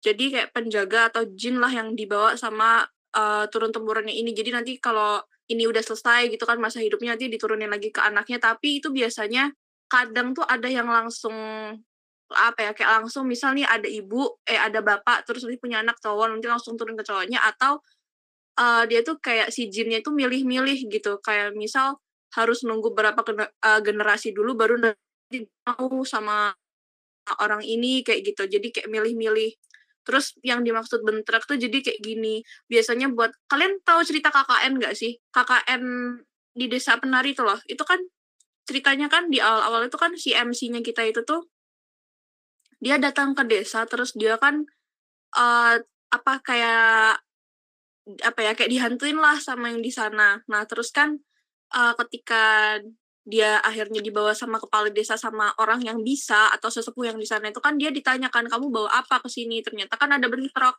antara energi yang dia bawa sama energi yang ada di situ atau kayak bisa dibilang tuh mereka yang di sana itu tidak menerima kedatangan orang asing gitu loh gampangannya kayak hal asing yang dibawa sama seseorang ini gitu. Jadi yang dimaksud bentrok tuh mungkin kayak gitu dan itu mungkin kata kasarnya itu kita bisa bilang kalau mereka berantem gitu. Gitu sih yang aku paham. Tapi bener sih kak dari yang mungkin apa yang penunggu yang penunggu bener kak Fani atau apa turun temurun tadi itu apa kak Fani sebutannya? Penunggu ya? Kayak penunggu. Itu pegangan kayak pegangan nah itu juga sih sebenarnya dari luruku ada pegangan tapi nurunya tuh ke adikku jadi yang indigo tuh adikku tapi kan indigo kan kadang ada yang apa dibeda-bedain yang habis procot lahir indigo tapi terus ada yang pas umur segini baru indigo. Nah, adikku tuh SMP baru indigo. Jadi pegangan tuh memang bener dari leluhur tuh pasti ada gitu. Misalnya adikku gitu. Iya, iya, aku paham, paham. Nah, Kak Ari ini paham apa Kak Ari indigo kah? Oh, enggak. Oh. Kalau dari Kak Re sama Kak Faniti, apa apakah ada itu? Apa kayak pengalaman horor pribadi gitu di rumah atau di mana gitu? Masa misal di kos kalau di kosku tuh banyak. Ada. Oh banyak malah. Misalnya di kosku dia ada. Tapi temen kosku yang ngalamin, bukannya aku. Katanya di, di depan kosku tuh ada kayak ibu-ibu gitu. Ibu-ibu yang biasanya lewat. Misal lah, kalau dari Kak Fani sama Kak Rini gimana nih? Pengalaman pribadi mengenai horor. Uh, mungkin dari aku ya. Oke Kak. Dari Fani dulu deh. Oke dari Kak Fani, Kak Fani. Ayo dari Kak Fani, apakah ada Uh, Oke, okay. kalau dari aku gimana ya? Setiap ditanya pernah punya pengalaman pribadi nggak sih tentang hal-hal mistis atau horor, goib gitu? Jujur, sampai sekarang tuh nggak pernah ya. Alhamdulillah nggak pernah. Tapi nggak tahu kenapa orang-orang di sekitarku tuh sering cerita mereka ya emang pernah ngalamin hal-hal yang demikian. Apalagi kayak di lingkungan, pada satu lingkungan itu ada hal-hal yang ada sih aku pernah barusan di fakultasku ya. Tapi nggak tahu itu benar apa enggak karena ya namanya juga keadaan malam. Jadi ceritanya gini, ada dua orang temanku perempuan. Itu kan namanya anak FPP kalian tahu ya, praktikum uh, selalu tiap malam. Nah, pada saat itu uh, sekitar jam sembilanan itu tuh mereka ke lab dan dalam kondisi sepi, nggak ada orang sama sekali.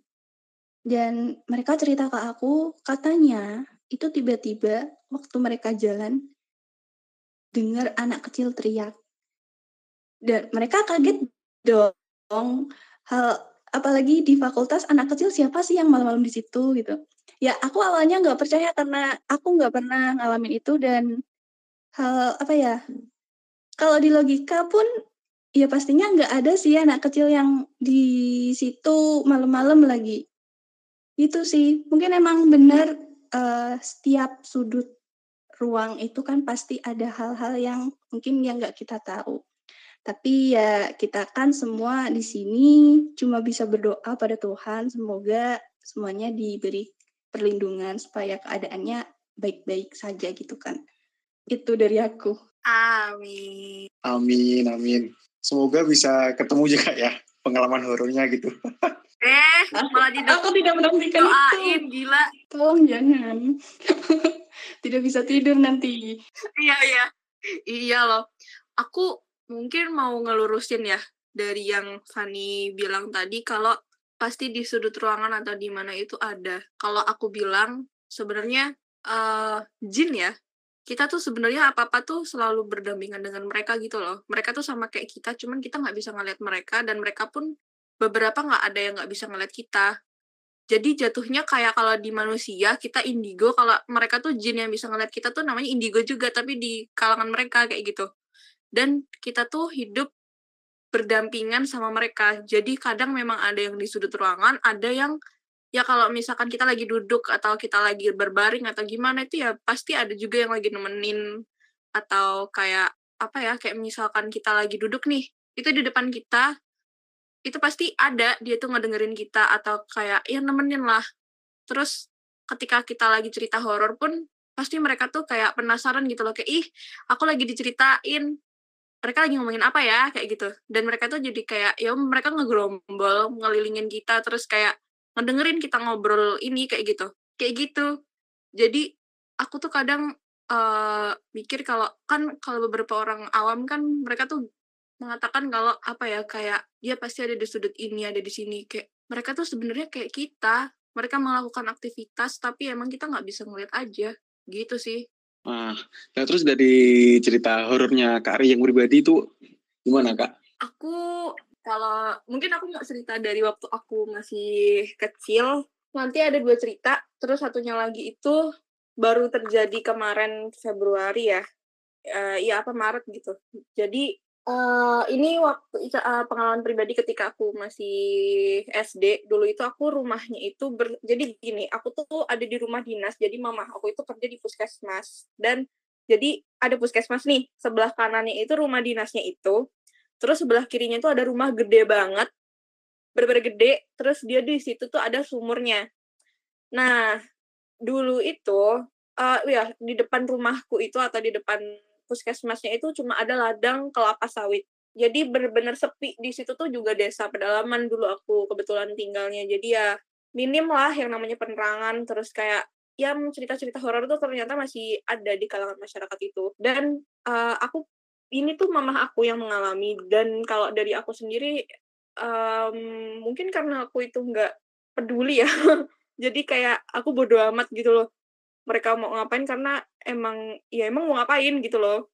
Dan kalau dari cerita mamaku tuh kan mamaku tuh melayani pasiennya dan ternyata usut punya usut tuh uh, warga di desa sana itu yang sering datang ke mama itu selalu pasti selalu nanya kayak gini pakai bahasa Jawa yang artinya itu kayak gini maaf ibu ibu betah tinggal di sini.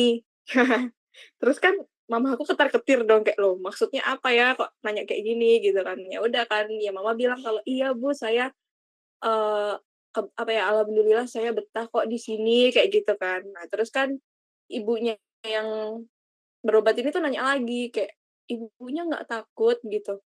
Uh, apa namanya kayak ditanyain ibu nggak takut?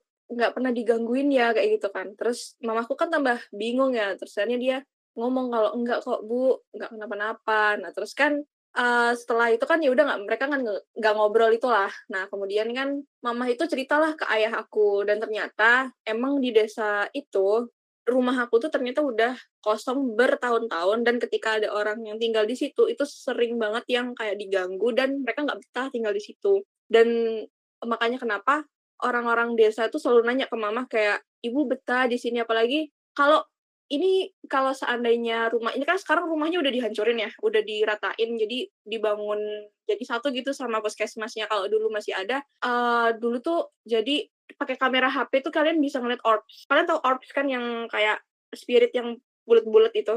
Kalian pakai kamera HP biasa di flash gitu kalian bisa dapat banyak orbs di situ. Terus juga uh, dulu tuh jadi aku tuh punya Pak D sama Bude di rumah. Jadi Pak D tuh yang dulu kan aku punya apa ya? Kayak punya lima anjing, terus ada burung sama pengarangan gitu kan. Dan ada Bude yang yang ngebantuin mama di rumah kayak gitu. Nah, ketika uh, aku, mama, sama ayah itu mau ke Bali atau ke Banten kan otomatis rumahnya itu kan dijaga sama Pak D sama Bude ini. Jadi mereka berdua itu tinggal lah di rumah. Nah, waktu tinggal di rumah itu tuh ternyata mereka tuh sering digangguin kayak entah apa sih kayak diketok pintu rumah. Terus uh, kamar mandinya itu kan ada yang di dalam sama yang di luar deket dapur gitu kan. Jadi dapurnya itu di luar, terus di samping dapurnya itu ada kamar mandi. Dan di kamar mandi itu tuh ternyata sering banget kayak apa sih kayak uh, suara orang mandi. Terus kayak dan itu malam-malam dan ya siapa yang mau mandi malam-malam di luar gitu kan? Maksudnya kalau misalkan emang mau mandi malam kan ada di dalam gitu kan. Dan kalau apa ya logikanya kayaknya dulu tuh harusnya anjingnya menggonggong dulu sih kalau misalkan emang ada orang mau masuk gitu kan dan kalau dari pengalaman pribadi aku sendiri tuh jadi gini, rumahnya itu memang gimana ya? Jadi ini kalau kalian bay mau bayangin di sebelah kanan tuh ada rumah nih, rumah dinas. Terus di tengah-tengah di sebelah kirinya itu ada lapangan kayak tempat parkir, di sebelah kirinya ada puskesmas, sebelah kirinya lagi ada rumah gede. Nah, di antara puskesmas sama rumahku yang di rumah dinas itu kan ada lapangan. Nah, uh, itu tuh kayak di depannya itu ada kayak rumah panjang gitu dan udah rusak jadi kayak rumah jadi gudang obat tapi nggak kepake lagi gitu loh kalau di puskesmas. Nah pernah jadi dulu aku punya kelinci juga kan. Nah kelincinya jadi uh, rumah dinas itu lagi direnovasi. Jadi kita tuh kayak ngungsi dulu tuh di rumah yang udah nggak kepake ini gitu kan. Nah ceritanya aku lagi main si kelinciku ini. Nah habis itu kelincinya tuh kayak masuk kan. Padahal di dalam rumahnya ini tuh udah kayak kayak terbengkalai gitu loh. Jadi kayak yang dipakai buat aku sama mam, ayah aku tidur tuh cuma yang di depan-depannya aja. Atau kayak bukan lobby apa ya namanya? Apa ya sur namanya? Apa? gazebo. oh, gazebo gazebo. Jadi cuma di depannya doang. Nah terus kan karena dia masuk ke dalam rumah itu ya udah aku ikut dong. Nah terus aku tuh bingung kok dia nggak ada? Terus aku makin masuk kan ke rumah yang panjang itu. Dan aku tuh nemu ada kayak asap asapnya tuh put apa hitam hitam yang kayak kalian pernah bukan hitam yang kalau bakar apa sih bakar bakar itu bukan jadi kayak hitam bekat gitu kan tapi dia bentuknya asap gitu. Dan itu tinggi. Terus dia tuh punya mata merah kan aku tuh ya nggak tahu gitu dan dia kulinci aku tuh ada di depan si asap ini. Karena aku itu nggak paham ya udah aku cuma ngambil kelinci terus tak liatin abis itu pergi. Aku kan nggak tahu kan. Abis itu uh, ketika besar ini akhirnya aku nanya ke ayah aku ayah waktu dedek kecil itu pernah lihat ini di rumah ini itu apa ya? Aku tanya. Ternyata itu tuh genderuwo punya si rumah gede ini. Jadi ternyata rumah yang gede ini tuh kayaknya dia main pesugihan terus mungkin genderuwonya lagi main gitu ya ke rumah itu ya kebetulan ketemu aja sih mungkin seperti itu terus waktu aku kecil tuh kan aku tuh nomaden ya jadi kayak pindah-pindah gitu loh rumahnya nah ada salah satu rumah yang kayaknya tuh itu bener-bener sangat dipertanyakan sebenarnya kalau buat aku sampai sekarang karena aku tuh masih bingung. Secara uh, aku tuh kan sering ditinggal di rumah sendirian ya karena mama sama aku tuh kayak ngelaju nganterin mama aku ke rumah sakit gitu kan. Nah itu di rumah itu tuh rumah yang cukup besar, uh, cukup uh, gimana ya gede. Terus kita kan ngontrak di situ. Nah yang paling ini yang pertama yang paling aneh banget itu coba deh kalian pikir kayak gini. Yang punya rumah itu tuh dia tinggal di rumah joglo yang udah rusak dengan lantai dari tanah. Kalian tahu kan rumah rumah yang desa-desa zaman dulu banget gitu loh, yang kayak bener-bener tanah gitu. Nah, itu yang yang punya itu tuh dia tinggal di situ. Tapi dia tuh punya rumah gede banget gitu. Aku tuh mikir kenapa dia nggak tinggal di situ aja. Karena aku bingung ya kayak loh, uh, yang punya di mana? kan aku nanya ke mama kan mah ini yang punya mana gitu terus katanya tuh di sebelah rumah ini jadi aku oh gitu kan begitu tahu rumahnya kayak loh jelek sekali rumahnya kenapa dia tidak tinggal di sini gitu masalahnya tuh rumahnya jelek maksud aku tuh kayak jeleknya tuh yang itu loh atapnya tuh kadang ada yang bolong jadi atap yang dari bata eh bata apa sih yang kayak yang penutupnya yang itulah bukan yang dari jerami lah itu tuh ada yang bolong, ada yang rusak, ada yang ketutup jerami juga. Jadi kayak maksudku loh, kenapa kalian itu malah tinggal di situ? Kalian punya rumah ini loh padahal. Nah, terus yang lebih aneh lagi, ketika aku masuk ke rumahnya ini, jadi di rumah itu tuh ada tiga kamar, dan kalian tahu apa? Salah satu kamar itu nggak boleh dibuka sama sekali. Dan itu dia posisinya itu ada di depan. Jadi kalau kalian masuk nih ke rumah itu, itu di waktu masuk tuh sebelah kiri itu kayak apa ya? Kayak ada uh, apa namanya ruang tamu. Terus sebelah kanannya itu langsung kamar tapi pintunya itu di belakang. Jadi bukan yang kayak kalian masuk nanti sebelah kanan pintu gitu bukan. Jadi masih depannya lagi. Terus di sebelah kiri tuh kayak ada ruang kecil gitu. Mungkin itu uh, dulu dipakai buat tempat sholat gitu kan uh, musola kecil terus ada di sebelah kiri ada dua kamar terus di sebelah kanan itu luas kayak uh, lantai biasa gitulah kayak ya cuma luas aja rumahnya. Nah, terus kan kamar depan ini yang aku bilang kayak kok dia tuh kacanya itu udah beda sendiri. Jadi kacanya itu dibikin kaca yang apa ya yang lebih hitam gitu loh. Jadi kayaknya tuh bisa dilihat dari dalam tapi dari luar nggak bisa kelihatan. Itu pertama. Kedua, dia itu ke uh, pin apa ya? kunci pintunya tuh masih yang yang kayak lobang gitu loh. Tau gak sih yang bentuk kayak cewek pakai rok apa sih? Yang bentuk kunci zaman dulu lah masih yang bolong gitu kan. Nah ya, itu tuh disumpelin juga. Jadi dia disumpelin jadi aku tuh kan iseng ya maksudnya kan aku penasaran ke mama kan kayak mah kok ini ada kamar satu lagi kita nggak make gitu kan. Katanya nggak boleh di situ. Terus aku oh ya udah aja kan. Nah abis itu ya udah karena aku tuh penasaran jadi aku lihat di lubang itu. Dan yang yang kelihatan lah orang disumpelin soalnya aku kaget buset kok sampai sebegitunya ya ditutup gitu loh. Dan dilarang untuk dibuka apalagi dideketin karena aku udah pernah ngeliat jadinya si pintu kamarnya itu ditutup lah pakai buffet atau lemari gitu lemari yang naruh-naruh buku gitu. Akhirnya ya udah aku kan nggak bisa ngeliat situ lagi. Dan itu kan yang kedua keanehan ketiga itu di belakang rumah jadi bukan di belakang apa ya kayak jadi kan tadi aku bilang kalau di dalam rumah itu ada kayak uh, luas gitu kan tempat rumahnya gitu tuh yang lantai-lantai nah di belakang itu baru dapur jadi nyatu lah Nah, di bagian lampu si dapurnya ini, sebelahnya itu ada tali panjang, warnanya biru apa hijau gitu, apa gabungan dari dua warna itu, dan ngebentuknya tuh ngebentuk bulat talinya. Paham nggak maksud aku? Gimana gimana kayak gimana? Bentuk bulatnya gimana? Ngebentuk bulat gimana ya? Masa emang boleh ya nyebutnya di sini? Uh, kalian tahu kejadian mahasiswa yang lagi booming sekarang kan?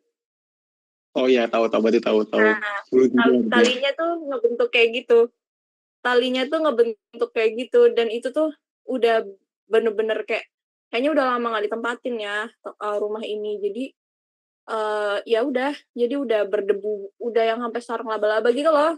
Dan mama sama ayahku tuh nggak ada yang nurunin itu. Maksudnya nggak ada yang mau ngebersihin itu sama sekali karena kan kita di situ cuma bentar aja. Jadi ya udah, akhirnya terus kita pindah dan ya nggak ada apa-apa sih ya cuma aneh aja kayak maksudnya kok kayak gitu gitu loh kenapa terus untuk cerita yang kemarin Februari tahun ini ini uh, mungkin gimana ya kalau di aku tuh ini cerita horor yang aku kasih tahu mungkin kebetulan aku nggak bisa cerita yang mungkin ketemu sama ini ini ini ya tapi yang lainnya aja lah dan jadi kalau yang ini tuh ceritanya tuh kan aku mau makan sama teman aku. Uh, anggaplah namanya ini Surya gitu ya, misal namanya Surya nih. Nah, si Surya ini tuh ceritanya aku hubungin, eh aku OTW ya, dan kebetulan aku tuh nggak punya kuota waktu itu. Jadi dari kos tuh aku kayak ya udah langsung ke kos dia. Aku bilang kalau aku nggak punya kuota nanti kamu tunggu di depan ya. Aku bilang kayak gitu kan. Nah bentuk kos dia itu kayak uh, apa namanya ya? Kayak jadi buka apa nggak ada gerbangnya gitu loh jadi kayak kayak apa ya anggaplah kalau kalian bayangin kayak misal kos dia tuh depannya kayak gerbang undip deh anggaplah kayak gitu jadi kita tuh harus masuk dulu tapi dia uh, nunggu di depan gerbang undip anggaplah kayak gitu kosnya Nah, ceritanya tuh aku udah sampai tuh di depan kos dia. Terus aku tuh bingung, kok nih anak gak keluar-keluar. Terus kan aku gak punya kuota ya, jadi aku bingung kan ngehubungin gimana. Jadi aku pakai seluler tuh. Pakai seluler pun ternyata nggak bisa. Dan aku tuh bingung, nih anak ke mana. Kan aku udah bilang kalau aku suruh tunggu di situ. Dan uh, ketika aku itu, apa namanya, karena aku udah nunggu sekitar berapa ya, 20 atau 30 menit lah di situ dia nggak keluar-keluar. Akhirnya aku ke Undip dulu tuh, ke jogging track aku cari wifi kan di sana ada Undip Connect itu. Aku tanya, dia tuh udah nelpon ternyata. Aku bingung lah, nih anak gimana sih? Aku bingung kok dia nggak keluar. Aku telepon balik dong dia. Heh, kamu di mana? Aku tadi udah ada di kos kamu. Dan dia bilang, loh kamu emang ke sini? Aku udah nunggu kamu loh dari tadi, kata dia. Loh emang kamu di mana? Aku tanyakan dia bilang kalau dia tuh ada di depan situ tapi aku nggak ngelihat dia dia nggak ngelihat aku jadi terus aku mikir terus ketika mereka kita lagi ada di waktu apa ya di tempat yang sama tuh siapa nih yang lagi pergi mikirku karena kalau itu aku harusnya aku nggak bisa ke jogging track. Maksudnya aku bisa ngeliat orang-orang lalu lalang gitu loh. Dan bingungnya tuh kenapa uh, kita waktu apa ya kayak ketika kita itu lagi di tempat yang sama kita bener-bener nggak ngelihat aku nggak ngelihat dia dia nggak ngelihat aku. Dan begitu aku nyamperin dia ke sana dia udah duduk di depan gerbang itu jadi di depan kosnya itu. Dia duduk di situ dan aku tuh bingung kamu dari tadi di sini? aku tanyakan iya Made kata dia kan. Aku dari tadi di sini kata dia. Aku tuh bilang aku tuh sampai masuk ke kos kamu loh aku nyariin kamu. Tapi kamu nggak keluar keluar aku bilang loh aku nggak ngeliat kamu masuk loh kata dia. Lah terus aku bingung lah terus tadi siapa ya? Gitu loh. Maksudnya terus tadi yang pergi siapa? Mikirku. Ya gitu aja sih ceritanya. Tapi pas gimana? di, dari gimana pas di jogging track tuh lihat-lihat orang lain nggak kak? Kayak misal ada orang lain gitu yang lagi diskusi. Nah gini. Aku aku juga nggak tahu nih ya. Mungkin aku atau nggak tahu lah. Jadi kebetulan waktu aku di jogging track nggak nggak usah jauh-jauh deh sebenarnya. Ketika aku lagi di kosnya dia aku nggak ngeliat orang lalu lalang. Itu pertama. Kedua ketika aku mau ke jogging track tuh kelihatan orang-orang bawa motor gitu sampai jogging track. Itu uh, aku nggak turun jadi aku nggak tahu tapi di situ banyak motor kok eh nggak juga kayak cuma sedikit gitu motornya karena kemarin tuh masih zaman libur itu loh, libur awal semester kemarin. Kalau dibilang aku yang pergi, harusnya aku nggak ngeliat orang-orang bawa motor. Bingung. Kalau dari Kak Fani, menurut dari Kak Fani gimana ceritanya Kak Rey, Kak Fani? Uh, aduh, gimana ya? Aku nggak bisa ngomong apa-apa lagi, soalnya cerita Kak Rey bener-bener merinding gitu loh. Di jogging track gimana nih? Di jogging track lagi. Iya, aduh, mana aku sering ke situ juga. Jadi takut. Tapi kan untungnya tuh uh, dari aku atau dia tuh nggak nggak yang diganggu, maksudnya kayak diajak ke mana gitu nggak ada. Jadi aman aja sih. Cuman ya kita tuh cuma bingung aja. Terus tadi kok bisa kita ditutupin gitu? Maksudnya aku nggak bisa ngeliat dia, dia nggak bisa ngeliat aku. Berarti kayak setan jahil gitu ya kak ya? Uh, kalau dibilang jahil tuh kayaknya nggak ada campur tangan jin deh di situ. Eh, maksudnya tuh kayak bukan yang bukan si jinnya jahil gitu, bukan setan gitu loh yang ngejailin, tapi yang nggak tahu juga sih, orang yang nggak tahu ya. Iya sih ya. Tapi ini kan Kak Rey masa kecil, Kak Fani tadi. Nah, kalau ini boleh cerita nggak dari aku? Oke, boleh. boleh. Kenapa nggak boleh? Ini juga waktu kecil sih kak sebenarnya. itu tuh dialami dua orang. Eh, sekeluarga lah, bukan cuma dua orang, sekeluarga. Tapi yang kena tuh aku sama kakakku, yang kena duluan kakakku. Nah, ceritanya tuh gini, keluarga ayahku, keluarga dulu-dulu ayahku tuh dulu dulunya tuh kalau ada masalah sama sama saudaranya tuh sukanya saling santet menyantet. Tahu kan santet menyantet kan Kak? saling pokok bunuh dengan bantuan jin lah. Nah itu tuh sukanya saling santet menyantet dan berakhirnya di di kakekku, kakek dari ayahku. Nah, itu pas ada masalah lah, misal masalah keluarga lah antara ibuku dengan keluarganya ayahku lah. Nah, yang kena imbasnya itu aku sama kakakku. Dan perantaranya tuh ibuku lewat mimpi. Yang pertama kan kakakku tuh. Ibuku mimpi gini. Mimpinya ada pamanku dari ayahku ngembala sapi dimasukin mau dimasukin ke rumah mau dimasukin ke rumah dan itu tuh sapi sapi putih kan ibuku bingung dong kok bisa pamanku mau mengembala sapi ke rumah gitu. Terus ditanyain ke kakekku dari ibuku. Nah kakekku dari ibuku tuh dukun. Dukun lah pokok sebagai peramal lah di desa gitu terkenal udah. Terus ditanyain kenapa? gitu. Nggak dijawab. Cuma jawabnya itu gini yang penting selamat gitu. Nah kejadian beneran. Kakakku masuk rumah sakit. Masuk rumah sakit, masuk rumah sakit pun dia berdarah dari apanya? Dari hidung, kuping, pokok semua lubang di dalam tubuh tuh ngeluarin cairan darah. Gak tahu kan kan masa bisa nih anak kecil umur tujuh tahun ngeluarin darah segitu banyaknya dan masih hidup gitu. Terus kakek dari ibuku tuh nungguin di depan pintu rumah sakit, eh, di depan pintu operasinya nungguin terus nggak pernah nggak pernah apa nggak pernah minggir lah dari depan pintunya. Terus tapi bener ramalannya kan bener yang penting selamat dan itu memang selamat. Terus baru dijawab apa arti mimpinya setelah kakakku sembuh? Itu katanya tuh kayak jin danyang lah.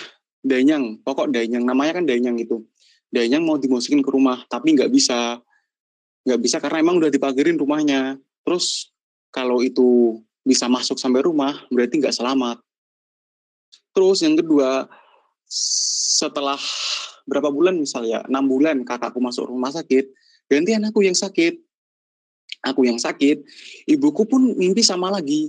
Pamanku, tapi ini gak sapi, masukin beberapa ekor kambing ke rumahku nahit, tapi nerobos, terobos masuk, tapi selamatnya tuh samping rumah. Eh, ya samping rumah kan tetap masuk kan ya.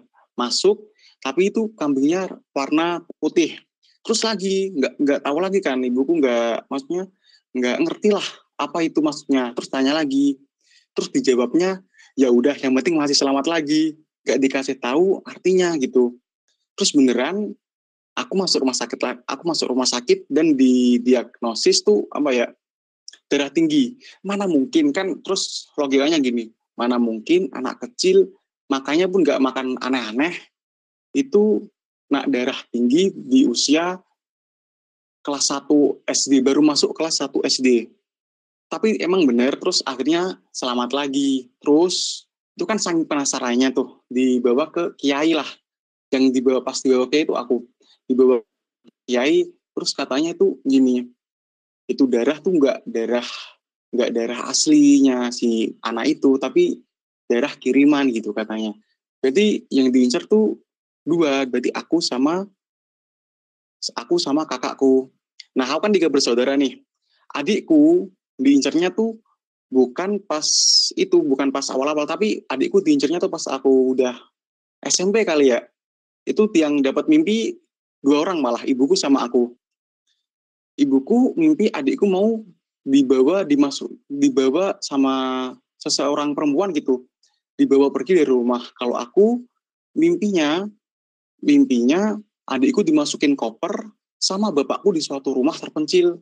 Terus kejadian beneran, adikku masuk rumah sakit lagi. Terus habis itu adikku jadi indigo, bah karena karena kejadian itu adikku jadi indigo gitu. Jadi kita kayak korban gitu. Gimana nih menurut kakak-kakak? kasihan. Kasihan lah. Orang nggak tahu apa-apa tapi kena imbasnya. Tapi seru Tapi kalau aku mau nanya. Ya, eh, nggak ya, seru, coy taruhannya nyawa loh kalau kita nggak kuat nahan. Kayak maksudku aku nanya deh waktu kamu ngerasain itu gimana rasanya? Maksudnya waktu di saat itu gitu apa yang kamu rasain sur? Itu kalau kalau kakakku tuh kan parahnya di dia di penyakitnya misal daerah keluar di keluar semua lah tapi kalau aku tuh dua kali masuk rumah, rumah sakit yang satu kali tuh gak kenapa apa yang dua kali tuh baru yang paling parah.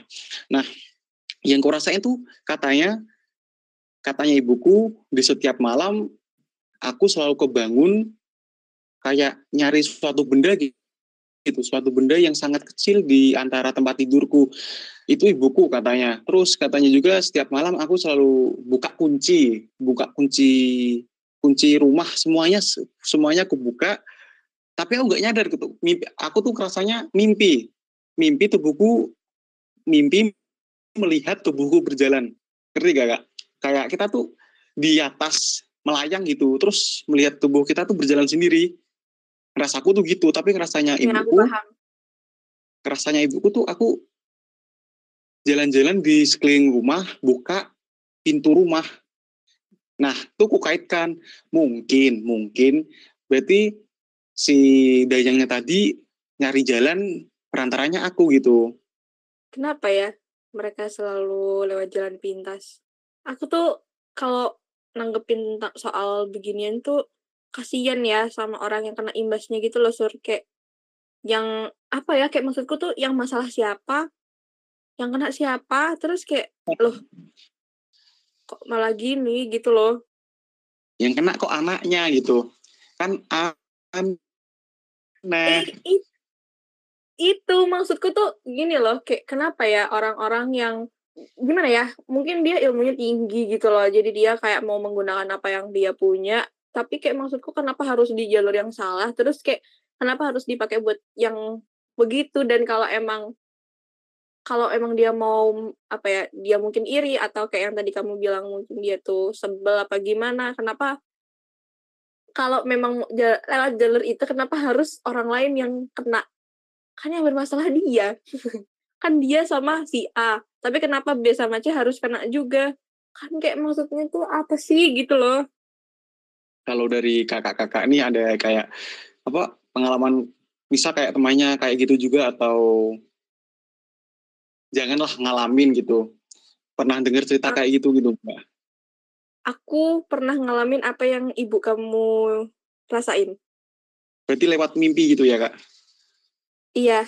Jadi uh, mungkin karena ini udah lewat ya jadi mungkin aku bisa menceritakannya. Jadi tahun lalu banget ketika aku masih menjabat bersama teman-teman relasi publik ya itu tuh ada satu kejadian yang bener-bener bikin aku tuh terpukul.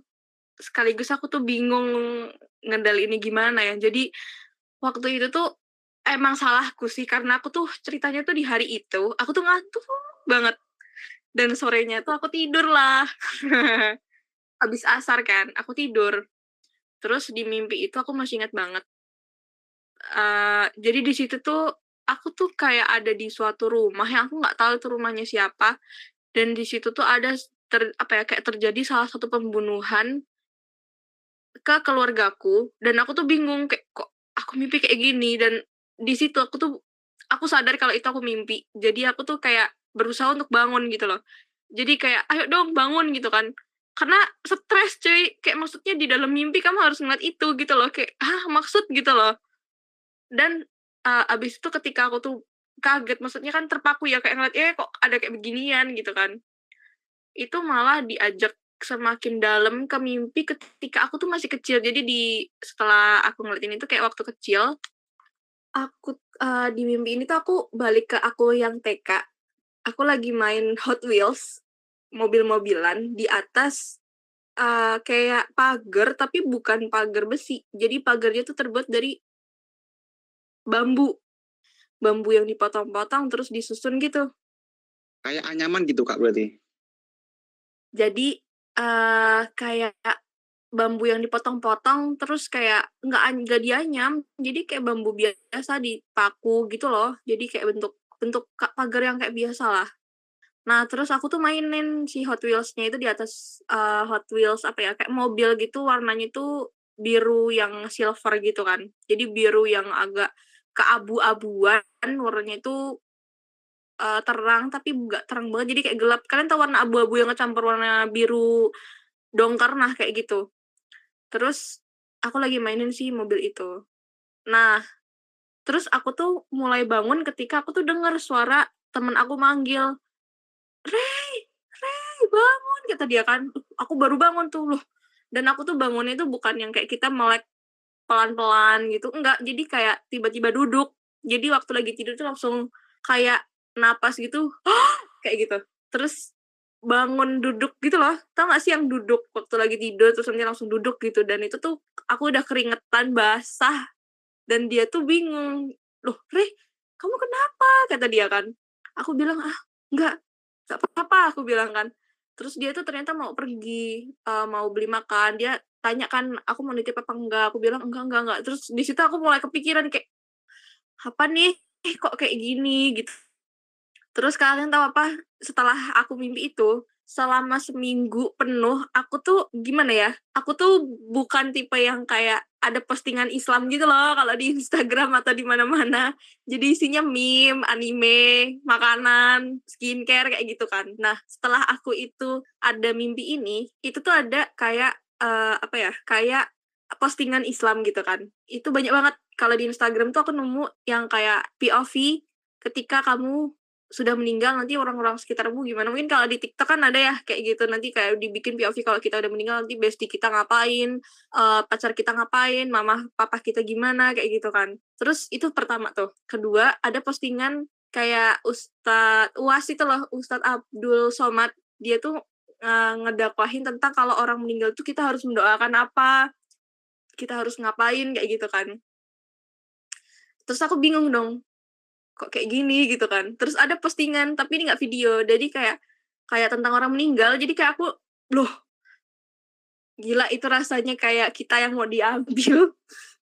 Aku tuh bingung kayak kok kayak gini semua ya? Karena aku nggak mau ngeliat Instagram kan. Uh, dulu aku belum main TikTok jadi aku bukanya tuh di YouTube. Nah anehnya tuh ya di YouTube itu kan aku pakai buat nonton Doraemon. Kok di FYP-nya keluar tentang kematian lagi Nah, kan aku tambah bingung dong kayak waduh ini berarti kayaknya ada yang salah gitu kan. Dan selama mhm. empat hari penuh aku nggak tidur malam karena aku takut mimpi itu. Jadi tidurnya tuh kayak kalau kan waktu itu masih daring ya kita tahun lalu. Jadi itu kayak uh, tidurnya tuh ketika azan subuh selesai terus nunggu kelas dulu pagi, absen baru tinggal tidur, nanti selesai kelasnya baru bangun. Jadi tidurnya tuh ketika kelas itu doang jadi ada suara gitu kan. Nanti kalau ada nggak ada suaranya aku bangun kayak gitu. Jadi harus berisik gitu loh kalau tidur. Nah terus dari empat hari itu aku kayak apa ya kayak aku mikir kayaknya ah ya udahlah mungkin emang cuma bunga tidur mikirku kayak gitu kan lah cuma mimpi lah nggak bakal kejadian kayak gitu. Nah terus kan empat hari kemudian apa berapa hari kemudian itu kan karena aku yang karena empat hari nggak tidur tuh tim apa ya ambruk dong apa sih namanya kayak nggak uh, kuat lah badan aku. Ya sakit lah akunya. Aku demam terus ketika aku udah mulai sembuh ya sekitar tiga hari apa empat harian itu di itu tuh hari apa ya? Uh, aku lupa hari Jumat kalau nggak salah. Itu sebelum maghrib. Jadi kan aku lagi main ML sama anak-anak 20 ya ceritanya sama uh, teman-teman kayak Jauh, Akmal, Bima sama Ari gitu kan. Ari 20. Nah, mama aku tuh nelpon. Aku kira tuh beliau mau nanyain keadaan aku kayak gimana. Ternyata beliau ngasih tahu kalau Pak Ade aku udah nggak ada. Dan dia meninggal di mobil. Gila aku di situ stres aku. Kenapa ya? Kenapa harus maksudku tuh aku kaget gitu loh kayak aku di situ kayak aku nangis tapi di sisi yang bersamaan tuh aku kayak kenapa harus sama kayak yang ada di mimpiku kayak aku speechless di situ kayak aku nggak tahu kayak ya udah setelah aku tahu info Pak Deku meninggal ini, bes setelahnya itu aku udah nggak ada tuh postingan tentang kematian kayak gitu-gitu udah nggak ada. Jadi kayak oh ternyata nih pertanda kayak gitu. Itu sih itu pengalaman terhoror yang masih membekas di aku sampai sekarang. Dikiranya buat diri sendiri ya kayak. Tapi... Iya, karena ngerasanya tuh bener-bener kayak kita yang lagi mau diambil sur kayak kayak rasanya tuh kayak kita tuh di, kita sholat nih di belakang tuh udah kayak ada malaikat Israel yang udah siap ayo sini gue cabut langsung kayak gitu loh jadi tuh kayak kayak gitu rasanya jadi tapi begitu tahu kayak astaga gila itu rasanya kayak stresnya tuh bukan main ya. kayak aku nggak tahu sih mau ngomong apa Jadi itu tuh jadi bikin aku tuh trauma uh, sore dan tidur lama. Jadi aku tuh lebih suka tidurnya mending cuma bentar aja, tapi nggak mimpi aneh-aneh daripada harus uh, tidur lama tapi mimpinya aneh-aneh. Dari Kak Fani sama Kak Re ada tambahan lagi untuk cerita horor pada malam Jumat kali ini, Kak? Uh, dari aku udah kebanyakan, Sur. Oke, dari Kak Re udah, dari Kak Fani. Oh, aku malah juga baru sadar nih ini malam Jumat ya. Iya. eh, dilihat nih komentarnya apa cuy?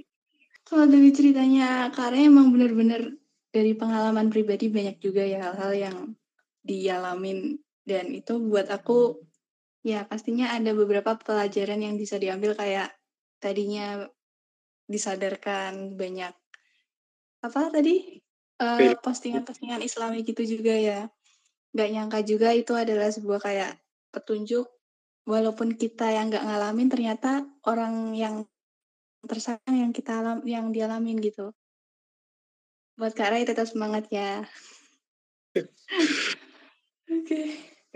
santai udah lewat kok. Dari Kak Fani ada tambahan untuk cerita horornya? Uh, kalau dari aku udah cukup. Oke okay. baik. Untuk di podcast pada malam hari ini baik teman-teman podcast gak kerasa nih. Gak, gak kerasa banget lah malah saking asiknya kita ngobrol sama Kak Rey sama Kak Fani juga mengenai horor-horor juga kan yang membuat bulu kuduk kita berdiri yang mungkin dapat membuat malam kita pada malam ini terbayang-bayang akan cerita dari Kak Fani sama Kak Rey. Mungkin sekian podcast dari pada episode kali ini. Semoga hal-hal yang baik pada cerita di episode kali ini bisa teman-teman podcast terapin dan yang buruk bisa dihindari. Sampai jumpa di episode berikutnya dan semoga kalian bisa tidur nyenyak pada malam ini.